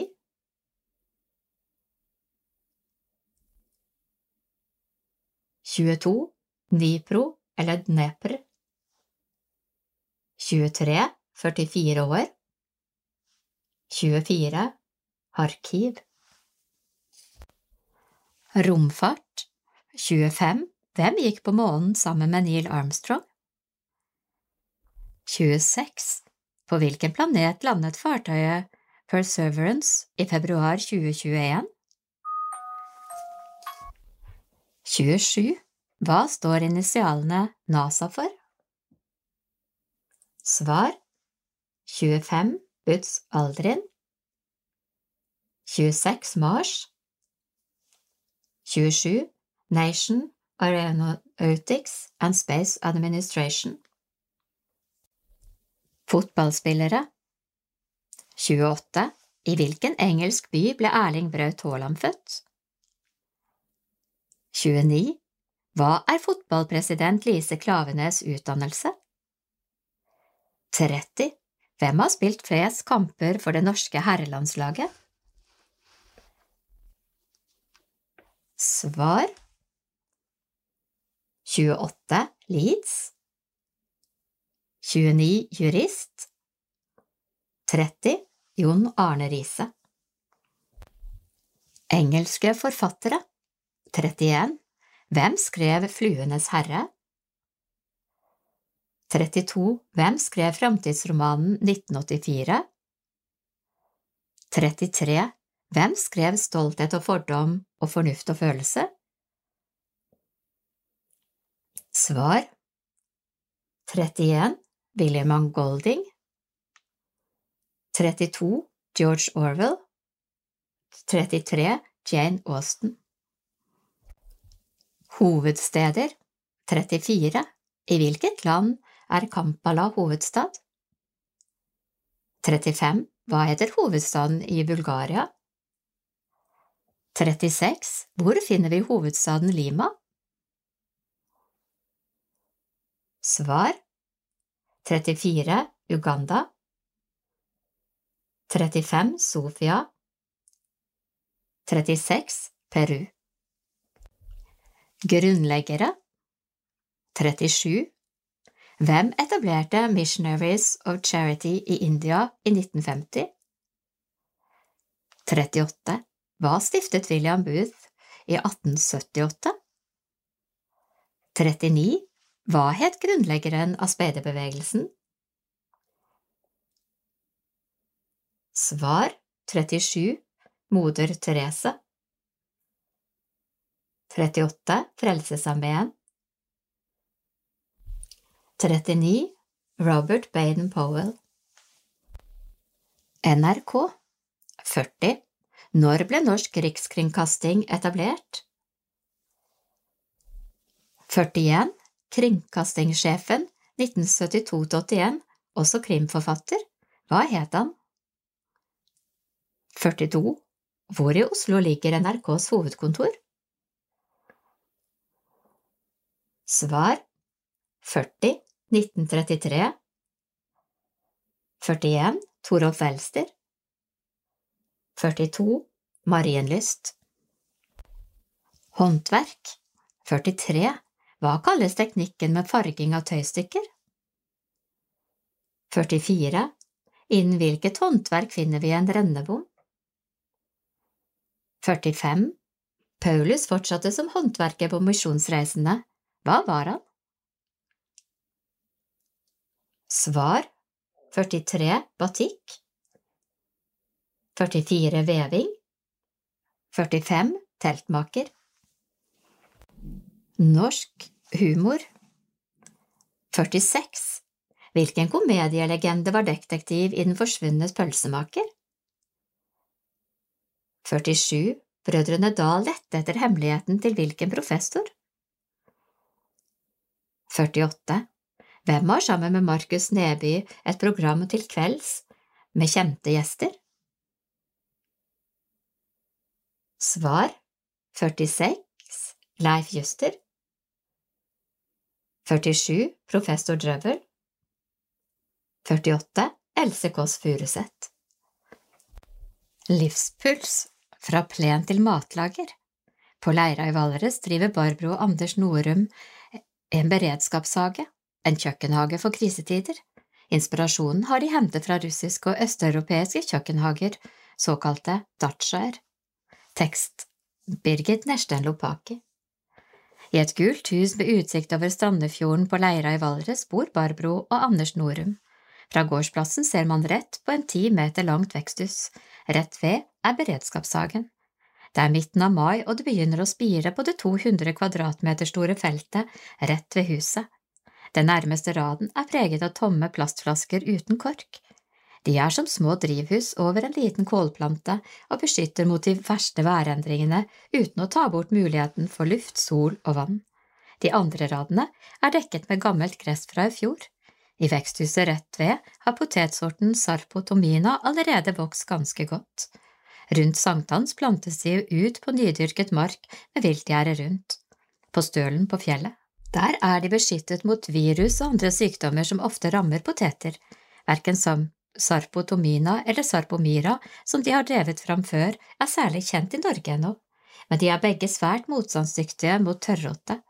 Nå dyrkes de opp som sertifiserte startkulturer i regi av frøfirmaet Nordgro for å bli spredt rundt om til andre kjøkkenhager i Norge. Fra plen til kjøkkenhage.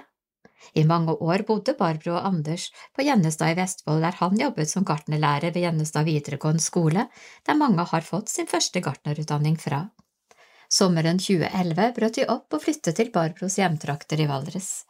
Der ventet jobb i barnehage for Barbro og jobb som gartner i det åpne fengselet i Valdres for Anders.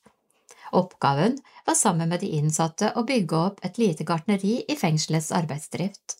Fem år senere dro ekteparet i gang et felles prosjekt, firmaet Dacha.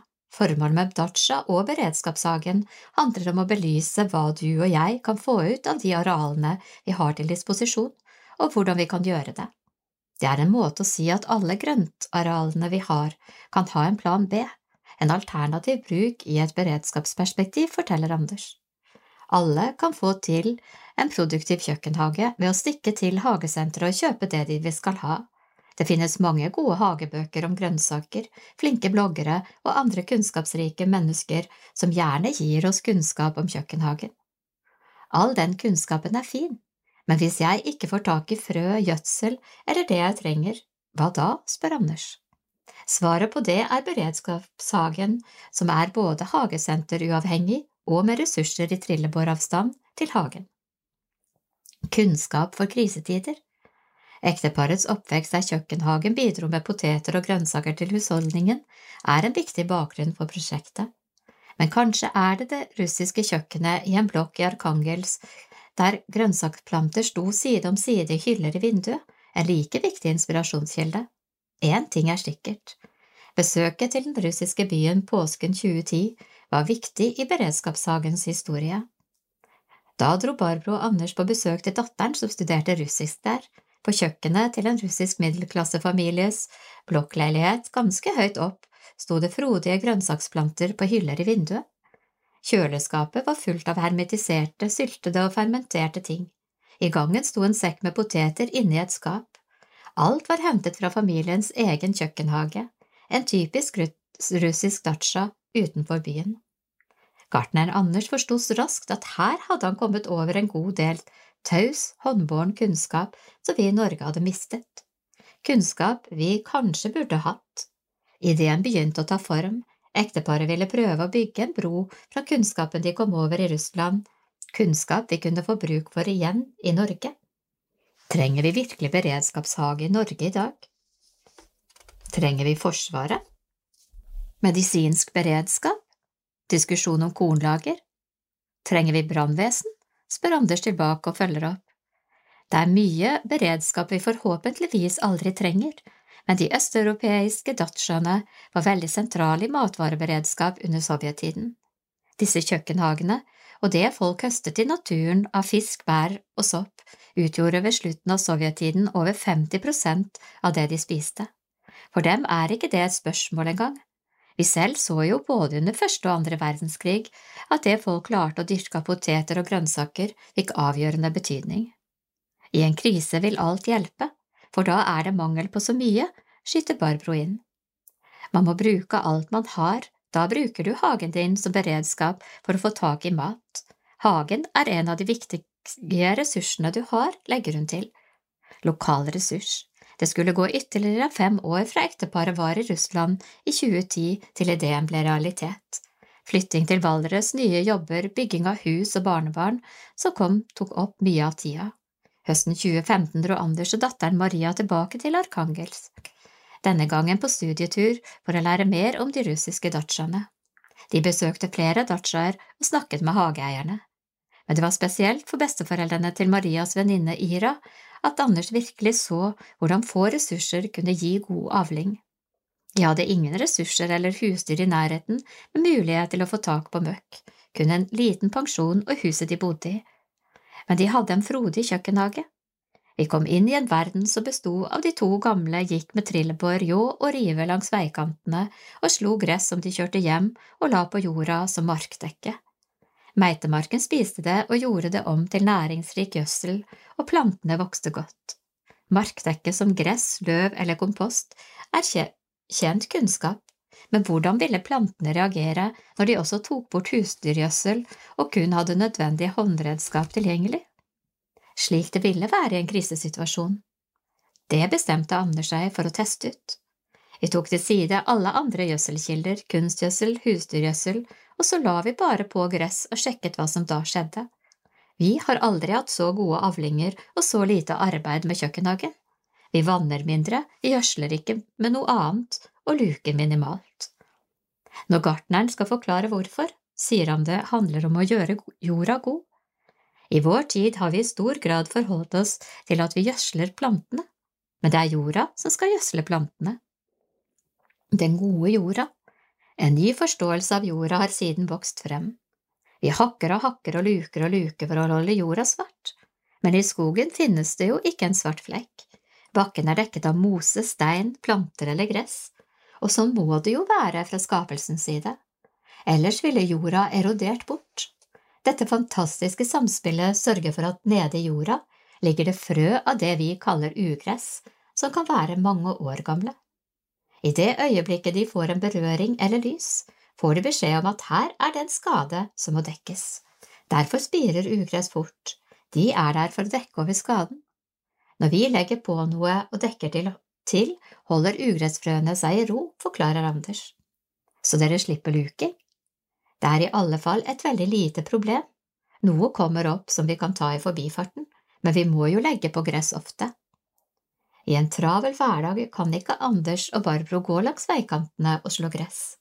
Anders har derfor alliert seg med kommunen og fotballbanen og henter gress de har slått. Det viktige var å erfare og se at dette fungerer.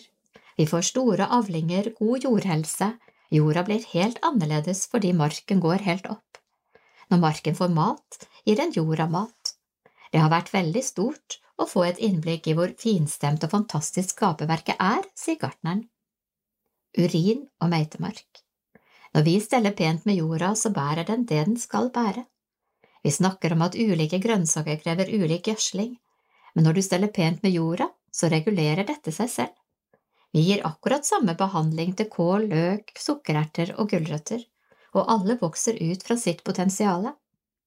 Anders kan ikke la være å nevne en lett tilgjengelig næringskilde for jord og planter som er ren, ukomplisert, lett tilgjengelig og allsidig – urin og brennesle. Begge deler hjelper plantene i gang om våren til de får ordentlig jordfeste. De fleste av oss har også lært at vi skal ta godt vare på meitemarken, fordi den gir god jord for plantene. De lager drenering og lufttilgang. Forskning viser at hvis det er bra med markganger i jorda, så går opp mot 70% av planterøttene i disse gangene. Det er jo autostradaer for røttene, riksveier, fylkesveier, kommuneveier og private veier, ned til stier. Det er et samspill mellom røttene og plantene og marken, og alle disse organismene som lever der, som vi nå etter hvert begynner å ta inn over oss, er stort og fantastisk, sier Anders entusiastisk. Fryste frø Stiftelsesdokumentene for Dacha ble undertegnet i november 2015. Da hadde ekteparet allerede jobbet med et veiledningshefte til en frøpakke de ville lansere.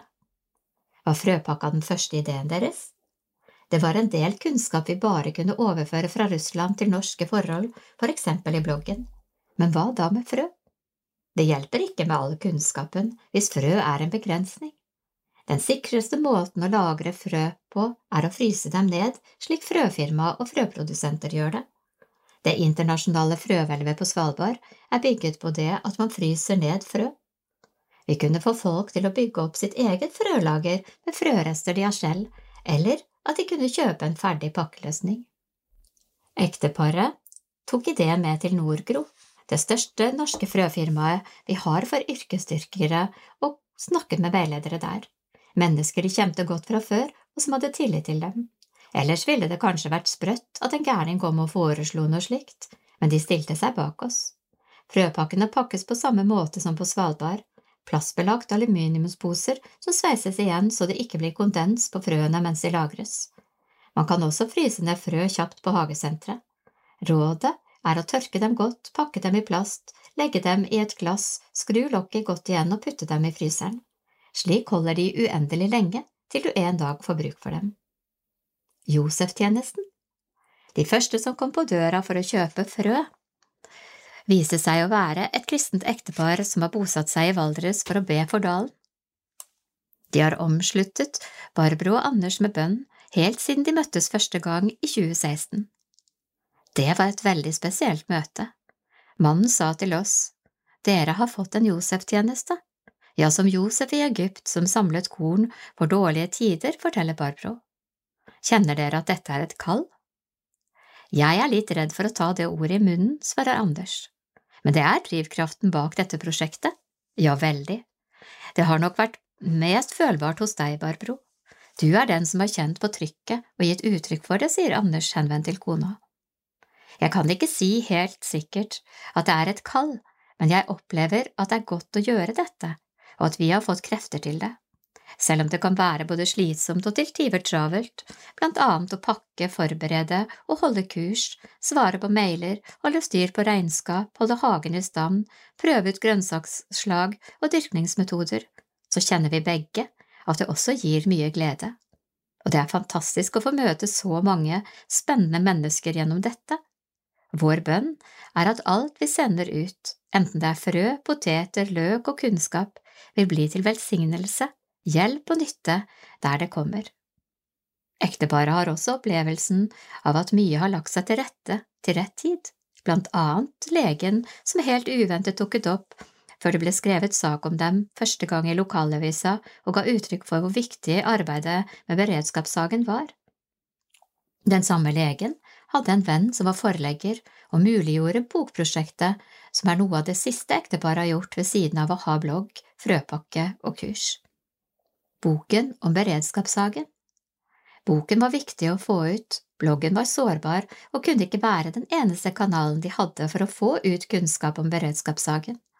men verken Barbro eller Anders hadde mulighet til å skrive boka ved siden av alt det andre de gjorde i tillegg til full jobb. Men datteren Maria fikk en mulighet for å ta en pause fra det hun jobbet med, og ble lønnet av firmaet deres Dacha for å skrive boka. Boka Beredskapssagen, slik får du mat ut av plenen, kom ut på Manuskript forlag våren 2021. De trodde det ville bli en nisjebok, men i vår seilte den plutselig inn på en trettendeplass på bestselgerlisten i Norge. Stort behov. Beredskapshagen handler ikke om å tjene penger, de vil helst gå i økonomisk balanse, men penger er ikke drivkraften bak prosjektet. Det er dårlig sammenheng mellom det vi gjør og det vi tjener, ler Anders. Vi ser at behovet er enormt, vi kunne reist rundt og holdt foredrag så mye vi hadde villet. Vi har blitt invitert med på mange spennende ting som vi hadde hatt lyst til å være med på, men vi har verken krefter eller tid til det, sier Barbro. Det ene har tatt det andre, det er det som er så fascinerende. Vi vet ikke om dette er noe Gud har lagt på oss. Det er en veldig stor tanke å ta inn over seg i tilfelle, men vi gjør det, gjør det som for Herren. Det er en ramme det går an å forholde seg til, sier Anders. Begge gir uttrykk for at det betyr mye for dem at de står sammen om prosjektet og har et felles mål, og de håper kunnskapen de deler, blir delt videre. Det er en sann glede, det må jo si, Barbro, kommer det til slutt fra Anders før vi går ut for å se på hagen. Hvordan? Få erfaring, sett av to kvadratmeter og begynn med det. En dag kan erfaringene du gjør komme til nytte på et større areal. Finn ut hvilke lokale gjødselkilder du har i trillebåravstand til hagen, gress, tang, tare osv.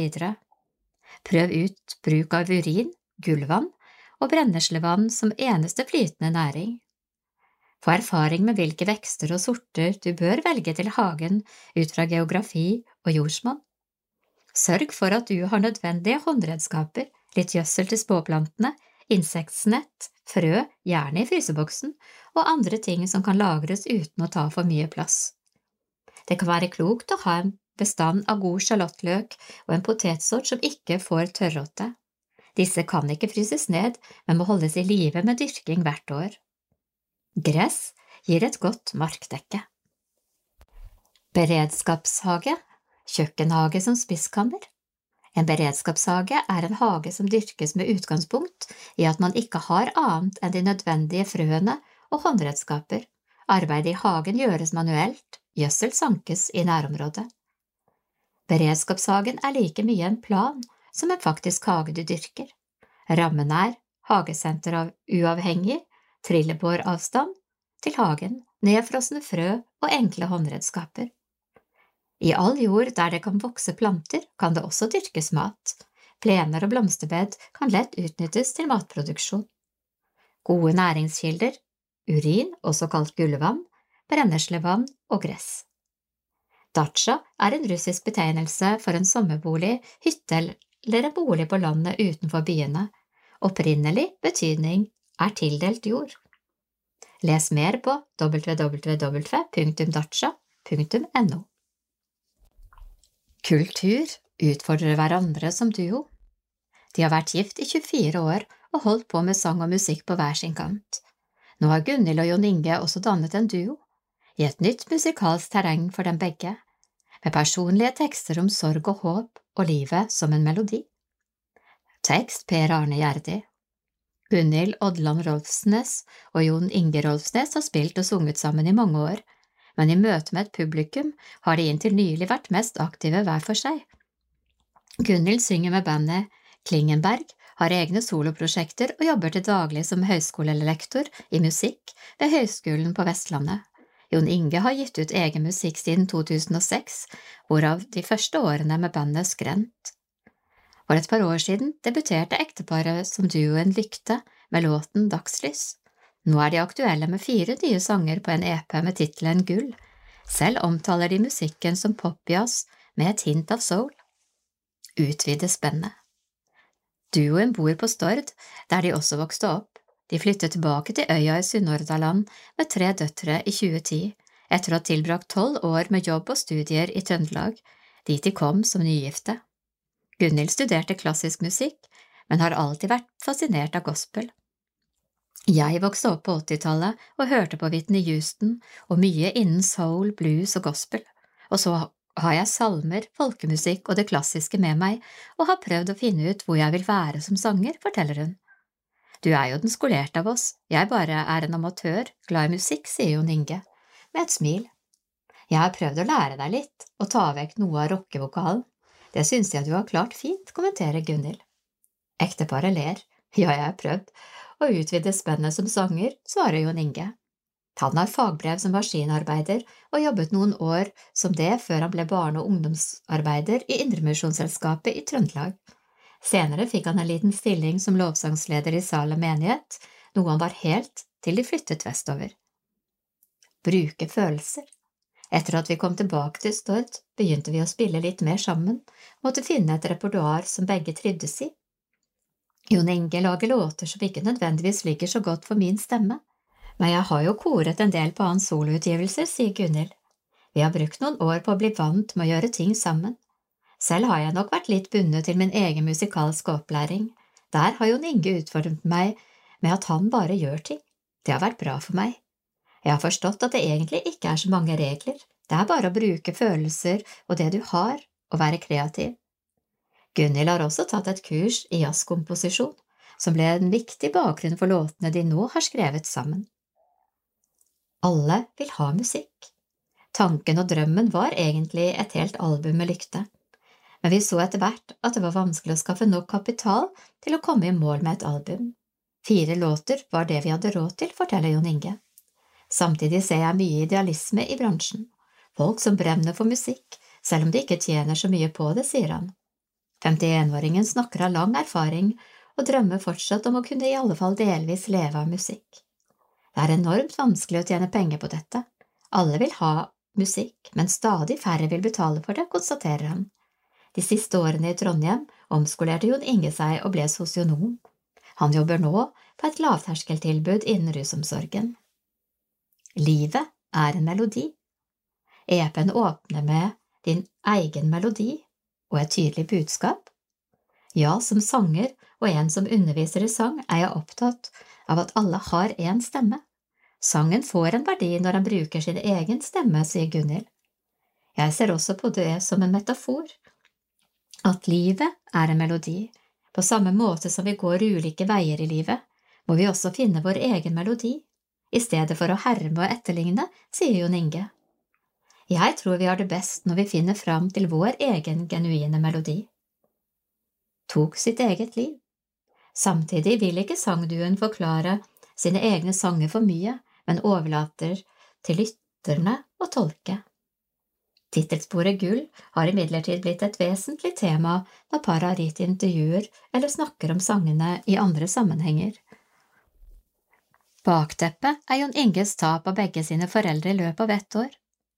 Faren døde av kreft for åtte år siden. Det kom brått og brutalt, han fikk diagnosen i oktober og døde mai året etter.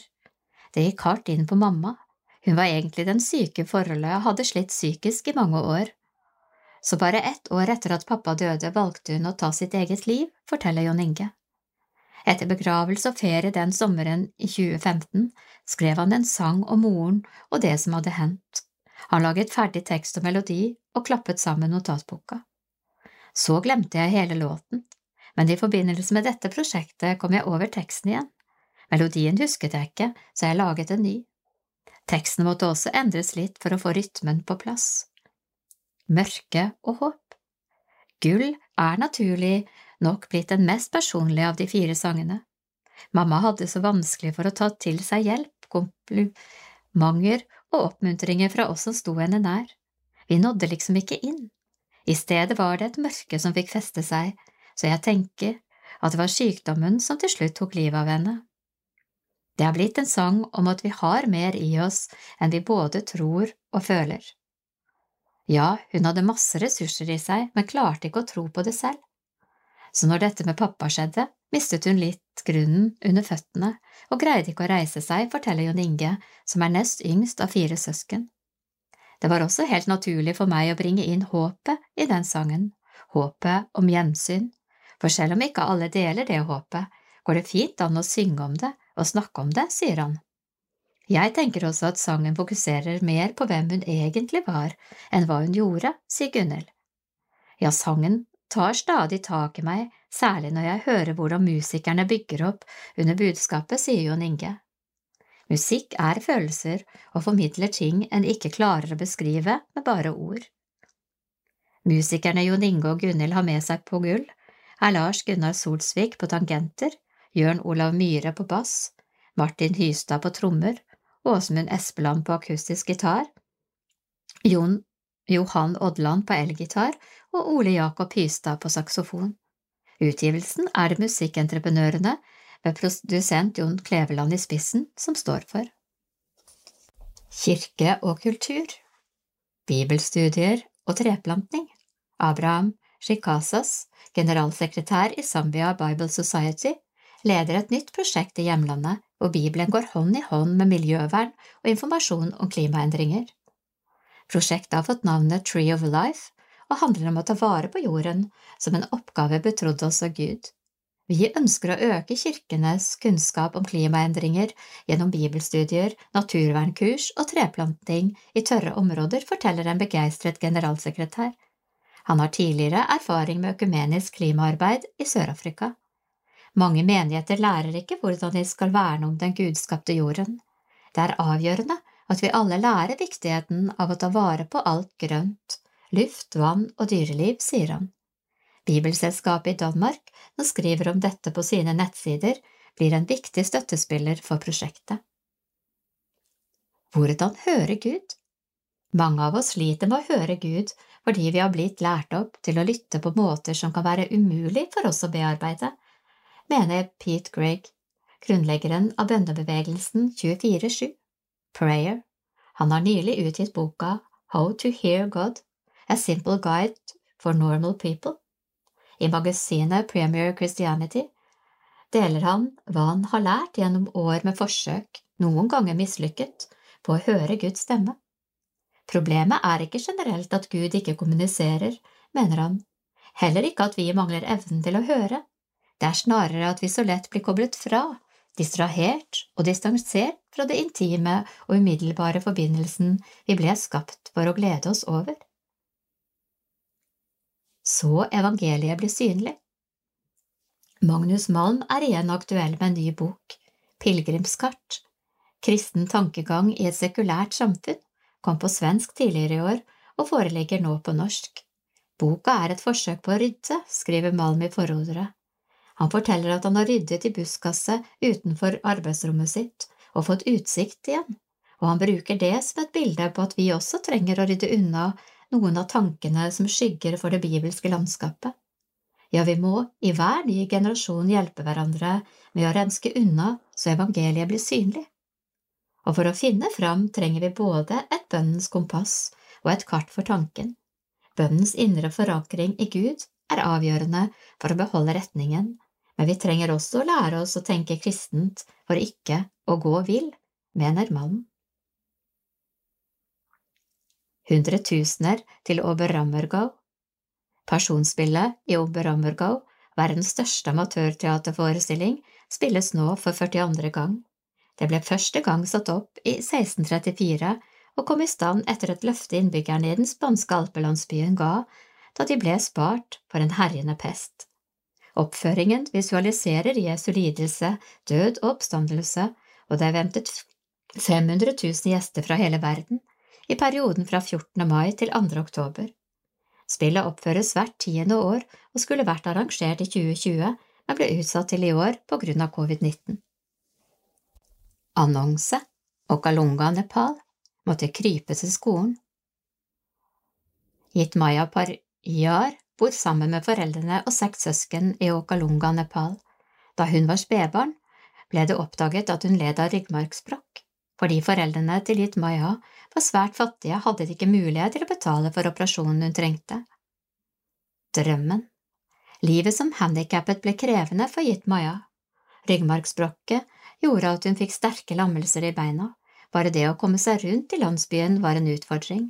Hun ble tvunget til å krabbe eller slepe seg bortover veien ved hjelp av en stav, men til tross for alle hindringene Yitmaya møtte, så bar hun på en drøm. Hun drømte om å få muligheten til å gå på den lokale skolen, hun drømte om å få seg en utdannelse. Problemet var bare at hun, for å komme seg til skolen, måtte hun krype mellom tre og fire timer. Uverdige forhold. Dessverre så finnes det mange vonde historier som gitt Maya sin i Nepal. Mennesker med funksjonsnedsettelser er noe av de aller mest marginaliserte og sårbare innbyggerne i landet. Svært mange lever under uverdige forhold. Mange lider under mangel på helsetilbud og utdannelse. Nytt prosjekt I 2020 startet Okalunga sykehus et offensivt arbeid for å hjelpe flere ut av uverdige livssituasjoner. De har kartlagt over 1000 familier med et funksjonsnedsatt familiemedlem som nå venter på å få hjelp og støtte i en vanskelig hverdag. Et verdig liv. Gitt Maja var en av de første som fikk hjelpemidler og oppfølging. Hun har fått utdelt gode krykker og får jevnlig trening med fysioterapeut. I dag går den viljesterke jenta til skolen på bare 45 minutter. Drømmen om en utdannelse lever i beste velgående, takket være givere i Norge. Flere venter på hjelp. Nå ønsker vi at alle familiene i Okalunga som har et familiemedlem med et handikap, skal få hjelp. Mange av de funksjonsnedsatte ligger på gulvet hele dagen, kommer seg sjelden ut av hjemmet eller ut i frisk luft. Derfor ønsker vi i Nordmisjonen så fort som mulig å gi nødvendige hjelpemidler som blant annet rullestoler, krykker og toaletter til de som trenger det. Nå spør vi deg, vil du være med å gi flere funksjonsnedsatte i Nepal et verdig liv? Bli med og gi flere enn ditt Maya et verdig, en verdig fremtid. Priseksempler kroner 290, to par krykker, 612 spesialtilpasset stol til hjemmet, 1518 rullestol, 4524 installering av toalett. Vips 74 47 70 Ønsker du skattefradrag for gaven? Skriv ditt telefonnummer i meldingsfeltet. Konto 1503 02 13 53 7 Merk innbetaling gitt Maja. Les mer om oss på www.nordmisjon.no. Internasjonalt Mye av dette handler om verdighet. For mange i Nepal er livet strevsomt og mulighetene få, men prosjekter både ved sykehuset i Okalunga og andre steder i landet viser at forandringer kan skje. Tekst Per Arne Gjerdi Nordmisjonens engasjement i Nepal har i stor grad vært forbundet med sykehuset i Okalunga, som eies og driftes av United Mission to Nepal, UMN, men også i Bayang og Dotti, to distrikter vest i Nepal, støtter Nordmisjon prosjekter i samarbeid med UMN. Marianne Næss Norheim, landansvarlig for Nordmisjons arbeid i Nepal, var nylig på besøk i landet mellom India og Kina, sammen med kollegene Tore Bjørsvik og Sondre Bjåland Heimvold. Målet med reisen var en grundig gjennomgang av virksomheten som mottar støtte fra Norad via Nordmisjon. Mental helse Okalunga sykehus i øst har gjennom flere år bygget nytt og utvidet kapasiteten. En sykepleierskole startet opp for tre år siden, og nylig etablerte sykehuset en avdeling for mental helse. Behovet for mer satsing innen mental helse har vært der lenge, men det er også blitt en mye større fokus på mental helse i utviklingsarbeidet, sier Norheim.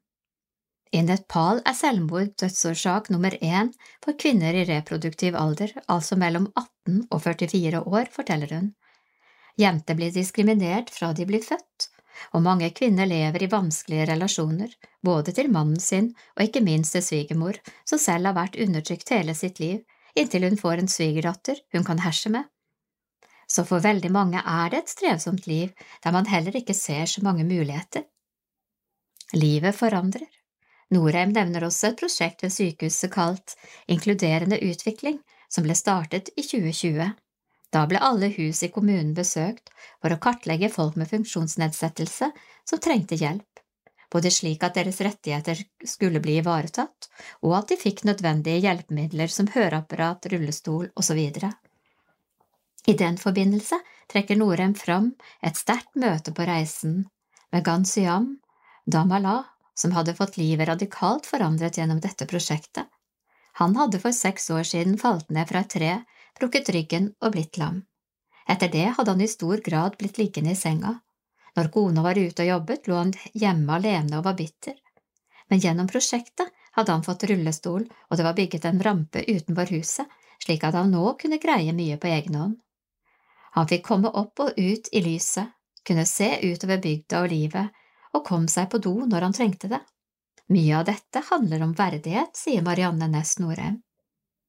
Holdningsendrende arbeid Når det gjelder prosjektene i vest, er Nordmisjon fortsatt engasjert i Bayang i et holdningssentrerende arbeid rettet mot jenter og kvinner som opplever skadelige praksiser. Det handler om vold mot kvinner og at jenter blir sett på som urene under menstruasjon og derfor blir isolert. I Bayang jobbes det også med mental helse, og både der og i Doti har UMN startet opp et klimaprosjekt som Nordmisjonen støtter. Synspunktet Kjetil Westel Haga, generalsekretær i Nordmisjon Kvinner og menn på lik linje Debatten om underordningsteologi har preget den kristne dagspresse i det siste. I den sammenheng stilles det også spørsmål om ledelse og posisjoner. Blant Nordmisjons medlemmer finnes og respekteres ulike syn på saken, men la det ikke være tvil om sakens stilling. I Nordmisjon er alle tjenester og posisjoner på lik linje åpne for kvinner og menn. I 2002 gjennomførte landsstyret en høring angående kvinners tjeneste i organisasjonen. Landsstyret vedtok å følge det store flertall som gikk inn for at alle stillinger og posisjoner i Nordmisjon skulle åpnes for begge kjønn. Det ble åpnet for tilsetting av ordinerte kvinner, og synet på ordningen med kvinnelige prester skulle ikke virke inn i forbindelse med ansettelser i organisasjonen. Dette gjaldt alle typer stillinger, og for oppdrag og tillitsverv knyttet til Nordmisjon. En jevn fordeling av kvinner og menn i tjeneste er et gode. Kvinner og menn bidrar sammen til at tonen på arbeidsplassen endres, beslutningsgrunnlaget for avgjørelser blir rikere, og arbeidsmiljøet blir bedre for alle. Det er fordi kvinner og menn er skapt med ulike kvaliteter som utfyller hverandre. Hvorfor er da store deler av Nordmisjonens stillinger og posisjoner så kjønnsdelt? På bibelskolene er det gjerne overvekt av kvinnelige studenter, men når det kommer til rekruttering av ansatte, har vi ikke i tilstrekkelig grad lyktes med å få kvinner i bredden av de stillinger som finnes. Det gjelder særlig lederstillinger, som regionleder og pastor. Jeg tror vi må ha bevisste strategier som gjør at det i praksis er enkelt for begge kjønn å søke stillinger og verv i Nordmisjon. Unge jenter og gutter foretar utdanningsvalg i en alder der det å gjøre utradisjonelle valg kan være utfordrende. Slik burde det ikke være. La meg derfor utfordre oss alle til å arbeide for et nordmisjon som blir enda bedre på å tilrettelegge for at kvinner finner sin naturlige plass på alle nivå. Det er vi alle tjent med. Det er Nordmisjon som utgir Agenda 316, og i denne spalten utfordrer vi organisasjonens ledere til å skrive om et tema de er opptatt av. Innspill God respons på leserundersøkelse. Nylig sendte vi ut en leserundersøkelse, og responsen var god. Over 10% av de som abonnerer på Agenda 316 besvarte undersøkelsen. For oss som arbeider med å lage magasinet, er det nyttig å få høre fra så mange av leserne. Det hjelper oss til å lage et stadig bedre magasin. Tusen takk for det, og takk for alle de hyggelige tilbakemeldingene. Hilsen redaksjonen. Vi i Agenda 316 ønsker deg en god sommer. Agenda 316 Postadresse Postboks 7153 St. Olavs plass 0130 Oslo Besøksadresse Lindstovs gate 3 E-post Agenda 316 Alfakrøll nordmisjon.no www.agenda316.no Ansvarlig redaktør og daglig leder Kristin Vennemo Malmin. KWM alfakrøll agenda316.no Telefon 474 89 099 Digital redaktør og grafisk designer Vibeke Nordmann Vibeke.nordmann alfakrøll agenda316.no Telefon 990 31 023 Journalist Per Arne Gjerdi. Per.arne.gjerdi alfakrøll agenda316.no Telefon 452 13 488 Journalist Birgit Nersten Lopaki. Birgit.lopaki alfakrøll agenda316.no Andakten Eivind Skeie, prest og forfatter Vårt ytre og vårt indre syn Vi oppfatter gjerne syn og hørsel som menneskets viktigste sanser. I troens univers er hørselen knyttet til det å høre Guds ord forkynt. Men hva med synet? Evangelisten Johannes legger særlig vekt på menneskets evne til å se. Ordet se forekommer faktisk 127 ganger i denne forfatterens fortelling. På Johannes finnes det to måter å se på, en ytre og en indre.